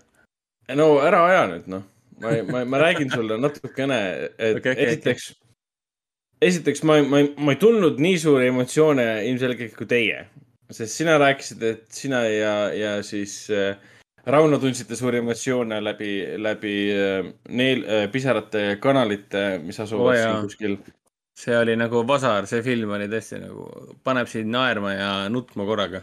aga minul, minul seda ei tekkinud. Äh, selleks on erinevad põhjused, sest ma. sa oled kohati... seestpoolt surnud lihtsalt, sellepärast. ja ma olen seest surnud, see on üks põhjus kindlasti. Teine põhjus oli see, et ma kuidagi nagu nägin läbi või tajusin liiga selgelt seda, et need emotsionaalsed kohad olid väga, mõjusid kunstlikena. ütleme nii et nad olid üksteise peale nagu klotsidena ehitatud, et algab ilma muusikata kahe inimese dialoogist, mis on, muutub emotsionaalseks. Siis tuleb sinna muusika sisse, mis on emotsionaalne, siis hakkab keegi nutma, siis tuleb mingi lisaasi, lisamuusika, et see kõik umbes kuidagi nagu too much lihtsalt. ma ei saa aru, milles, ma ei saa aru, milles probleem on. ei, aga ei, ta lihtsalt mõjus umbes niimoodi, et noh, ma saan aru, mida te teha üritate, aga see ei tööta sest ta ei olnud võib-olla, võib-olla ta ei olnud mind niimoodi kaasa nagu haaranud, ütleme nii. aga, aga, aga, aga see mitte sugugi ei võta selle filmi nagu väärtust ära, sest ma mõistsin kõiki neid tundeid, mida need tegelased läbi elasid. ma mõistsin kõiki neid sündmusi, mida nad seal kogesid ja ma sain sellest kõigest aru. see, et ma võib-olla ei tundnud kõiki neid emotsioone, ei tähenda, et ma neist aru ei saanud. ja väga ilus film, igatipidi väga ilus film ja väga unikaalne plott ka jälle, et tahame, tahame ehitada külapiirkonda raudteejaama, raudtee sõidab läbi. ükski rong ei peatu, meil on vaja raudteejaama ehitada. noor poiss tahab seda siis teha erinevatel isiklikel põhjustel. ta on tema elu suur unistus kohtuda siis nagu presidendiga või presidendiga kokku puutuda, et ta saaks talle siis teada anda, et tema külal on seda vaja. miks on külal vaja? sellepärast, et kogu küla elanikud, on need siis noored või vanad, peavad minema mööda raudteed, mis on ohtlik tegelikult. Eluohtlik. on juhtunud, eluohtlik. jaa. Äh, see läheb läbi mitme tunneli, see läheb üle siis äh, järve asuva silla. see on lihtsalt eluohtlik, inimesed satuvad ohtu, aga neil pole valikut, sa pead kas ronima tunde üle, üle mägede, mis on veel ohtlikum, või minema otse mööda raudteed. ja siis see noormees võtab siis enda missiooniks olla piisavalt haritud, jõuda piisavalt kaugele, et lubada endale seda, et ta saaks anda teistele šansi paremale elule ja kui teil see, tal see ei õnnestu, siis ta ikkagi anna, annab endast kõik, ohverdab endast kõik, et siis tema perekonnal, tema, tema külainimestel oleks elu parem. ja, ja siin on Koreale omane huumor, ootamatu huumor, kus on ootamatud siuksed äh, komöödiaseigad, mida sa üldse ei oota.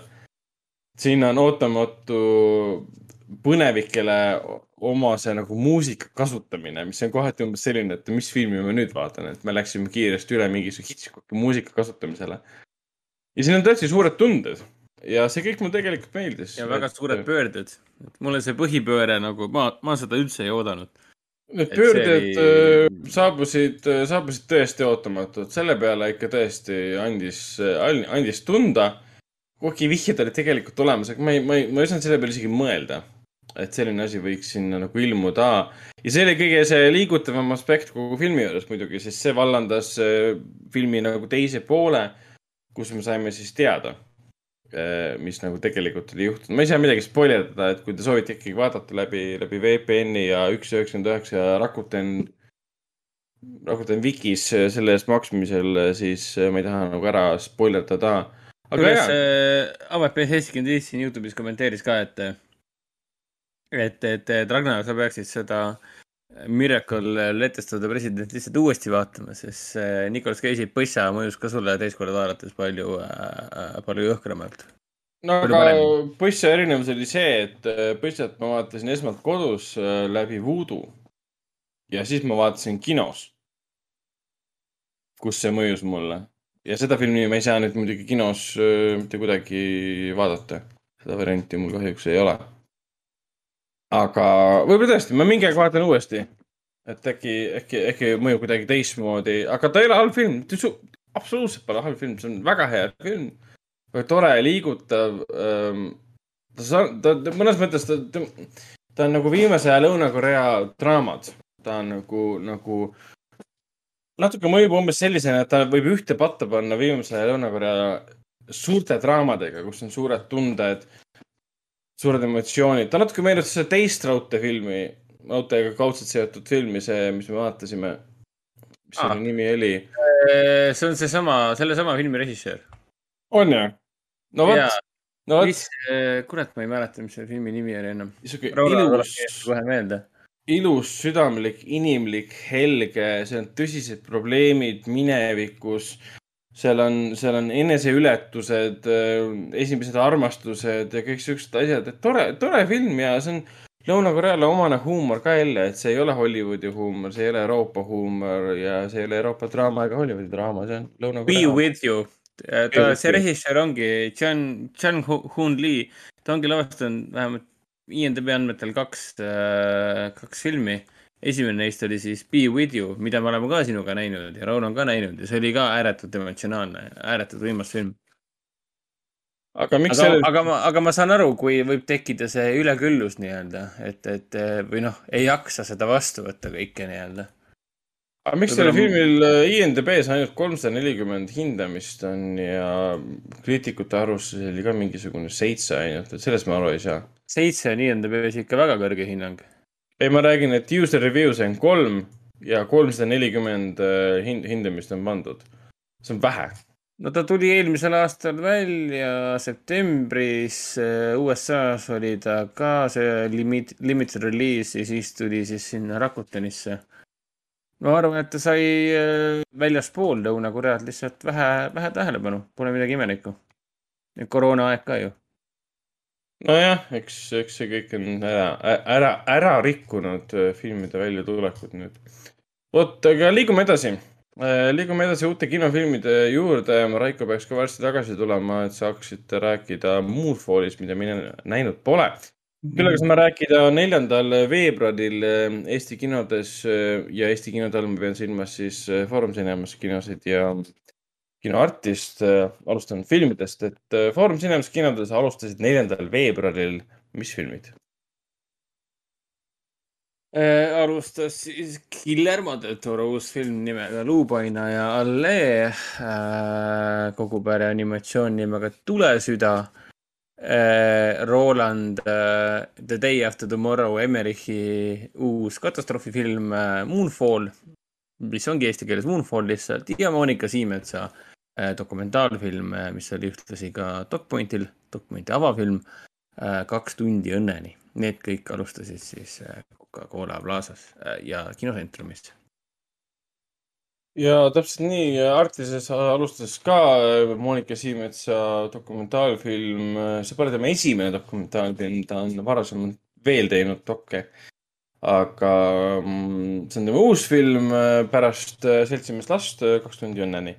Ja siis äh, muidugi Del Toro filmi Luupaina ja Allee pidin ka näitama kinos Uh, uutest filmidest olemegi ära näinud Luupaina allee Kaks tundi õnneni. me käisime kinoklassika raames vaatamas ka Voonakeste vaikimist ja Docmondil käisime vaatamas vaatamise lugu. ja Hendrik ja Raiko on näinud ka Moonfalli. huvitav, kas Moonfalli taheti kunagi tõlkida ka eesti keelde pealkirjana? see oleks päris huvitav teada. appi, koma, kuu langeb, hüüumärk või? Moonfall, Moonfall punkt film. igatahes.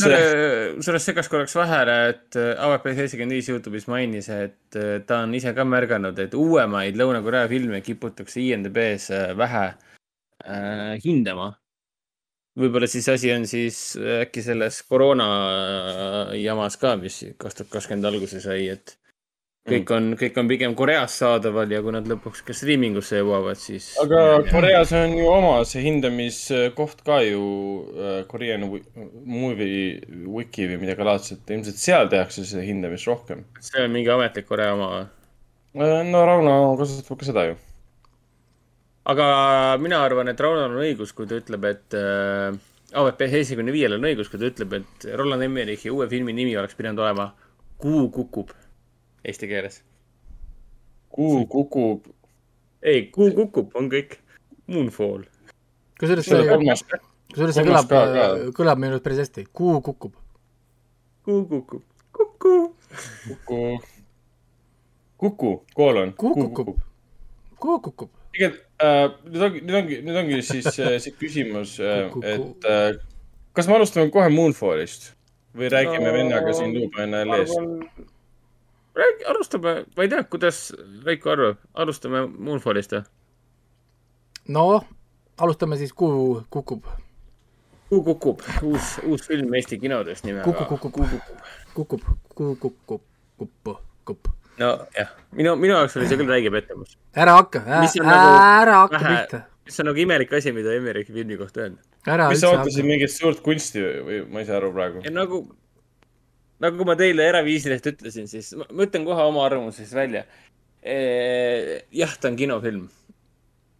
aga tõesti, mul on sihuke tunne, et kui Emmerich on juba siin rohkem kui kakskümmend aastat siin Hollywoodis filme teinud, siis mul on sihuke tunne, et äh, see Emmerich on veits nagu natuke areng, are, arengupeetusega. et ta nagu on kuskil, kuskil, kuskil, kuskil aasta, siis kui ta tegi kaks tuhat kaksteist John Cusacki ja Juliette Dioforiga, Amanda Beat ja kes seal kõik mängisid. Johan Urb oli ka seal, mulle tundub, et ta jäi sellesse, kaks tuhat kaksteist film, see see oli lõpufilm, see oli kaks tuhat seitse tegid selle filmi ju, kaks tuhat kaksteist oli filmi nimi, seda ma mõtlengi. jah. et see kaks tuhat kaksteist film äh, oli, ta tegi, tegi tõenäoliselt selle katki, selle Emmerichi, mul on siuke tunne, sest nagu ta on jäänud sinna kinni kuskile, ta teeb täpselt samu filme uuesti, et. jah, et mina olin pettunud, ma, ma olin, lõpp oli tore selles mõttes, jah, lõpp oli tore, aga No. esimesed poolteist tundi olid tõesti siuke ma, ma pole minu arust niimoodi kõva häälega naernud ikka peale Fast and Furious'i juba tükk aega. Sorry, aga, aga, aga samal ma pean mõistma ka Emmerichi, vaata, inimesed heidavad ette, et ta teeb idiootsuseid ja lolluseid ja füüsikaseaduseid ja whatever pole, siis ta läheb kinno, Fast and Furious teenib mingi kuradi miljard ja miljard otsa, onju, ja seal, ma ei tea, lendavad kuradi autoga kosmosesse, onju. siis ongi nagu, nagu see, et aga miks ma peaks seda tegema? nojah, mis on tegelikult nagu õige, kuigi samas mina olen ka see tüüp, kes vaatas Fast and Furious üheksat ja oli samamoodi pettunud ja mul oli igav. Ja mul oli Moonfalli vaadates oli siis nagu mingi viiskümmend protsenti sul ei veel olnud igavam Fast and Furious üheksat vaadates igav. no mina olin üks vähestest meie loll jutt suhu tagasi, sa ei saa öelda, et mina kas sa- olin kas- igav. kas sa polnud see, kes- kes vähestest- kiitnud seda või? see, film oli loll, aga ta ei saanud igav olla. Sorry, aga mina olin üks vähestest meie seltskonnas, kes pani sellele F9-le ikka kõvasti puid alla. sa tahad öelda, kui nad kaks tüüpi huulis läksid kosmosesse, sa mõtlesid, et haa, see on igav. ei, ma, ma mõtlesin, et millal see ära lõpeb selle peale. Ei nagu, millal sa ära Sorry, mina, mina mina ei on F9-st igav, üldse vaimustuses, et F8 oli minu meelest juba viimane piir.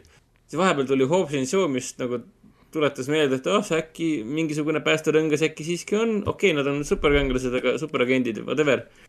Ja siis tuli F9 ja ma ütlesin kohe, et okei okay,, nüüd on see seeria läinud. enam pole midagi andestada. Sorry, kui sa jõuad, kui sa jõuad F9-ni ja alles seal avastad, et seeria on läinud, siis mida sa tegid peale F5-e nagu? Sorry, aga ei, kui sa läksid F5-st edasi rõõmsa näoga, siis sul pole ühtegi vabandust öelda, et F, et F9 oli, oli, oli, oli halb film, what the, what the heck. Mina olin, ma, ma, ma enne F9-t ma olin totaalne Fast and Furious'i fänn. isegi F8, kõik need tuumaallveelaevad ja muud pasad, ma jätsin, andsin kõik andeks nagu, mulle kõik kohutavalt meeldis. nagu, nagu kõik see Family, Dominic Toretto ja, ja see, mis see õlu, mis see, koroona.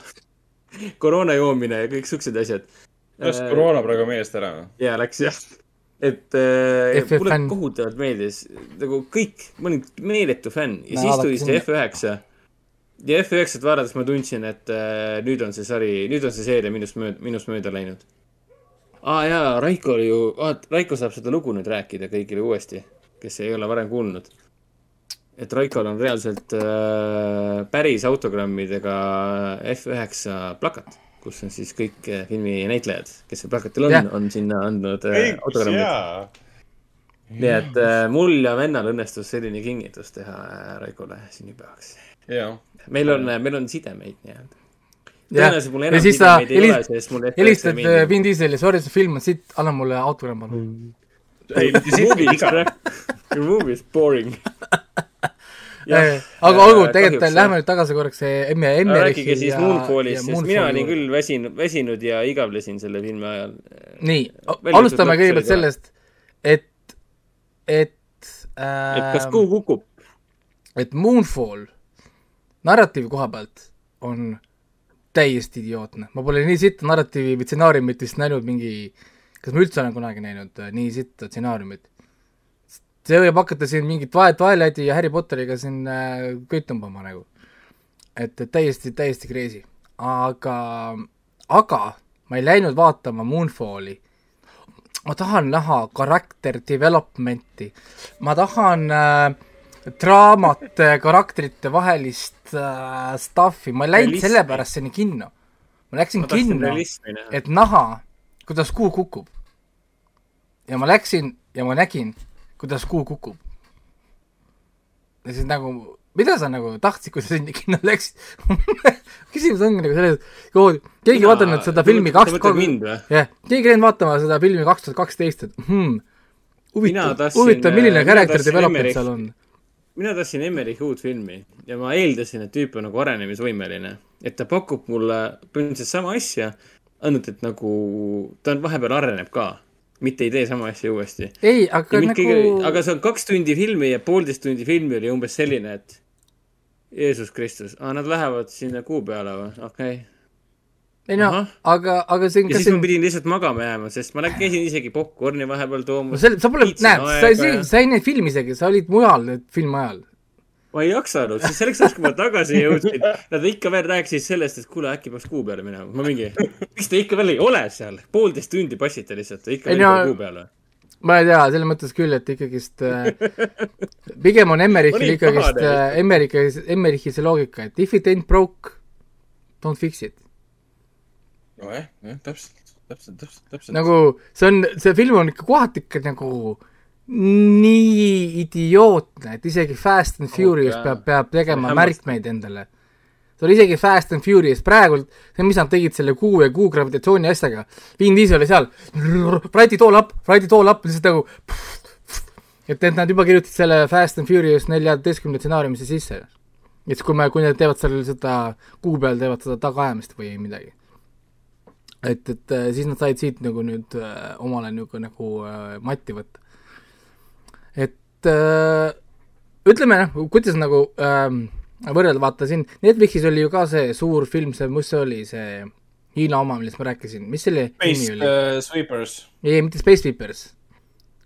see hi-, hiinlaste oma, kus see teine, see, see, kus nad see, tra- mis nad planeeti liigutasid. Wandering Earth One, Wandering Earth, Jah. jaa, see on Siis- Net- Netflixis olemas. siis äh, Wandering Earth on ikkagi selles mõttes nagu parem. Wandering Earthis on ikkagist nagu see mingi story, CGI on mõlemas filmis väga hea, selles mõttes sa ei pea, muretsema siin mingi selle Moonfalli CGI pärast või isegi see Wandering Earthi CGI pärast, see on kõik väga nagu fine. aga, aga Wandering Earth on ikkagist nagu põnevam ja mingil määral isegi veel jobum film kui Moonfall. kuigi jah, Moonfall ajab ikkagist no nihukest kelbast pekstab siin ikka vahepeal, näitlejatel oli endal ka keeruline nagu selle nagu, nagu sees olla, aga samal ajal minu arust entertainment value on tal filmil ikkagist tugev. ja, ja, ja kui inimesed tulevad ikkagist sulle õhtul külla, paned joogid, värgid, lükkad selle Emmerichi selle Moonfalli äh, suurele ekraani peale, siis, siis minu arust ikkagist taustaks, peo, peo taustaks nii-öelda, nii nagu DJ mängib. toimib väga hästi. ja, ja see on see film, kus inimesed mingi hetk jäävad vaatama. What an actual fuck is going on ja siis vaatad ja imestad ja siis nagu holy crap, muidugi räägin, see narratiivi ka-, no see, see, seda ei saa kritiseerida. seal ei ole kuskilt otsast isegi kinni hakata üldse nagu, sest, sest ma kirjutasin sinna meie chati vist ka kuskile, et vaata see terve filmi stsenaarium oli piu-piu, plahvatus, piu-piu, krumpf ja siis for the earth, piu-piu, gravity, mingi lahva, plahvatus ja see oligi tal mingi kaks lehekülge terve seda siis Emmerichi lemmik, Emmerichi lemmik, lemmikstseenid on see, kus keegi paneb käigu sisse, paneb gaasi põhja, et aa, vaata, seal on tohutu suur laine. pane gaas põhja, Jaa. sõidame eest ära, ma mingi oh,. palun ei, lõpetage ära. ütled, et see ju olnud huumor, humoorikas. see oli puhas huumor oli, see oli lihtsalt, see oli nagu nii idiootne, me oleme vee all, nad on enda kosmoses selle kuradi süstiku küljes. Halli, Halli Berry karjub, we are underwater. kõik eriefektid iseenesest nende eriti debiilsete stseenide olid väga ilusad tegelikult, see kõik nägi hea Vau. välja, et noh. siis mingi imelik subplot selle kohta, et ma ei tea, ma ei saanud üldse sellest aru, et nagu, mis siin oli, kolm nädalat või?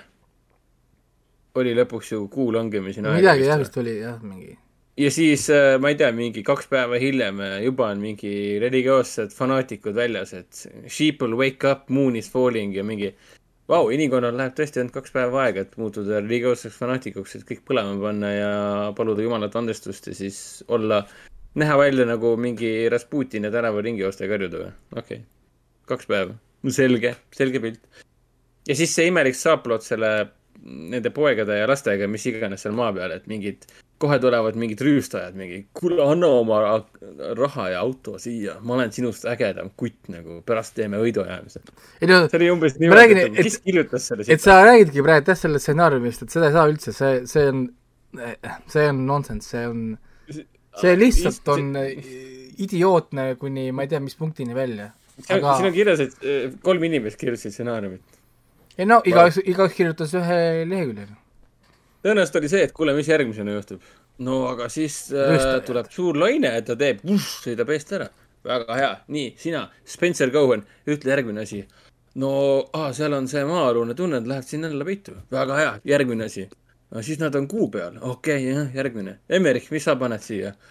no ma olen, ma püüan siis originaalne olla, et Moonfalli lõpp oli ainuke asi, mis tegelikult mulle tegelikult ausalt meeldis. ma mõtlen seda kuu enda seda lõpu, lõputeemat, no spoilers, aga see kuu lõpp, kuu teema oli iseenesest tore. see mulle nagu sci-fi mõttes nagu meeldis. et ma oleksin pigem vaadanud ainult seda lõppu, mitte seda, mis sellele eeldas. et ko- ja pluss see taust ka, et Ragnaril pole aimugi, ta ei ole näinud, eks, ei ole näinud. ta pole vist näinud jah, seal on ju see story ja see back, back, back story ja värgid. jaa, ta ei aimagi, kui, kui suureks tegelikult. see, tegelikult see on hoopis. Battlestar Galactica universumis. nojah, täpselt, no see on no, beginning of mankind võib vist nii öelda või? asi on ikka väga kaugele ära läinud. kusjuures imelik on see, et ma sellele Emmerichile jälle puid alla panin, sest ta tegelikult ei ole teinud ühtegi katastroofifilmi aastast kaks tuhat üheksa. see, kui ta tegigi kaks tuhat kaksteist. jaa, et ta tegi siin selle Shakespeare'i filmi Anonymous, siis ta tegi selle White House Downi Tatumi ja Foxiga, mis on ka mingi katastroofifilm, hävingufilm nii-öelda. jah, so, so. mis mulle meeldis omal ajal rohkem kui samal aastal välja tulnud äh, Olympuses Fallen, aga erinevalt siis White House Downis on siis Olympusel juba senimaani kolm osa Gerard Butleriga. siis ta tegi ühe gay rights draama, mis minu meelest hävitati kriitikute poolt. Ja iseenesest mulle tegelikult see Independence Day Resurgence, ma ei mäleta täpselt, aga mulle vist enam-vähem meeldis, sest see oli see teine osa Independence Day'le, tema enda filmile aga jumala eest ma ei mäleta, mis seal filmis toimus. tõenäoliselt oli mingi piu-piu ja nii edasi, aga ma lihtsalt ei mäleta. tõenäoliselt ei toimunud midagi huvitavat. kas seal oli Goldblum tagasi ka või? aa, Goldblum oli peaosas isegi, okei okay,, okei okay.. igal juhul, miks mind võib-olla Moonfalli puhul mind kõige rohkem vist häiriski see, et ta nagu on kinni jäänud sinna aastasse kaks tuhat üheksa, et nii palju aastaid on möödas ja ta teeb nagu kaks tuhat kaksteist number kahe, et noh jah, aga mulle meeldib filmi pealkiri, mulle meeldivad tema munad äh,, Emmerichi munad, et ta paneb filmile pealkirjaks. mis su film, mis su filmi pealkiri on? Moonfall. see räägib sellest, kuidas kuu hakkab maa peale kukkuma. So what's the title? It's called Moonfall. That's the name of the movie. That's the name of the, huvitav, kas sellist ei ole seda tulnud või seda ma ei ole ammu vaadanud. pitch, pitch, pitch meeting ut sellest Moonfallist või? vara, äkki, äkki on vist vara või, et ta ei jõua ka kõike vaadata. kas filmis üldse mainiti kordagi sõna Moonfall või? Moon, Moon is falling. ei olnud, seal oli Moon, Out of orbit oli küll, aga, aga, aga jah, jah, jah, aga selge, ühesõnaga Moonfalliga on äh, kinofilm, jah. vaadake kinos, sest ko- kodus seda On. vaadata ei ole mõtet, seal ei ole midagi Tõesti vaadata. ainult kinos võimalikult suured ekraanilt, võimalikult palju lärmi, möllu, võimalikult suured kõlarid, ehk siis kinos nüüd ja praegult, mitte hiljem kodus telefonist või kurat teab mis iganes ekraanilt. ainult kinos. Sest seda seda hullumeelsust. sest kui sa hakkad kodus vaatama seda oma telekast ja siis hakkad keskenduma karakteritele ja story'le, siis on küll see, et nagu ah, ah, ah, mis, mis, mis asi see on. nii et jah, mina igal juhul julgen soovitada seda kui kinofilmi äh,, muudel, muu karaktereid, narratiiv on teie oma vastutusel äh,, kaine peaga vaatate omal vastutusel, aga igal juhul äh, head kinoelamust siis. pudel, pudel viskit kaasa ja siis on asi korras. nii, okei. Aga kas me nüüd lähme edasi Luupaina ja Lee juurde või Ragnar räägib meile Monika Siimetsast? Äh, okei, ma räägin Monika Siemensest, et Monika Siemens ähm, siis selle seltsimees lapse, jah, see oli kaks tuhat kaheksateist aasta film, kui ma nüüd ei eksi, jah. selle aastaga parim film minu jaoks, Eesti film vähemalt. väga hea film oli. Tema uus, uus film, uus projekt ongi siis äh, dokumentaalfilm Kaks tundi õnneni, mis räägib äh, kümme aastat tagasi Soome läinud äh, perekondadest. ja nüüd, kui kümme aastat on nagu möödas või kümme pluss aastat on möödas või isegi rohkem aastat, juba kakskümmend aastat on möödas, siis me nagu läheme tagasi nende inimeste juurde, kes seal elavad ja mida nemad nüüd asjast arvavad, olles seal juba piisavalt kaua olnud. ja selle dokumentaalfilmi eesmärk ei ole nagu analüüsida neid probleeme, mis on Soomes elavatel eestlastel, selle eesmärk ei ole äh, võtta kokku see suur koduigatsus. pigem selle eesmärk on näidata nende Eesti inimeste elusid, kes elavad seal ja kes ei tulegi tagasi, kellel tegelikult on küll igatsus tulla tagasi või olla Eestis, aga ne neil ei ole võimalust enam tagasi tulla, sest äh, juured on juba alla tekkinud ähm, ja perekonnad on seal, lapsed on seal. Pole enam midagi teha.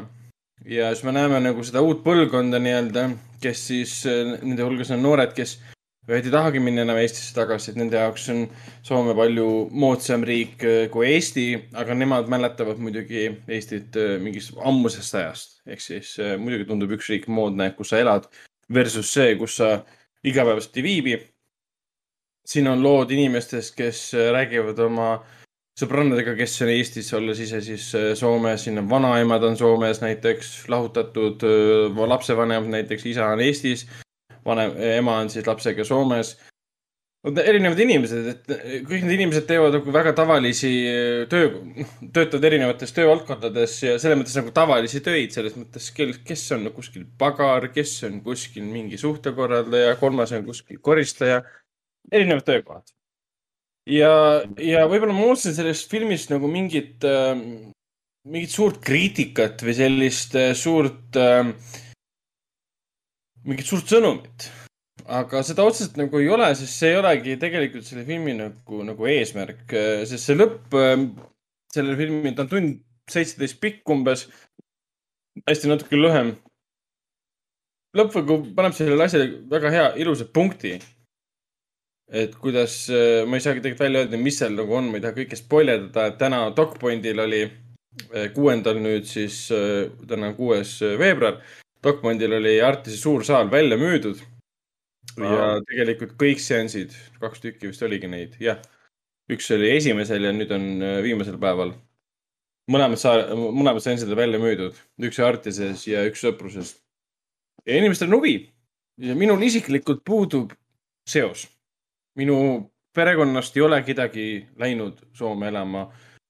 mul ei ole väga palju sõpru, mul on sõprade sõprade sõbrad. väga palju sõpru või? tuttavad, kes on seotud inimestega, kes on läinud Soome. minu ainuke seos on kaudsem seos, et mul see connection või see, see seos nagu puudub, mistõttu mul oli natuke raske seda filmi selle nurga alt vaadata. et saalid ilmselt on täis inimesi, kes on seotud, sest noh, nagu filmi sünopsis välja tuuakse ka, seitsekümmend tuhat eestlast elab või töötab Soomes noh, seitsekümmend tuhat on päris suur arv. ja muidugi need inimesed lähevad kõik vaatama, kes on seotud äh, kaudselt või otseselt nende inimestega. aga jah, minul seda seost ei olnud ja minul oli nagu huvitav ikkagi vaadata, et kuidas nad endale seda põhjendasid, miks nad läksid. Üks ütles väga selgelt, et jah, laulsin öölaulupidul ennast vabaks äh, ja siis läksin ära sellepärast, et mul ei olnud raha, võimalust siin teenida, et ma lihtsalt läksin Soome ja hakkasin head raha teenima. Äh, ja nad kirjeldasid seal oma elu ka, et seal ühel naisel, äh, tema käest olevat hiljuti küsitud, et miks sa mingit kolm erinevat töökohta ei oma, et kuidas üldse ära elad ja tema vastus oli see, et aga sellepärast, et, sellepärast, et ma ei taha olla lapsevanem, kes hommikust õhtuni, esmaspäevast reedeni oma lapsi ei näe ja nädalavahetusel magab ja saadab nad kuskile, annab raha taskusse, saadab kuskile kaubanduskeskusse, et ta tahaks ikkagi vanem ka olla, mitte see zombivanem mis on väga õigustatud suhtumine, et pigem, pigem teenid vähem, aga sa oled, eksisteerid lapse või noore inimese elus. mitte ainult selle allikana, kes annab raha, et sind ära, ära saata majast, et ema või isa saaks magada. Ja siin on kummaline kuulata ka, kuidas ilmselgelt nagu Eesti inimesed on omandanud soome keele nagu nüansid eriti kui nad eesti keelt nagu no,, nagu räägivad. aktsenti on kuulda. ja, see kohati oli väga niisugune paks aktsent või niisugune tihke aktsent, et sa said aru, et inimene räägib eesti keelt soome aktsendiga ja rõhuasetused on kõik soomekeelsed ja mul oli, õnneks mul oli inglisekeelsed subtiitrid, siis kohati oli väga raske aru saada, millest jutt enam on. ja ta mõtlema panev film selle koha pealt küll, jah et äh, natuke midagi jäi puudu, selle mõttes, et ma nagu ootasin mingit suurt visuaalset äh, ta on Rein Kotavi poolt üles võetud. jah, ta on ilusti üles võetud, aga dokumentaalfilmina me räägime siis nagu lavastuslikus mõttes. ta ei olnud nagu midagi väga rabavat. lihtsalt lavastusest rääkides. kontseptsioon on tal hea, mõte on tal hea, operaatori töö on väga hea. subjektid, kelle ta leidis ikkagi Soomes filmides on ka väga hästi leitud ja nii edasi. aga võib-olla see pingestatus ja, ja huvi üleval hoidmine, midagi oli nagu puudu. et liiga palju oli lihtsalt seda kulgemist, et me nüüd näeme tema loo ära, me nüüd näeme tema loo ära, me nüüd näeme tema loo ära ja nii edasi ja nii edasi ja nii edasi. lõppu, lõpp saavutas huvitava nagu siukse üle, ülendava momendi emotsionaalses mõttes. Katarsise või? ah, Katarsise või? katarsise jah, nii-öelda. et see oli hästi, hästi tehtud, hästi saavutatud. ja ma ei teagi, kas ta oli sellepärast hästi töötav, et see eelne film oli täpselt selline, nagu ta oli. või ta eraldiseisvana oleks ka niimoodi töötanud. pigem tänu sellele, et see eelnev osa oli selline, nagu ta oli, siis see lõpuosa töötas seda, seda enam. Et äh, jaa, kindlasti hariv äh, dokumentaalfilm neile, kes ei tea sellest asjast midagi nagu mina hariv neile, kes on uus põlvkond Eestis, kes ei tea enam, mis tähendab äh, Soome minek ja hariv neile, kes arvavad, et Soomes elavad eestlased on kõik mingisugused suured hullud äh,, äh, kes on need, mis on Kalevpojad ja peksavad segast seal ja joovad, et et tegelikult tavalised inimesed, kes elavad oma tavalist elu ja omandavad, omandavad soome keelt, et saaks koolis hakkama ja nii edasi. Ja seal on noored inimesed, kes on kurvad, et nende Soome sõbrannad, kedagi, kedagi ei huvita Eesti, Eesti kultuur, Eesti keel, nad ikka üritavad nagu sellest rääkida, aga lõpuks sul ei ole kedagi, su elukeskkond ei koosne eestlastest, sul pole mitte kellegagi sellest rääkida. seal üks tegelane, tegelane, inimene tuleb välja ka, et, et seal Vantas või kus see oli, on kõige suurem eestlaste kogukond. Aga pole ühtegi kogukonda, ühtegi kokkusaamist, ühtegi veebilehte, Facebooki lehte, mitte ühtegi sellist väljakutset ka, et me võiksime kokku saada või et me saaksime eesti keelt rääkida, Eesti muusikat kuulata, Eesti filme vaadata, mis iganes, sihukest asja ei ole olemas, lihtsalt. see oli ühe inimese muidugi kogemuse põhjal, kindlasti seal midagi on, aga tema ütles, et tema arvates ei ole mitte midagi. ja põhjus olevat ikkagi selles, et Eesti, Soome on nii lähedal. Et mis, mis sa hakkad siin tegema, see on umbes sama hästi, kui me elame Hiinas, siis sa võiksid teha ju kogukonna eraldi. siis on nagu põhjus selleks või USA-s aga Soome on nii lähedal, see on ju kaks tundi, noh, kaks tundi õnneni, kaks tundi sõ- sõidad, sõidad laevaga, aga noh, ongi, sa Soo-, Helsingisse jõuad sa kiiremini kui mina bussiga Võrru. no täpselt, aga siin ongi, tulebki see sisse nii lähedal ja nii kaugel. Osad on seal äh, kakskümmend aastat juba elanud, pole kordagi Soomes käinud, ütleb küll, et ta suhtleb oma vanaemaga, aga siis ühel hetkel avastab, et vanaema suri ära ja, ja suhtlus oli katkenud ja inimesed elavad oma elu ja käivad tööl ja, ja tegelikult see ei ole niimoodi, et Soome on nii lähedal. on viisteist aastat möödas ja kurat, peaks rääkima oma kunagiste sõpradega, kelle ma olen ära unustanud, sest ma olen viisteist aastat hommikusuhteni tööd teinud, et. ja see ajab need inimesed tihtipeale nagu nukraks äh, mõtlemas tagasi. et äh, ja selles mõttes ikkagi, ikkagi liigutav film. võib-olla ootasin midagi, midagi su suurejoonelisemat aga see pole nagu kriitika filmi suunas, see on pigem nagu minu enda eelistus või noh, ootused, sest äh, filmi nagu promoti päris kõvasti.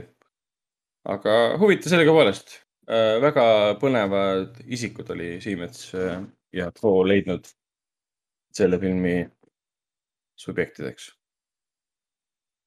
vot, nii, aga räägime siis Luupaina ja Leest Lubaina Allee on äh, Guillermo del Toro uusim äh, film, ühtlasi ka esimene film äh, pärast äh, talle parima filmi Oscarit, Oscari toonud äh, veepuudutust.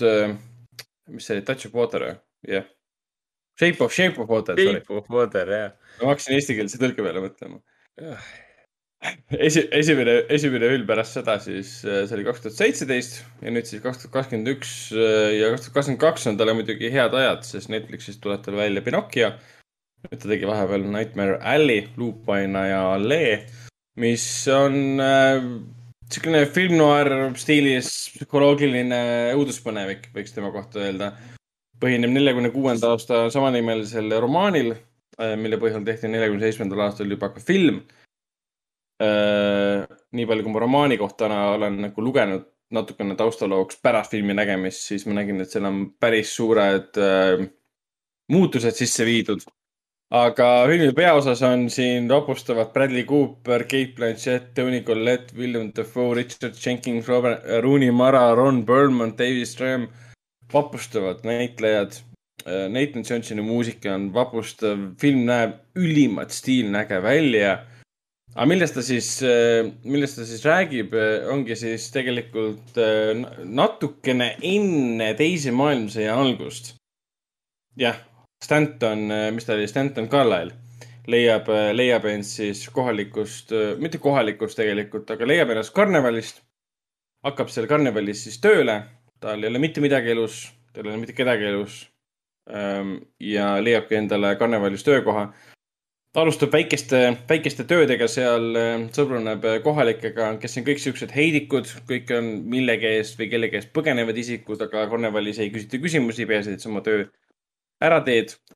mida rohkem ta seal aega veedab ja tööd teeb, seda paremateks või headeks sõpradeks nad saavad teiste inimestega.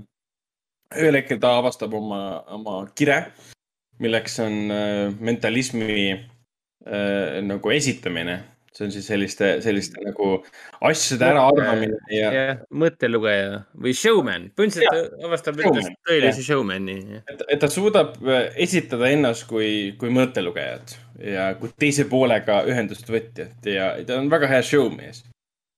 ja, ja ma ei taha kõike ära spoiletada ja kui ta on selle nagu kutsumuse endale avastanud, siis ta, siis ta lahkub, lahkub sealt karnevalist ja äh, läheb siis suurlinna mitte enam väikeküladesse, võtab hoopis suurlinna, võtab ühe, ühe neiu kaasa, Molli, Molli kaasa, Runi, Runi Mara.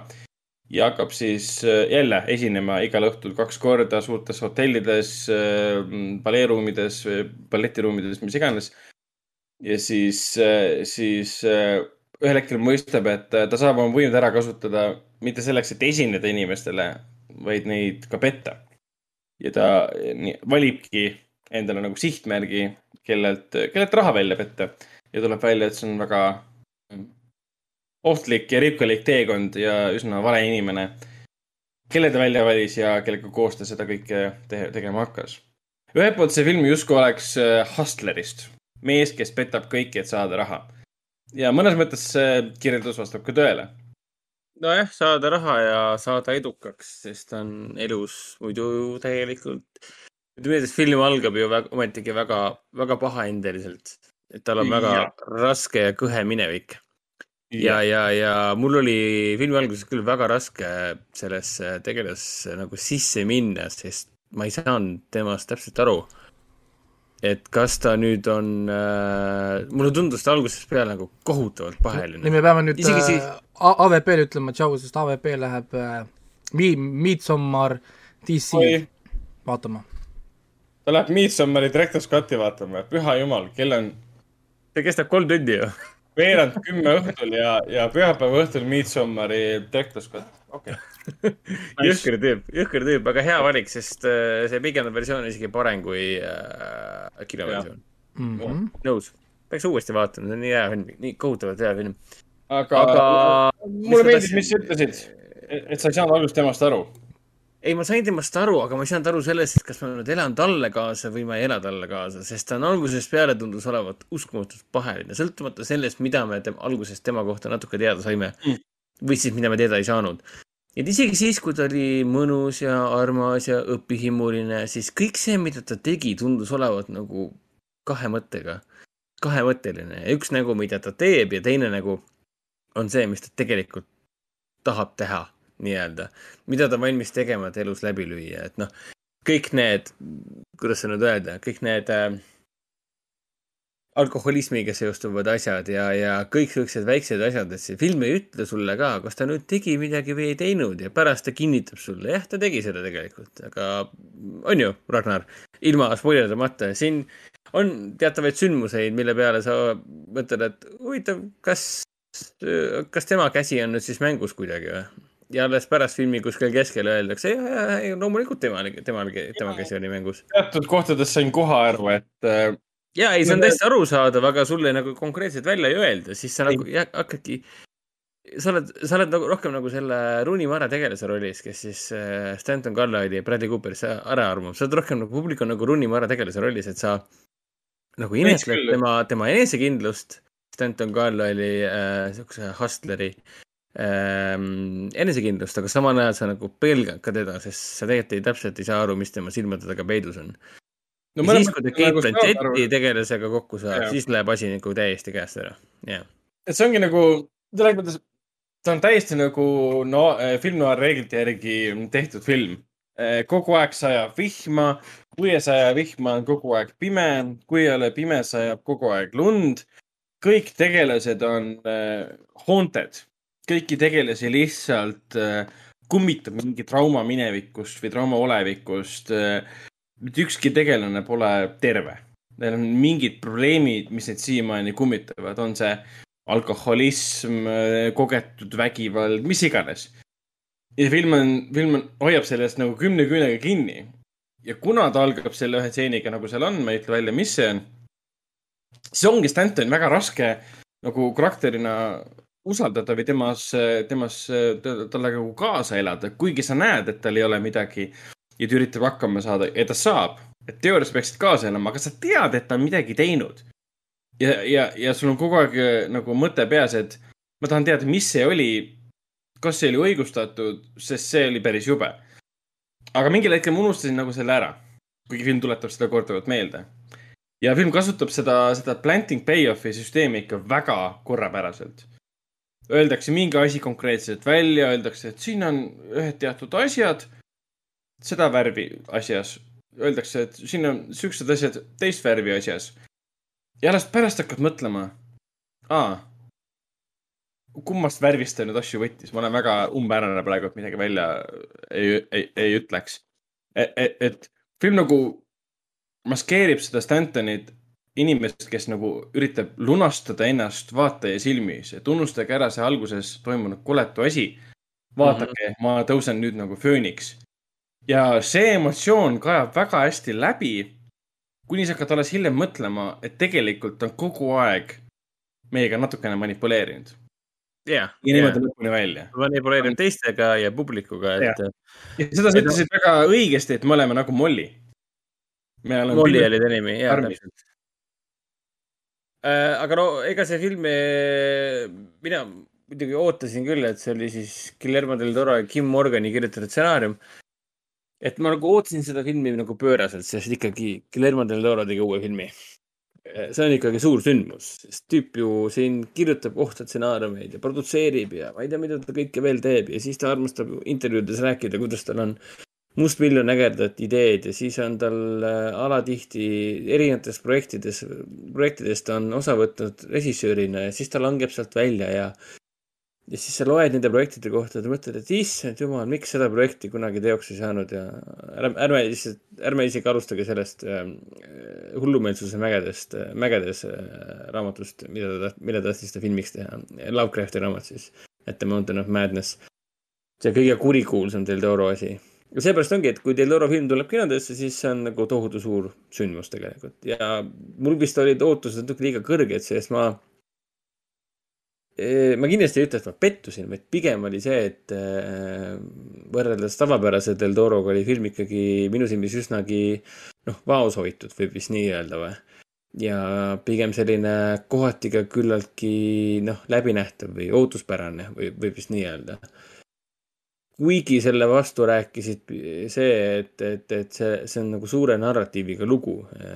siin võet-, siin nagu film võtab väga palju aega, et liikuma saada ja kui ta käima lükkub, siis on ta nagu lumepalli efekt ja ja see ei ole üldse miinus, et ta võtab aega, et käima saada, vaid ta on väga täpselt ära jaotatud nagu poole tunni kaupa, siin on isegi need äh, vanakooli pilt läheb äh, selleks mm, -hmm. silm läheb, ma ei tea, kuidas seda kirjeldatakse, tead küll, et läheb, läheb kinni nii-öelda see nagu vanasti üleminek.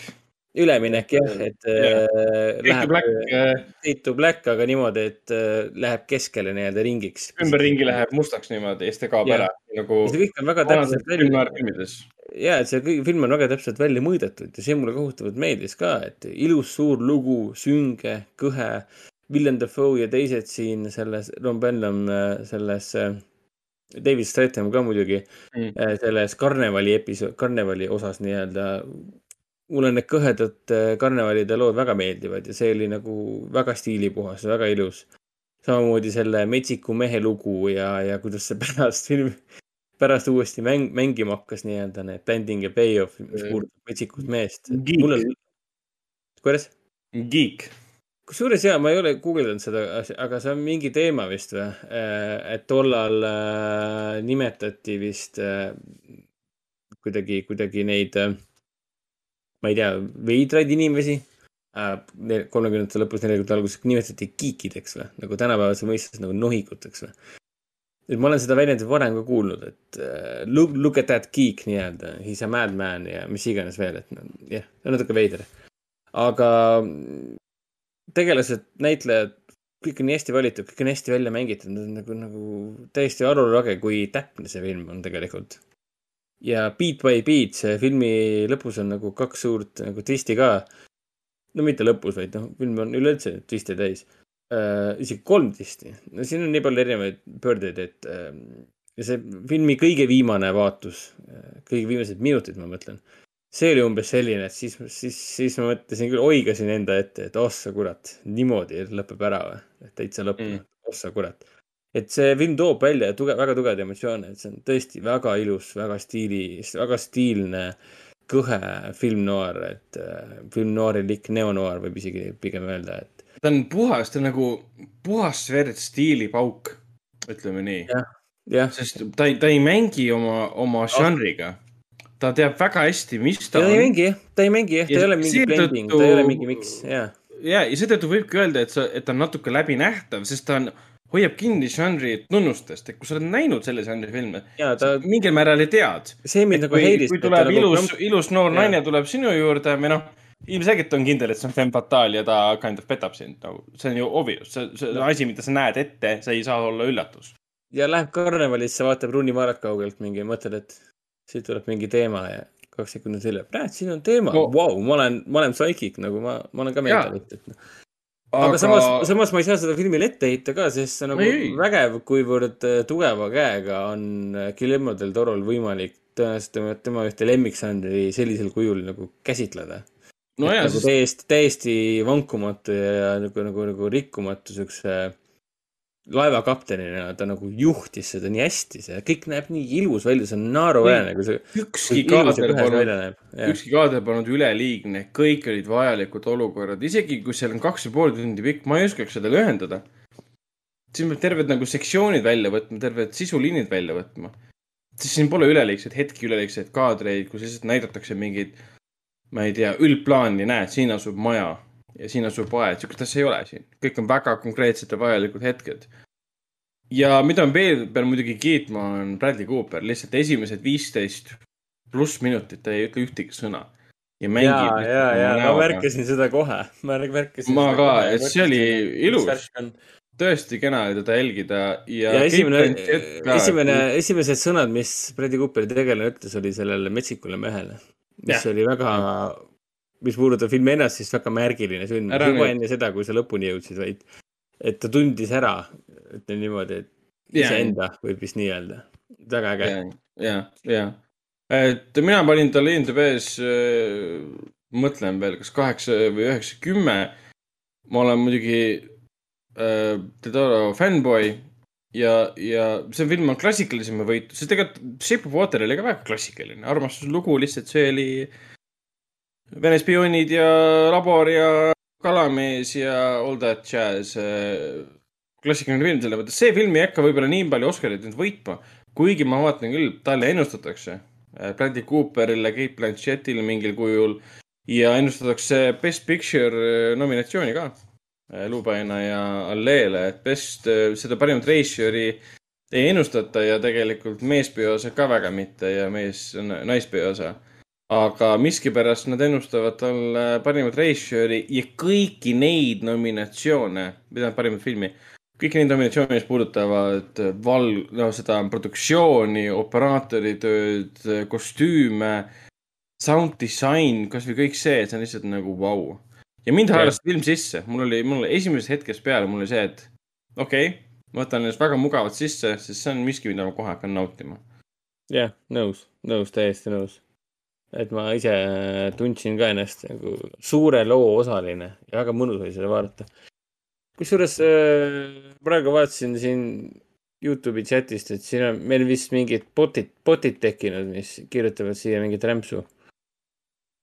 et need tuleb vist äh, ära, Võib-olla- ära eemaldada. Võib- võib-olla keegi lugeja proovis suhe, suhelda, sa ütled talle bot, noh. jaa, nagu, venna, mis sul viga on?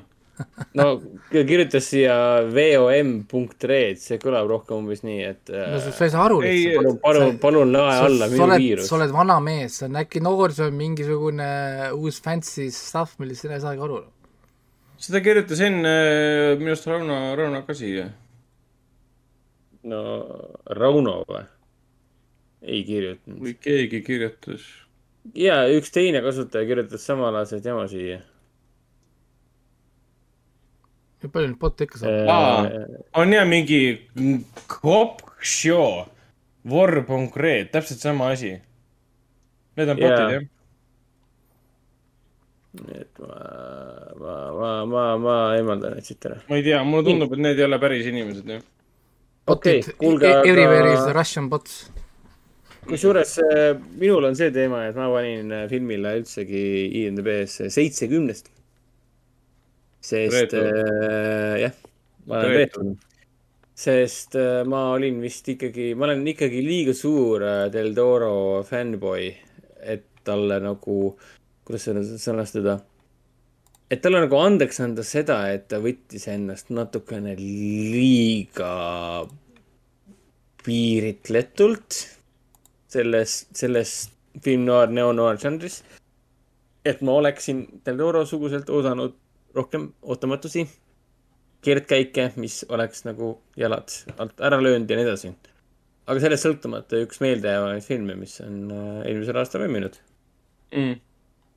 ja ma ütleks sama, ta ei ole võib-olla tõesti, ta ei, ta ei, ta ei, ta ei püüdle väga kõrgele selle koha pealt, et vaadake mind, ma olen teinud järjekordse meistriteose, mis ületab kõik teised filmid, mis on sel aastal äh, linastunud, võib-olla on selles, selle taga siis nagu see žanri need trapping'ud, need reeglid, millest ta peab nagu kinni hoidma.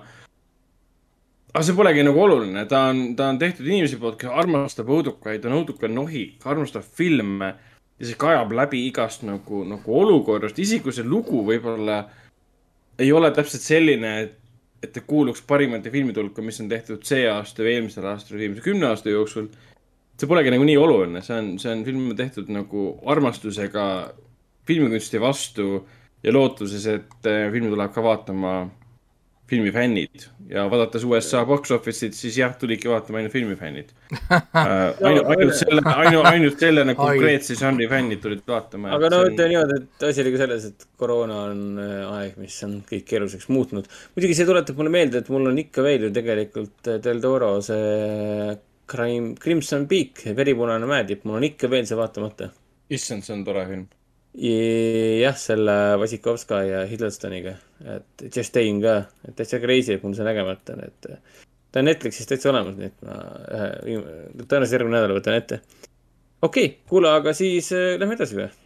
jah, mis, räägime siis äh, voonakast vaikimisest või?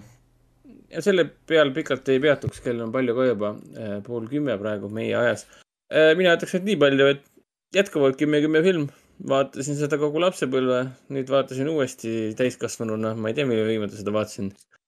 toimib, lihtsalt toimib, et see, see harukordselt, harukordselt, harukordselt õnnestunud äh, psühholoogiline triller. nii, nii Täiesti- selle Lecteri pärast kui ka ka Jodie Fosteri tegelase kujutamise pärast, et see kõik, mis siin filmis toimub, on lihtsalt nii imetlusväärne. Et mõni imetseda meile siin BFM-is ja filmikoolis No nagu ja me- all ja peal. ma tegelikult ka rääkisin sellest alles, alles hiljuti ju, kui ma vaatasin neid Fosteri filme ja ja, ja, ja muidugi, muidugi, hea õigus jah, sa vaatasid tema neid rei-, reibifilme ka. vot see sul jäi Okei. meelde, vot see, vot see jäi sulle meelde. okei okay,, moving on äh,. Ragnar, mis sa siis äh, Voonakestest äh, ar- arvasid äh, üle, üle pika aja uuesti vaadates? Täpselt seda, et ta on endiselt ähm,, ta mõjub endiselt äh, kummaliselt struktureerituna, ei, kummaline pole õige sõna.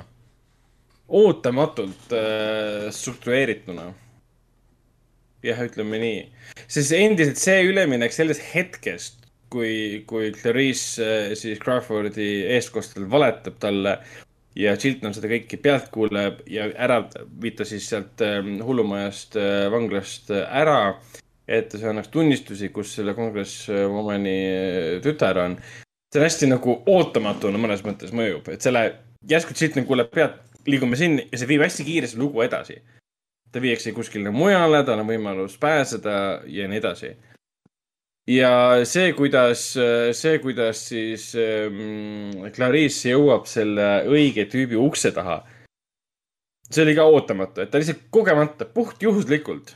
see tuletas ka meelde ka, et mingi maailma suurimad, ohtlikumad sarimõrvarid on tegelikult niimoodi üles leitud, et, et keegi lihtsalt puhtjuhuslikult oli alla andnud. ei no see on, ei see on lihtsalt äh, muude asjade pärast jätaks vahele, mitte nagu sellepärast, mida otsitakse, jah, aga muude asjade pärast, see on põhiline plott Criminal Mindsis näiteks. kui Criminal Minds vaatasite, kui sarimõrvaritel tuli see nende nagu periood, kus nad ei tapnud näiteks a la neli aastat, neli aastat oli vahepeal paus või kolm aastat, põhimõtteliselt mm. iga kord oli vangis, sest ma ei tea, mingi asi oli parkimispilet veel maksmata või mingi muu yeah. asi võttis yeah. ta nagu kinni. sama, täpselt sama juhtus ka selles, mis ma enne rääkisin, see võltsmaaldega mm. -hmm. Polnud mitte midagi muud kinni võtta, kui ma-, maksmata jäänud, jäänud maksud, millega hakata survestama neid sullereid.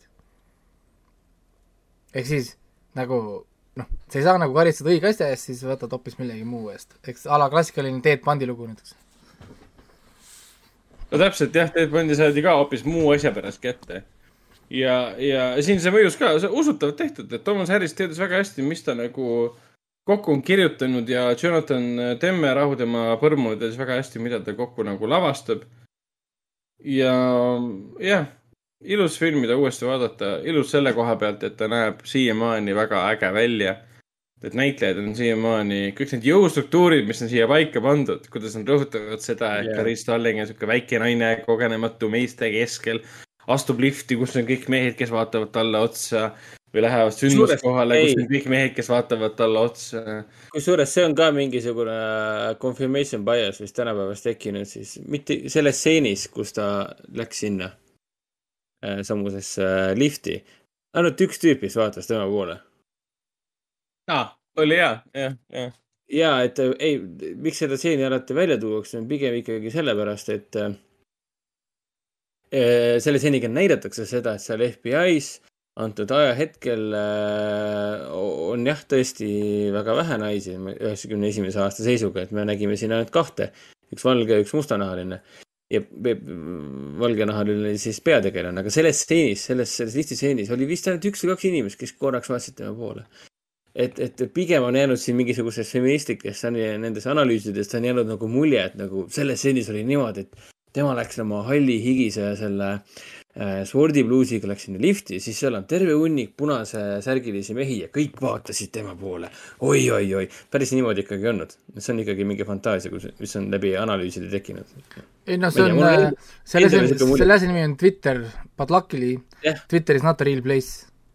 jah, nii nagu Chappelle ütles, et igal hommikul, kui ma hakkan hommikusööki sööma, siis ma see on nüüd piibel jaa, te panete selle omale kuskile peegli peale ütles, teebid, Twitter, vaata Twitter is not a Real real place place.. aga selle punakeste väikmise vaatamine tuletas meelde, et on aeg eh, vaadata tõenäoliselt Hannibali seriaali uuesti eh, ja, ja, ja, ja vaadata ka kõiki teisi Toomas Harrise Hannibali filme. Ainuke, mis on mul endiselt äge- Hannibali ja seda Red. Dragonit ma tahtsin just sama mainida, et, et Red Dragonit ma tegelikult mäletan päris hästi äh,. aga Hannibali, Ridley Scotti Hannibali ma ei ole ammu uuesti vaadanud. Ja ma ei ole üldse kunagi näinud Man, Manhunterit, mis on siis ja. Michael Manni lavastatud. jah, see on siiamaani vaatamata, pluss muidugi kuskilt saab vaadata ka seda CBS-i toodetud, oli vist CBS, ma ei mäleta enam. Clarice. Clarice'i seriaal, mis, mis sai cancel'i ja pole veel ametlikult seda cancel'i äh, teada saanud. aga olevat basic as fuck, nii et seda vist ei taha üldse vaadatagi. kuule, aga viimasest asjast, milleks on äh, DocPointi film äh, vaatamise lugu. ja ma jõudsin ka dokumendile, dokumenti viimasel päeval. Äh, minul õnnestus siis kaks DocPointi filmi ära näha kaks tundi õnneni ja siis äh, vaatamise lugu, Hendrikul siis üks. vaatame, mis lugu on The Story of Looking on Mark äh, Cousinsi tehtud, kes kaks tuhat üheteistkümnenda, kahe tuhande üheteistkümnendal aastal kogus populaarsust siis viieteist tunnise dokumentaalfilmiga filmilugu The Story of Film An Odyssey, millele tegi eelmisel, eelmisel aastal tegi ka järje. see oli jah, nii-öelda viieteisttunnine dokumentaalfilm, mille ta tegelikult siis BBC lõikas nagu tükkideks, et teha nagu seriaaliks. ja eelmisel aastal tuli tal Cannes'is ka lisa uuesti film välja, ma tahaks selle ära öelda tegelikult. Sest ta on filmifänn, ta on filmikriitik, ta on äh, kõike õppinud, teinud värki-särki. ja, ja, ja ta on dokumentalist ja nii edasi. ja igatahes nüüd ta tegi dokumentaalfilmi äh, sellest, kuidas see kestab poolteist tundi kuidas talle antakse siis teada, et sa pead minema silmaoperatsioonile, et sa võid jääda siis äh, paremast äh, silmast mitte küll pimedaks, aga sinu nägemine on võib-olla natukene deformeerunud tänu operatsioonile, me ei tea seda veel täpselt. ja siis ta hakkabki ennast filmima selle, selle operatsiooni eel, operatsiooni ajal ja pärast operatsiooni. et siis võttagi kokku enda jaoks see, et äh, mis juhtub, kui sa oled väga suur filmifänn, harjunud filme vaatama, nautima neid hingama läbi mille silmade vaatamise ja see sult ära võetakse. ja ta hakkabki selle üle siis nagu mõtlema, mis see vaatamine tegelikult on. mida me vaatame, keda me vaatame ja kuidas me vaatame. kuidas vaatamine, läbi vaatamise aju loob meile mingisuguseid seoseid, et me, me vaatame, aga me ei näe. me näeme, aga me ei vaata ja nii edasi, et sul ei ole silmi vaja, et midagi näha tegelikult. et asja visuaalne väljanägemine ei ole see, mis, mis on see põhiline. filmi suurim miinus on selline na naeruväärne miinus. ta veedab päris suure osa filmist oma voodis alasti, ta rõhutab seda, et ta on alasti, me näeme tema peenist neli korda filmi jooksul. jah, Raiko, see on õigustatud. ei, ma lihtsalt äh, äh, nagu olin rohkem üllatunud, et sa selle üle lugesid. see oli, need olid vaata väga harvad korrad, iga kord oli oh,, issand yeah., that's a penis uh,. ma ei lugenud neid üle, need lihtsalt umbes see, et uh, istud ema kõrval ja siis venna kõrval, ah issand, penis. see oli see Leonardo DiCaprio moment sealt äh, Once Upon a Time in Hollywoodis mingi. peenis. Uh, Raiko Jah. Cricketid, ei, okei okay.. igatahes, jah, see, okei okay., ei no See- las ta nüüd korraks olla, see on nüüd, see on nüüd äh, mõtle, mõtlemise koht meil kõigile. See asi oli seda väärt? see oli liiga sügav, et aru saada. aga filmi, filmi su-,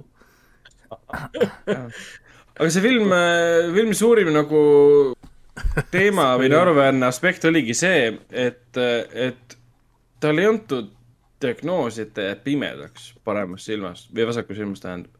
tema parem silm nägi endiselt hästi. ta dramatiseeris üle, mulle tundus vähemalt, mina kui eluaegne prillikandja, suurte miinuste oma ja terve elu, minu aeg, kes tema ei ole prillikandja, ta dramatiseeris natuke, mitte okei, mitte natuke, ikka väga palju üle seda no et tema nägemine muutub täiesti, tal on- täiesti pimedaks ja kõik siuksed asjad, ta kordas seda ka. Jah, Sorry, aga ei, sul on glaukoom, see eemaldatakse ära, sa ei jää pimedaks, sul on üks silm alles, millest sa räägid? Ja tal on kaks silma, mis üks läheb äh, operatsiooni alla. Jah. ja siis, ja siis, ja siis, ta nagu, mulle ka vägisi tundus, et ta nagu tegi sellest nagu hullu draama, et kuule, poisid, ma hakkan nüüd räigelt pimedaks jääma ja nüüd ma siis teen dokumentaalfilmi sellest, et äh, ma hakkan pimedaks jääma. et ma kaotan kõik selle, mis ma tegelikult olen. ja siis mingi kakskümmend üks minutit on siis noa all ja näh, ma olen terve. kõik on hästi. no Et- kuigi film ise on väga ilus, see, see mõtisklus sellel teemal, mida tähendab nägemine läbi, läbi filmi fänni, läbi filmi tegi ja vaatevinkli, mulle väga meeldis, tõesti, väga ilus, väga meeldis, väga hästi töötas. lihtsalt seda varjutas see teadmine, et mingi tädi chill nagu, et noh, kohati tekkis siuke tunne, nagu rahu, ära nüüd, ära nüüd draamakuningannas. et noh, aga ei, see, see, see mõtisklus oli nagu, nagu, nagu tore, et mis asi on tegelikult vaatamine, kuidas me filme vaatame ja nii edasi. Et kui palju võib muuta ikkagi ühe meele kadumine ja nii edasi, et äh, selles mõttes kenasti üles võetud, minu arust lõpp läks käest ära. jah, läks küll, liiga pikk oli see, tund aega oleks võinud kesta. jah, aga, aga mõte oli tegelikult tal tugev. aga liigume edasi, sest me, me tabame varsti selle neljatunnise threshold'i jälle. Threshold. Take us through the threshold. see oli nüüd oot, Chronicles of Riddick. aa okei, ma tahtsin just seda. no nii, aga ma saan aru, et filmid räägitud ja asjad räägitud ja üldiselt jah, nüüd teeme listi, mis on tulemas ja on kõik. jaa, Hendrik. igatahes äh, üheteistkümnendast, üheteistkümnendast veebruarist jõuab Eesti äh, kinodesse. jõuab siis Foorum Cinemas kinodesse sellised toredad filmid nagu äh, Surm Niilusel. Kenneth Branagh on Hercule Poirot. Või Poirot. Äh, see on ju mingi uus versioon on ju? See on teine osa jaa, või noh, sellele, see on uus versioon jah, sest see film on ju varem tehtud nii Suchet kui ka, ka veel varem, ma ei mäleta, kes seda mängis seal, ma ei tea, mingi kuuekümnendatel või midagi sellist. maailma kõige il- ilusam poiss mängis seal. Mis ta nimi. oligi? mäleta, mis ta nimi oligi? ma juba ei mäleta. me teame, et ta oli maailma kõige ilusam poiss. juba, juba Aga- ei mäleta. Aga põhiliselt jah, ta tegi, Kenneth Branagh tegi selle Mõrv Video Ekspressis äh, uue versiooni või noh, uue nägemuse. pani endale tohutu suured vuntsid külge ja nüüd ta tegi siis Surm Niilusel, kus mängib ka Armi Hammer.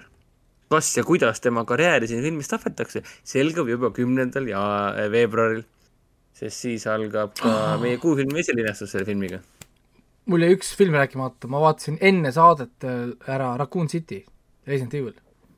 oh my god, palun ütle mulle, et see oli jumala, jumala okei okay film.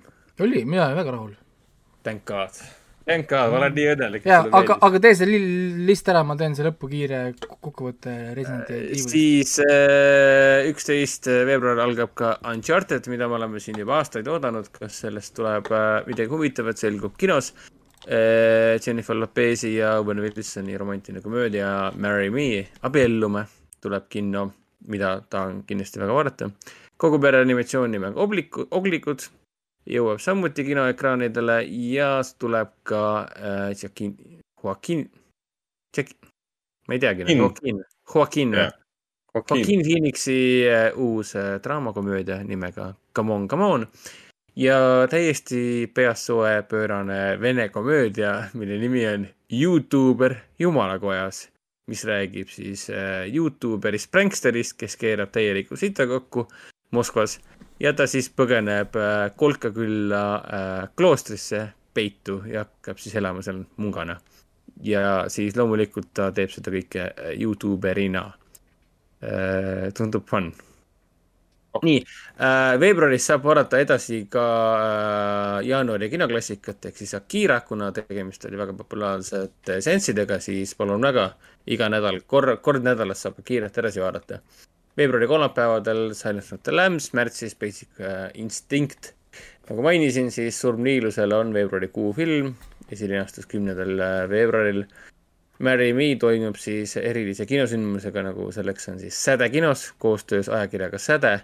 see on siis kahes saalis korraga, üks üks nendest on siis Sweet.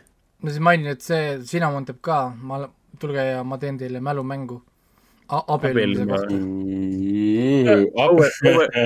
Owen, Wilsoni äh, filmide mälumäng või? ja see, see on jah, et see, et mille Lopez- poolest on Owen, Owen, Wilson tuntud. Vau. Vau. Vau. ja siis ka um, see Oskar Lutsu äh, jutustusel põhinev soo jõuab lõpuks kinno uh,. kinoeksklusiiv toimub sellega meil kuueteistkümnendal, kui ma nüüd ei eksi uh,. Ja jep, kuusteist, see ja King Richard kasvatades, kasvatades tšempioneid uh,. suur tõenäoline Oscari, Oscari kandidaat mitmetes erinevates kategooriates on siis meie filmikuru see toimub siis kuu lõpus, kahekümne kolmandal veebruaril peaosas siis Will Smith ja eestlaste lemmikteema tennis. nii, Artis. oota, oota, oota, oota, kas Raiko tahtis vahele segada äh,? ei, tee ära oma see, tehke ära need Okei, oma listid ja siis okei. ma Uh, kinos Artis linastuvad samamoodi Mike Millsi, kes tegi Beginnersi, Christopher Plummeriga, kes on meie hulgast juba lahkunud uh,. tema uus film Mike uh,, Come on, come on uh,. siis uh, Joaquin Phoenixiga, mis uh, ilmselt toob Phoenixile Oscari nominatsiooni, kuigi tundub, et see jutt on üsna vaikseks jäänud vahepeal samamoodi alustab meil ka Surm Niilusel ja ka Oglikud. lisaks nendele filmidele tuleb ka Arnaud Desplechen'i pettus, kus äh, näeme peaosas, ühes peaosas Lea Seydood. film põhineb, tegemist on tema siis Deception ehk siis äh, tromperii, väga halb prantsuse keel, on Philip äh, Rothi äh, romaanil äh, põhinev äh, film. Philip Roth on sama mees, kelle äh, romaanide põhjal on tehtud tegelikult juba The Human Stain oli Anthony Hopkinsiga ja siis oli ka see Ameerika pastoraal, mis mulle tegelikult väga meeldis, raamatut pole lugenud, Evan McGregor ja, Evan McGregor oli peaosas ja lavastas ka filmi. ja siis oli veel see Plot Against America ka. ja see on siis prantsusekeelne film, režissööri poolt, kes, kelle varasematest filmidest mina tean ainult Ismael's, Ismael's Ghosts, Ghosts'i, aga ma olen kuulnud ka Jimmy P'st, kus on siis Matthew Almeric ja Benicio del Toro peaosas. tegemist on siis äh, sellise seksika rom romantilise draamaga, pigem nii, ütleme nii. ja see on põhimõtteliselt Ameerika autorist, kes on Ameerika autor läbi prantslaste pilgu läbi siis. Ja meil saab veel siis äh, Come on, Come on'iga seoses tuleb meil ajakirja Ema peatoimetaja rääkima, kelleks on Marle, Merle Liivak-Praks üheksandal äh, veebruaril enne seanssi. meil on daamide valik tulemas seoses Surnud ilusal seansiga, pool tundi enne pakume süüa-juua ja meil on äh, loos ja siis on ka külaline. meil on, see on siis kümnendal veebruaril, üheteistkümnendal veebruaril tuleb siis Artišok ahvatleb tantsi ja pimeduses seanss, kus on kohal äh, Tiina Lokk, Pimedate ööde filmifestivali juht ja siis äh, Eesti filmikriitik, ma ei tea, miks ma Eesti mainisin, igatahes filmikriitik äh, Andrei Liimets äh,. järgmine artišokk on äh, veel äh, lahtine, ma veel ei ütle välja, mis see on, kuigi see on siin mul kirjas, ma igaks juhuks võtan selle ära, keegi näeb äh,. me veel kaalume, mis olla võiks, aga ilmselt üheteistkümnendal veebruariks, üheteistkümnendast veebruariks on see info väljas ja siis, kes kohale tulevad, saavad sellega teada meil on tulemas ka sõbrapäevaseansid, sõbrapäev on neljateistkümnendal veebruaril, näitame juba varem mainitud pettust surmniilusel, aga ka mm, Amelie tuleb uuesti näitamisele, mis on meil korra juba linnastunud. ja siis ka Fantaasiad täiskasvanutele, kus ühes peaosas on Monica Bellucci, tegemist on prantsuse äh, filmiga, mis koosneb sketšidest äh,, väga täiskasvanutele suunatud selline raunchy äh, romantiline draamakomöödia, ütleme nii. ja siis tuleb näitamisele ka Aileen äh,, mis on siis selline proto äh, Celine Dioni äh, eluloo film. et ta ei nimetata Celine Dioniks seal, ta, ta nimetatakse Aileen'iks teda äh,. Aline Dieu. Aline Dieu, ma siiamaani ei tea, miks seda ei saanud, aga ilmselt see on mingi copyright teema. Ja jätkuvalt äh, uuel nädalal saab näha siis äh, Jean-Marc äh, Vallée ja siis Gaspar Ullieli äh, filme seoses nende mälestusseanssidega. näitamisele tulevad Crazy, Saint Laurent Elujanu, Eva ja siis Prantsuse Instituudi eriseanss filmiga Maailma lõpus. meil on tulemas Eesti filmi Õhtu, kuhu tulevad näitleja ja režissöör kohale, meil on tulemas ka Artise lastehommik filmiga Noore muumipapa seiklused, mis põhineb siis muumipapa memuaaride Seigal raamatust Muumi, Muumitroll, jah. oli Muumitroll? Muumioru lood, Muumitroll, ja, ja Muumeri täpselt. lood oli see, no see kogumik ise oli Muumeri lood. ja täpselt, täpselt jah. ja siis endiselt Lars von Trieri kevade reklaamikampaania läbi siis Tuulekino ja Elektriteatri on juba algust saamas. esi, esimene seanss juba mainitud üksteist veebruar ja järgmised seansid vähemalt Artises on siis äh, kuueteistkümnendast veebruarist üheteistkümnenda maini, see on siis iga jumala kolmapäev. seansid on alati kas kell seitse või üksteist kolmkümmend mõnikord pidin panema üksteist kolmkümmend, sest äh, Lars von Trier ei tee lühikesi filme, eriti äh, kui minna viimaste filmide juurde äh,. tuulekino ja siis Elektriteatri äh, seansse tasub vaadata nende kodulehekülgedelt. vot, aga Mart uudistest me ei pea praegu rääkima, need pole nii tähtsad äh,. järgmine nädal saame rääkida Oscari nominatsioonidest, sest Aga- need selguvad kaheksandal veebruaril. kõige tähtsam tänane uudis on siiski see, mida arvas Raiko Äh, jah, äh, Resident Evil. aga Ragnar ei ole näinud, eks, Ragnar, sa oled näinud või? mina ei ole näinud. ma ei tea, palju ta muud maksab veits liiga kallis oli vist selleks, et seda kinos vaadata. tähendab, seal vaadata, aga see on kinos No. olemas hetkeseisuga veel üksikud seansid. Oh. jah, ühesõnaga Nii, äh, räägi, Resident Reiko. Evil Welcome to Raccoon City. Ja et selles mõttes esimene pool filmist on minu arust väga hea. alustame kohe sellest, sest ta on täiesti true mängudele, selles mõttes, et äh, ta vähemalt proovis olla nii true, kui ta sai, sest noh, sa ei saa tegelikult nii true olla, sest äh, mäng on mingi kolmkümmend viis tundi content'i, noh gameplay pluss ütleme cutscenes and narrative ja whatever, siis sul on mingid poolteist tundi või kaks tundi on aega, ehk siis palju mööndused on tehtud. Jah, siis on. äh, ta on äh, mega nagu true ja te teiseks, mis on üllatavalt hea, oma niisuguse eelarve kohta tal on väga hea CGI. mis oli selles on mõttes nagu ilus, ootamatu. tehtud, väga maitsekas näeb välja jaa, mina arvasin, et see tuleb niisugune B-filmi CGI, niisugune väga awkward, aga ei Jah,, väga hea CGI, väga ilusad zombid, väga nagu Jah. hästi selle koha pealt nagu paika saadud. Ja väga ilus pilt ja väga ilus vihm, väga ilus öö jaa ja, kõik on nagu hästi tehtud. production on nagu üllatavalt hea Jaa.. ma üldse ei Mhm. oodanud nagu, nagu, nagu nii hea tasemega production, ma mõtlesin, see on, tuleb nagu kõvasti nõrgem. siis äh, kiidan kindlasti ka seda, et nad äh, jäid truuks ähm, siis nii-öelda nagu teatud stseenidele mängust. nagu, ehk siis ütleme et, et ikoonilised momendid olid ikka kõik ütleme jah, olemas. teatud momendid mängudest, mis peaks nagu olema äh, nii-öelda nagu noh, nagu sees, kui me räägime Resident Evilist ja need momendid umbes, mis sul olid nagu, kui sa mängisid lapsena seda või ütleme, täna mängisid neid äh, remake versioone mängust, siis on vau, see oli vägev vägev stseen, siis nad tegid endast kõik, sõltub, et need siia panna. nagu äh, filmi nagu sisse ähm,. ja, ja, ja, ja kuna ta on tehtud nagu mäng, siis ta alg- al- algab nagu mäng ehk siis ta kohe läheb zombidesse sisse. Meil on Raccoon City, täpselt nagu mäng algab, põmm-põmm-põmm, kohe zombid, kohe story, saame jooksvalt nagu välja, selles mõttes mulle kõik põhimõtteliselt niimoodi nagu meeldis, aga nagu kui sa vaatad seda nagu filmina, siis siin tulevad teatud probleemid, noh Mhm. nagu, sest Jaa. äh, meil ei ole seda kolmkümmend viis tundi aega.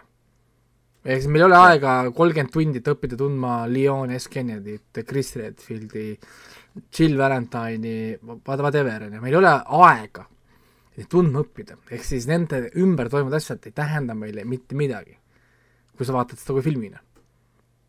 nagu, ja mingisugusel põhjusel kellelegi jäi ette see, et Jill Valentine ja Leon S. Kennedy on suvalised kaukaaslased, siis nüüd nad on lihtsalt mingid mustajuukselised, mingid whatever, mis asjad need on? et see, ma naersin kõva häälega, kui ma nägin Jill Valentine'i, mul olid ähm, ma, äh, hello, my name is Jill Valentine ja siis ma panin korraks pausi peale. Are you sure about that? jah, et, et, et mis veel, selles mõttes, et need, nende tegelaste väljanägemine mind üldse ei häirinud, et no halloo, see on Aga- see on nagu, vaata, sa võtad mind häiris see, et nad, nad, nad mängisid tegelikult, kui, kui Kaias Cadelero selle Chris, Claire Redfieldina välja arvata, siis nad tõesti, need tegelased, nagu ma ükskord mainisin ka podcast'is, olid, olid umbes sellised, nagu sa praegu ütlesid, et tuleb ekraanile hello, I m Jill Valentine. Aga no see no siin kogu, on, kogu karakter ongi nagu siin on jah nagu see nii-öelda nagu kõndiv exposition, kõik nagu räägivad, kirjeldavad oma ümber toimuvaid sündmusi, mille pärast. Kui sa kujutad ette seda situatsiooni, et me ei, oleme siin kolmekesi kontoris, siis me hakkame kirjeldama üksteisele sündmuseid, siinsamas meil on see, et but I am here, why are you telling me this? Nojah, nagu- ja see ja, Villem Birkin ja, ja Vesker samamoodi. No niisugused jah, niisugused- lihtsalt filmis selleks, et öelda, et mul on hello, my name is Birkin. ja, Do you remember the games? My name is Birkin. ja, ja siin jah, ütleme okay, ja üldse Leon, noh üldse ütleme, Ken, Leoni karakter on üldse väga halvasti nagu toodud üle, ta on mega ultra möku, ultra kasutu, ultra pointless karakter samal ajal Leon S. Kennedy on kõige parema karakter arkiga võib-olla Resident Evil'i karakter. Jaa. Resident Evil neljas, halloo, vaadake, kuhu me see mäng, mees jõuab Resident Evil neljas. Resident Evil neli, mis on tõenäoliselt kõige parem mäng, on Leon S. Kennedy kuradi karakter arki tipp. on ju. see on nagu imelik, et nad, ju siis neil oli vaja otsustada, kumb neist see alfam on, kas siis Chris või, ja Chris või on Leon., Chris on muidu alfa.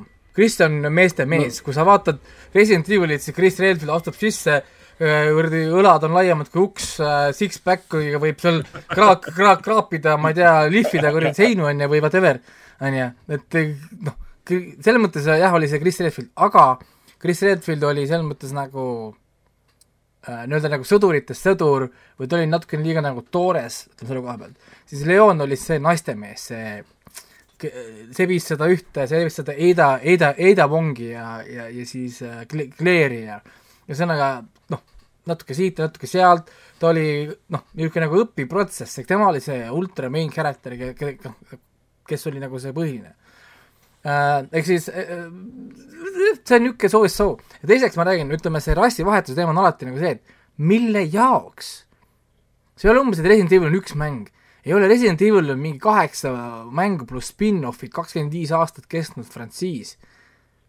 Need ei ole nagu suvalised kõrvalkarakterid, need on väga konkreetselt välja kujunenud karakterid kuradi koomiksite ja lõputute kaanepiltide ja cosplay'dega välja kujunenud karakterid kui keegi ütleb Leon S. Kennedy, tal tuleb konkreetselt pähe üks konkreetne soeng, üks konkreetne kostüüm mm., kuidas ta hoiab oma relva, ta vasakukäeline ka. isegi kui sa paned paremasse kätte relva Leon S. Kennedy'le, kohe on, midagi on, midagi on valesti, saad aru, noh, noh, nagu teatud asjad on nii nagu paika loksunud. ja nüüd sa võtad mingisugused India või, või ma ei tea, mis kuradi kohast nad pärit olid, need näitlejad, küsimus on, mille jaoks? nagu miks, selles mõttes, et, et Resident Evilis on mingi viissada kõrvalkarakterit, kes on mängudes käivad läbi, nendel nimed ja asjad olemas, vali sealt üks. Pick no, one. jah, kas või. nagu ja, ja ei noh, kujuta ette, me teeme Mortal Combati filmi ja Jackson valge. küsimus on, miks või a la Johnny Cage on must. siis tekib küsimus, et nagu miks, meil on olemas ju Jacks. on ju, või noh, nagu meil, need on paika pandud nagu karakterid juba, mida sa nagu, miks sa, miks sa käpid neid, vaata noh, nagu niisugune, niisugune noh, nagu selle koha pealt oli noh, nagu veidrus, aga samal ajal ma räägin, et film tegelikult toimis väga hästi, sellepärast et oli algusest peale action. põhimõtteliselt, noh nagu neil ei olnud aega nagu seda story'ga keskenduda, see polnudki tegelikult oluline, vaid sa näedki zombisid, möllu, action'it, kuigi siin on kohe etteheide, miks kellelgi kiire ei ole? ei, väga lihtne küsimus siin filmis. Uut äh,, kuule, Raccoon City lastakse kohe õhku, meil on zombid ümberringi. okei okay., jaa, siin väga ei kiirustata et, et me peame linnast kiiresti minema välja. Nad, nad okay. ei võta seda asja eriti tõsi, tõsiselt. see on nagu, oota, aga ma korra vahele vaatan, ma lähen vaatan muidu seal, seal on, seal tundub midagi nagu noh, huvitavat. et see mi- mingil määral see on nagu mängulik, vaata, sest mängus aeg ei mõjuta sind, sest sul on lõputut aega gameplay mõttes, sest aeg mõjutab ainult cutscene'e. siis mm. -hmm. filmis see tundub nii veider või noh, nagu nonsense, ütleme, noh, nagu see ei tule nagu välja, see intensiivsus, kuigi siin on väga kihvtid stseene, näiteks minule meeldis see ähm, Chris Redfield versus see zombi seal pimedas, kus ta püüdis seda tööle saada, siis kui ta jaa, paugutas, siis see iga kord välkus äh, põlema, see Jaa. must ruum. see oli minu arust hästi kihvtilt lavastatud, hästi niisugune pingeline ja niisugune mõnus, väga hea zombitseen. Selles mõttes, et a- mis mind hakkas tegelikult häirima, see on võib-olla minispoiler Ra- Ra- Ra- Ragnarile, on see, et nad ei jäänud politseijaoskonda. see film oleks pidanud olema Resident Evil nii-öelda nagu kaks, kolm segu politseijaoskonna selle ümber, sest Jill Valentine oli filmis olemas, nad ei oleks pidanud seda Resident Evil ühe mõisaga üldse tegelemagi. see mõis oli nagu ära, fine, liigume mõisast nagu edasi, mitte mõisa nagu tagasi liikuma, sellepärast et, et Resident Evil kaks ja kolm toimuvad ju paralleelselt nii-öelda nagu samal ajal ja mõlemad toimuvad politseijaoskonnas ja politseijaoskonna nagu ümber, kõik nad on nagu seal, siis minu nagu loogika oleks olnud see, et nad jäävad politseijaoskonda kinni ja siis nad kohtuvad selle Tyrantiga. no et, et nüüd tulevad need Tyrantiga tseenid. jaa, et see politseijaoskond, mis ta oli, mingi endine kunstimuuseum? ta oli korraks seal ju ka, ta, ta ju oli juba ja hakkas nagu looma korraks see värk seal kõik.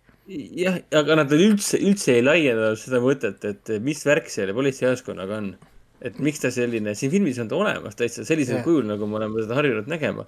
aga seda nagu põhimõtteliselt ei selgitatudki, et no miks seal oli see, et tegelikult oli see, et põles, põles maha või ja siis nad kolisid sinna uude kohta või, oli mingi teema sellega või?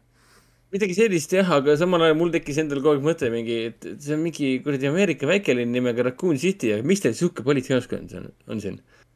Ja seda nagu ei laiendatud. muidugi sul on õigus, et äkki see olekski võinud olla siis kõik nagu Nad oleks võinud jääda nagu sinna ja see oleks olnud nagu klassikaline zombifilm, nagu see mäng on Hold Up. me hoiame nagu ju seda politseijaoskonda ja, ja siis ja, ja siis jah. kuulsamaid politsei. ja siis ongi, nad tahavad põgeneda ja nad, ja nad saavad põgeneda sellepärast, et see vana kunst, sellel on sõjaaegsed põgenemistunnelid. Mhm, ja siis, aga, aga, aga, aga kuulge, meil ei ole võtid, meil pole võtmeid, siis nad lähevad politseijaoskonda avastama. Krist läheb sinnapoole, Leon, mine sina sinnapoole, Claire läheb siiapoole ja igaüks läheb, meil on nüüd kolm mini-story't. üks läheb West Wingi, üks läheb East Wingi ja üks läheb teisele korrusele. ja nad kõik otsivad neid võtmeid asju, seda kaarti otsivad, et kuidas me avada seda kuradi, seda secret tunnelit või kus need, kus see secret tunnel on, et linnast välja saada. samas, samas ma pigem kiidaksin seda Johannes Robertsit, kes selle filmi lavastas ja ta kirjutas ka selle üksinda ei, või? ma saan aru küll, et ta, ma vaatasin ka, et ma ei tea, ma polnud kuulnud tast ennem nagu midagi. ja, ja aa, selle eest, et tal oli, ta on näha, et ta on tegelikult tohutu fänn. muidugi, kes ei oleks Resident Evil fänn, selles mõttes, et see on nagu, siin oli filmis oli reaalselt nagu näha ja tunda seda, et on sõltumata sellest, et tegelased, kui see Chris ja Claire välja arvata, siis viska üks, üks ja võta teist. ja need, need on kõik lihtsalt äh, näod taustal niimoodi, liigu-, teevad liigutavad suud. kuigi, kuigi tegelased on ju tegelikult ühe filmi kõige tähtsamad elemendid, aga sellest sõltumata, mul oli seda filmi nähes tõesti tunne, et see on nagu õudusfilmi idee ja Resident Evil'i filmide nagu fänn, kes selle filmi on teinud, ta nagu austab seda ja, materjali nii et ja aga siin on see probleem, ta tahtis liiga palju sisse panna filmi. Ta põhimõtteliselt surus, surus natukene liiga palju nagu korraga sisse, ta tahtis võtta esimene, teine liin Jah. on siis teine osa et. antud juhul, kui ta oleks tahtnud teha mõisaga, sa oleks pidanud võtma ainult Resident Evil ühe. unustame ära Claire, Claire Redfieldi karakteri, ei eksisteeri, sest ta tuleb alles teises äh, sisse, ehk siis teegi ainult lugu, kuidas Chris Redfield oma sõpradega läheb sinna mõisa ja siis nemad on mõisas. teegi see lugu, jäägi sinna jah, nagu ja, ja, ja mul, ja mul sõber käis seda vaatamas kinos ja siis ta ütles mulle ühe hea lause, mis mulle jäi meelde, et see, et see film on nagu Star Wars, mis läheb alati samadele planeetidele, kuigi neil on terve universum. jah, ehk siis, ehk siis siin tekib seesama nagu loogika, et sul on nii palju materjali, nii palju võimalusi, sa lähed ikka teema, kordama samu asju, mida me juba nagu teame. ehk siis noh, ma ei tea, niisugune nagu noh, aga ei, selles mõttes see on kõik niisugune nagu natuke noh, nagu nokkimine ja, ja, ja, ja, ja, ja nagu noh, nagu see, et ta on hea film ja CGI on üllatavalt hea, ma kordan seda veel kord üle, jaa, et, et siin on, no nad panevad ikkagist nagu täiega, nad ei hoia selles mõttes noh, nagu tagasi, kuigi äh, peab ütlema selle koha pealt, et see lõpu battle on äh, underwhelming. jaa, sa mõtled nüüd millist neist see kahest? kõik, kõige viimane äh, battle aa, see, see oli niisugune järelmõte, niisugune afterthought. Mul oli pigem see, et ah, ma tean, et see peaks nagu juhtuma ja siis ta nagu juhtub. ma ei tea, see nagu mõjus nagu, ma tean, et see on osa teise osa nagu narratiivist, mängu narratiivist, aga mulle mõjus see umbes sellisena, et see on nagu fanservice, mida me peame tegema, et me peame et nad seda momenti liiga palju suruvad sisse, et nad proovisid seda orphanage stuff'i siia sisse suruda, seda väikest tüdrukut tapsid, tahtsid sisse suruda, kui see väike tüdruk on siin, peaks olema ka Ada Wongi storyline peaks olema sees, seda ei olnud. kui, kui sa surud seda politseijaoskonda siia sisse, siis sul peaks olema kõik politseijaoskonna seotud teemad, see kõik see Eida, kuradi Eida, Eida Wong on siin filmis ühel või teisel kujul siis nagu sul peaks olema Tyrant peaks olema sees, sul peaks olema terve Jill Valentine'i kuradi storyline peaks olema sul sees, peaks olema kõik see stuff nagu siis sees siin, sul peaks olema ka sees sa-, kuhu kadus Chris Redfield siis miks Chris Redfield on endaga rongi peal? kas ta ei pidanud olema siis linnas põgenevad äh, Leon S. Kennedy ja Claire Redfield? Ja siis järgmine mäng nad lähevad otsima, what happened to Chris? okei nojah siis. oota, kas sa vaatasid ka lõpu jaa, ma lisatseeni nägin ma nägin stseeni küll jah, nägin. minu meelest oli nii totter, aga samas nii nunnu. no ta- see oli jälle see, et my name is Jill Valentine, siis seal oli lihtsalt nagu, et oot, oot, oot, ära vennale ütle, lihtsalt, lihtsalt see moment, kus ta andis teda alla ja siis ta pani need ette, ma mingi. Fuck off noh. ja, ja mul oli ka kas seal oli Jill, Jill Valentine ikka? Really? ei, see, ma ei, ma ei ütle, mis see oli, lihtsalt seal oli samane maitse juures sellel, kui sa näed esimest korda Jill Valentine, tuleb hello, my name is Jill Valentine ja siis ülejäänud filmis seda põhimõtteliselt ei ole. nojah, see on see, kuidas sa aru saad, et on uus karakter tuleb sinna. Hello, my name is Albert Wesker, mingi, ah, jesus, et äh, niisugused, ei seal on ka ju samamoodi selle Claire Redfieldiga.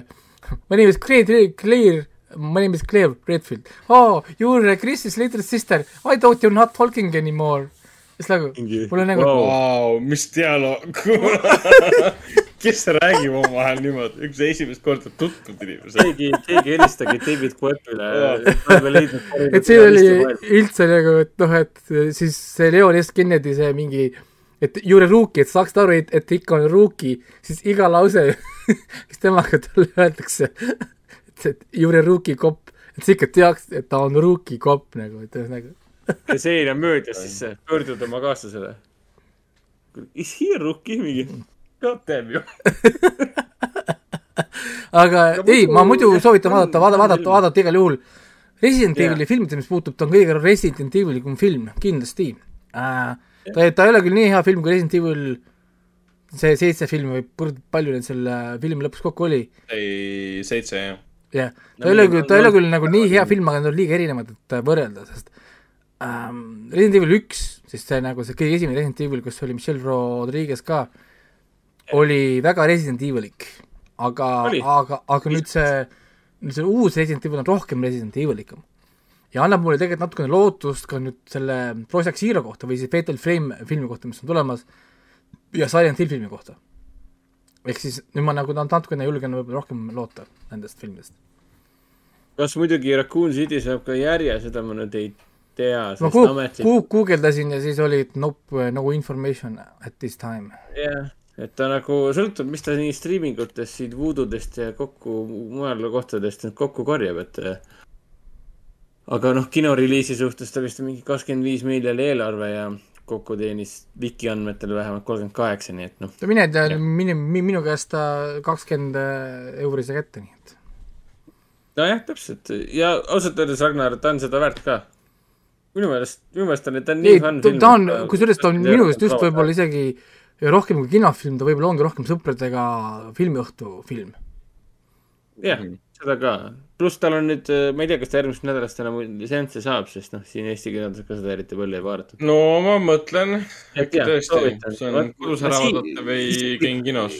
isiklikult ma tahaksin, et sellele tuleks järg, sest mulle need, lõpuks ju nüüd need Chrisid ja, ja Claire'id ja läksid ikkagi väga korda nii-öelda, nende lood ja äh, need tegelased. jaa, aga nüüd ongi see, et kui sa teed järge kui sa teed järgi, siis kuidas, sest Jill Valentine'i lugu, lugu sõltub Chris Redfieldist. aga kui Chris Redfield tõmbas linn- linnast nahhu, siis kuidas saab Jill Valentine nüüd linnast minema ja kes tegeleb nüüd Tarjantiga politsei ja jaoskonnas? nüüd on, nüüd tekivad juba meil plot hole'id, sest ta surus liiga palju stuff'i korraga sisse. noh, kui sa, kui sa taha- tahaksid teha järgi Jah.. või ta siis skip ibki, ta lihtsalt igno-, ignoreerib neid sündmuseid ja läheb otse Resident Evil nelja juurde. mis on ka tegelikult op-, optsioon. noh, või noh, nagu on ka võimalik, jah. see Roberts tulevad üldse rääkinud, et ta on suur selle seitsmenda fänn ka ja hakkas juba kaheksandast rääkima, et ta tahab neid ka teha ja ma ei tea. seitse, kaheksa on äh, puhas horror, ikkagist need on selle, väga žanripõhised. suurema, ta võiks selle suurema looriga alguses aga tegeleda., aga, aga, aga Resident Evil neli peaks olema full action fighting, sest Resident Evil neli suur element on peksmine. jaa, see sobiks hästi siia. et nagu jõhkralt peksmine ja see on üks stiilsemaid asju, mäletan, mul tuli kananahk peale, kui ma mängisin esimest korda Resident Evil nelja ja siis sul tuleb esimene fight siin selle, issand, mis ta nimi oli, see pool muteerunud äh, sõdur, issand jumal. ma ei mäleta. ühesõnaga, whatever, siis tuleb esimesed fight scene'id selle vennaga, kus hakkab neid zombisid peksma. mul oli oh my god, I m in love. niisugused matakad, et see oli nagu oh, chill nagu, ma saan aru, et see on zombi nagu, aga tõmba hoogu maha mees. tõmmaki jalaga, tõmmaki nagu mõnusad latakad, vend oli ikka nii kiire.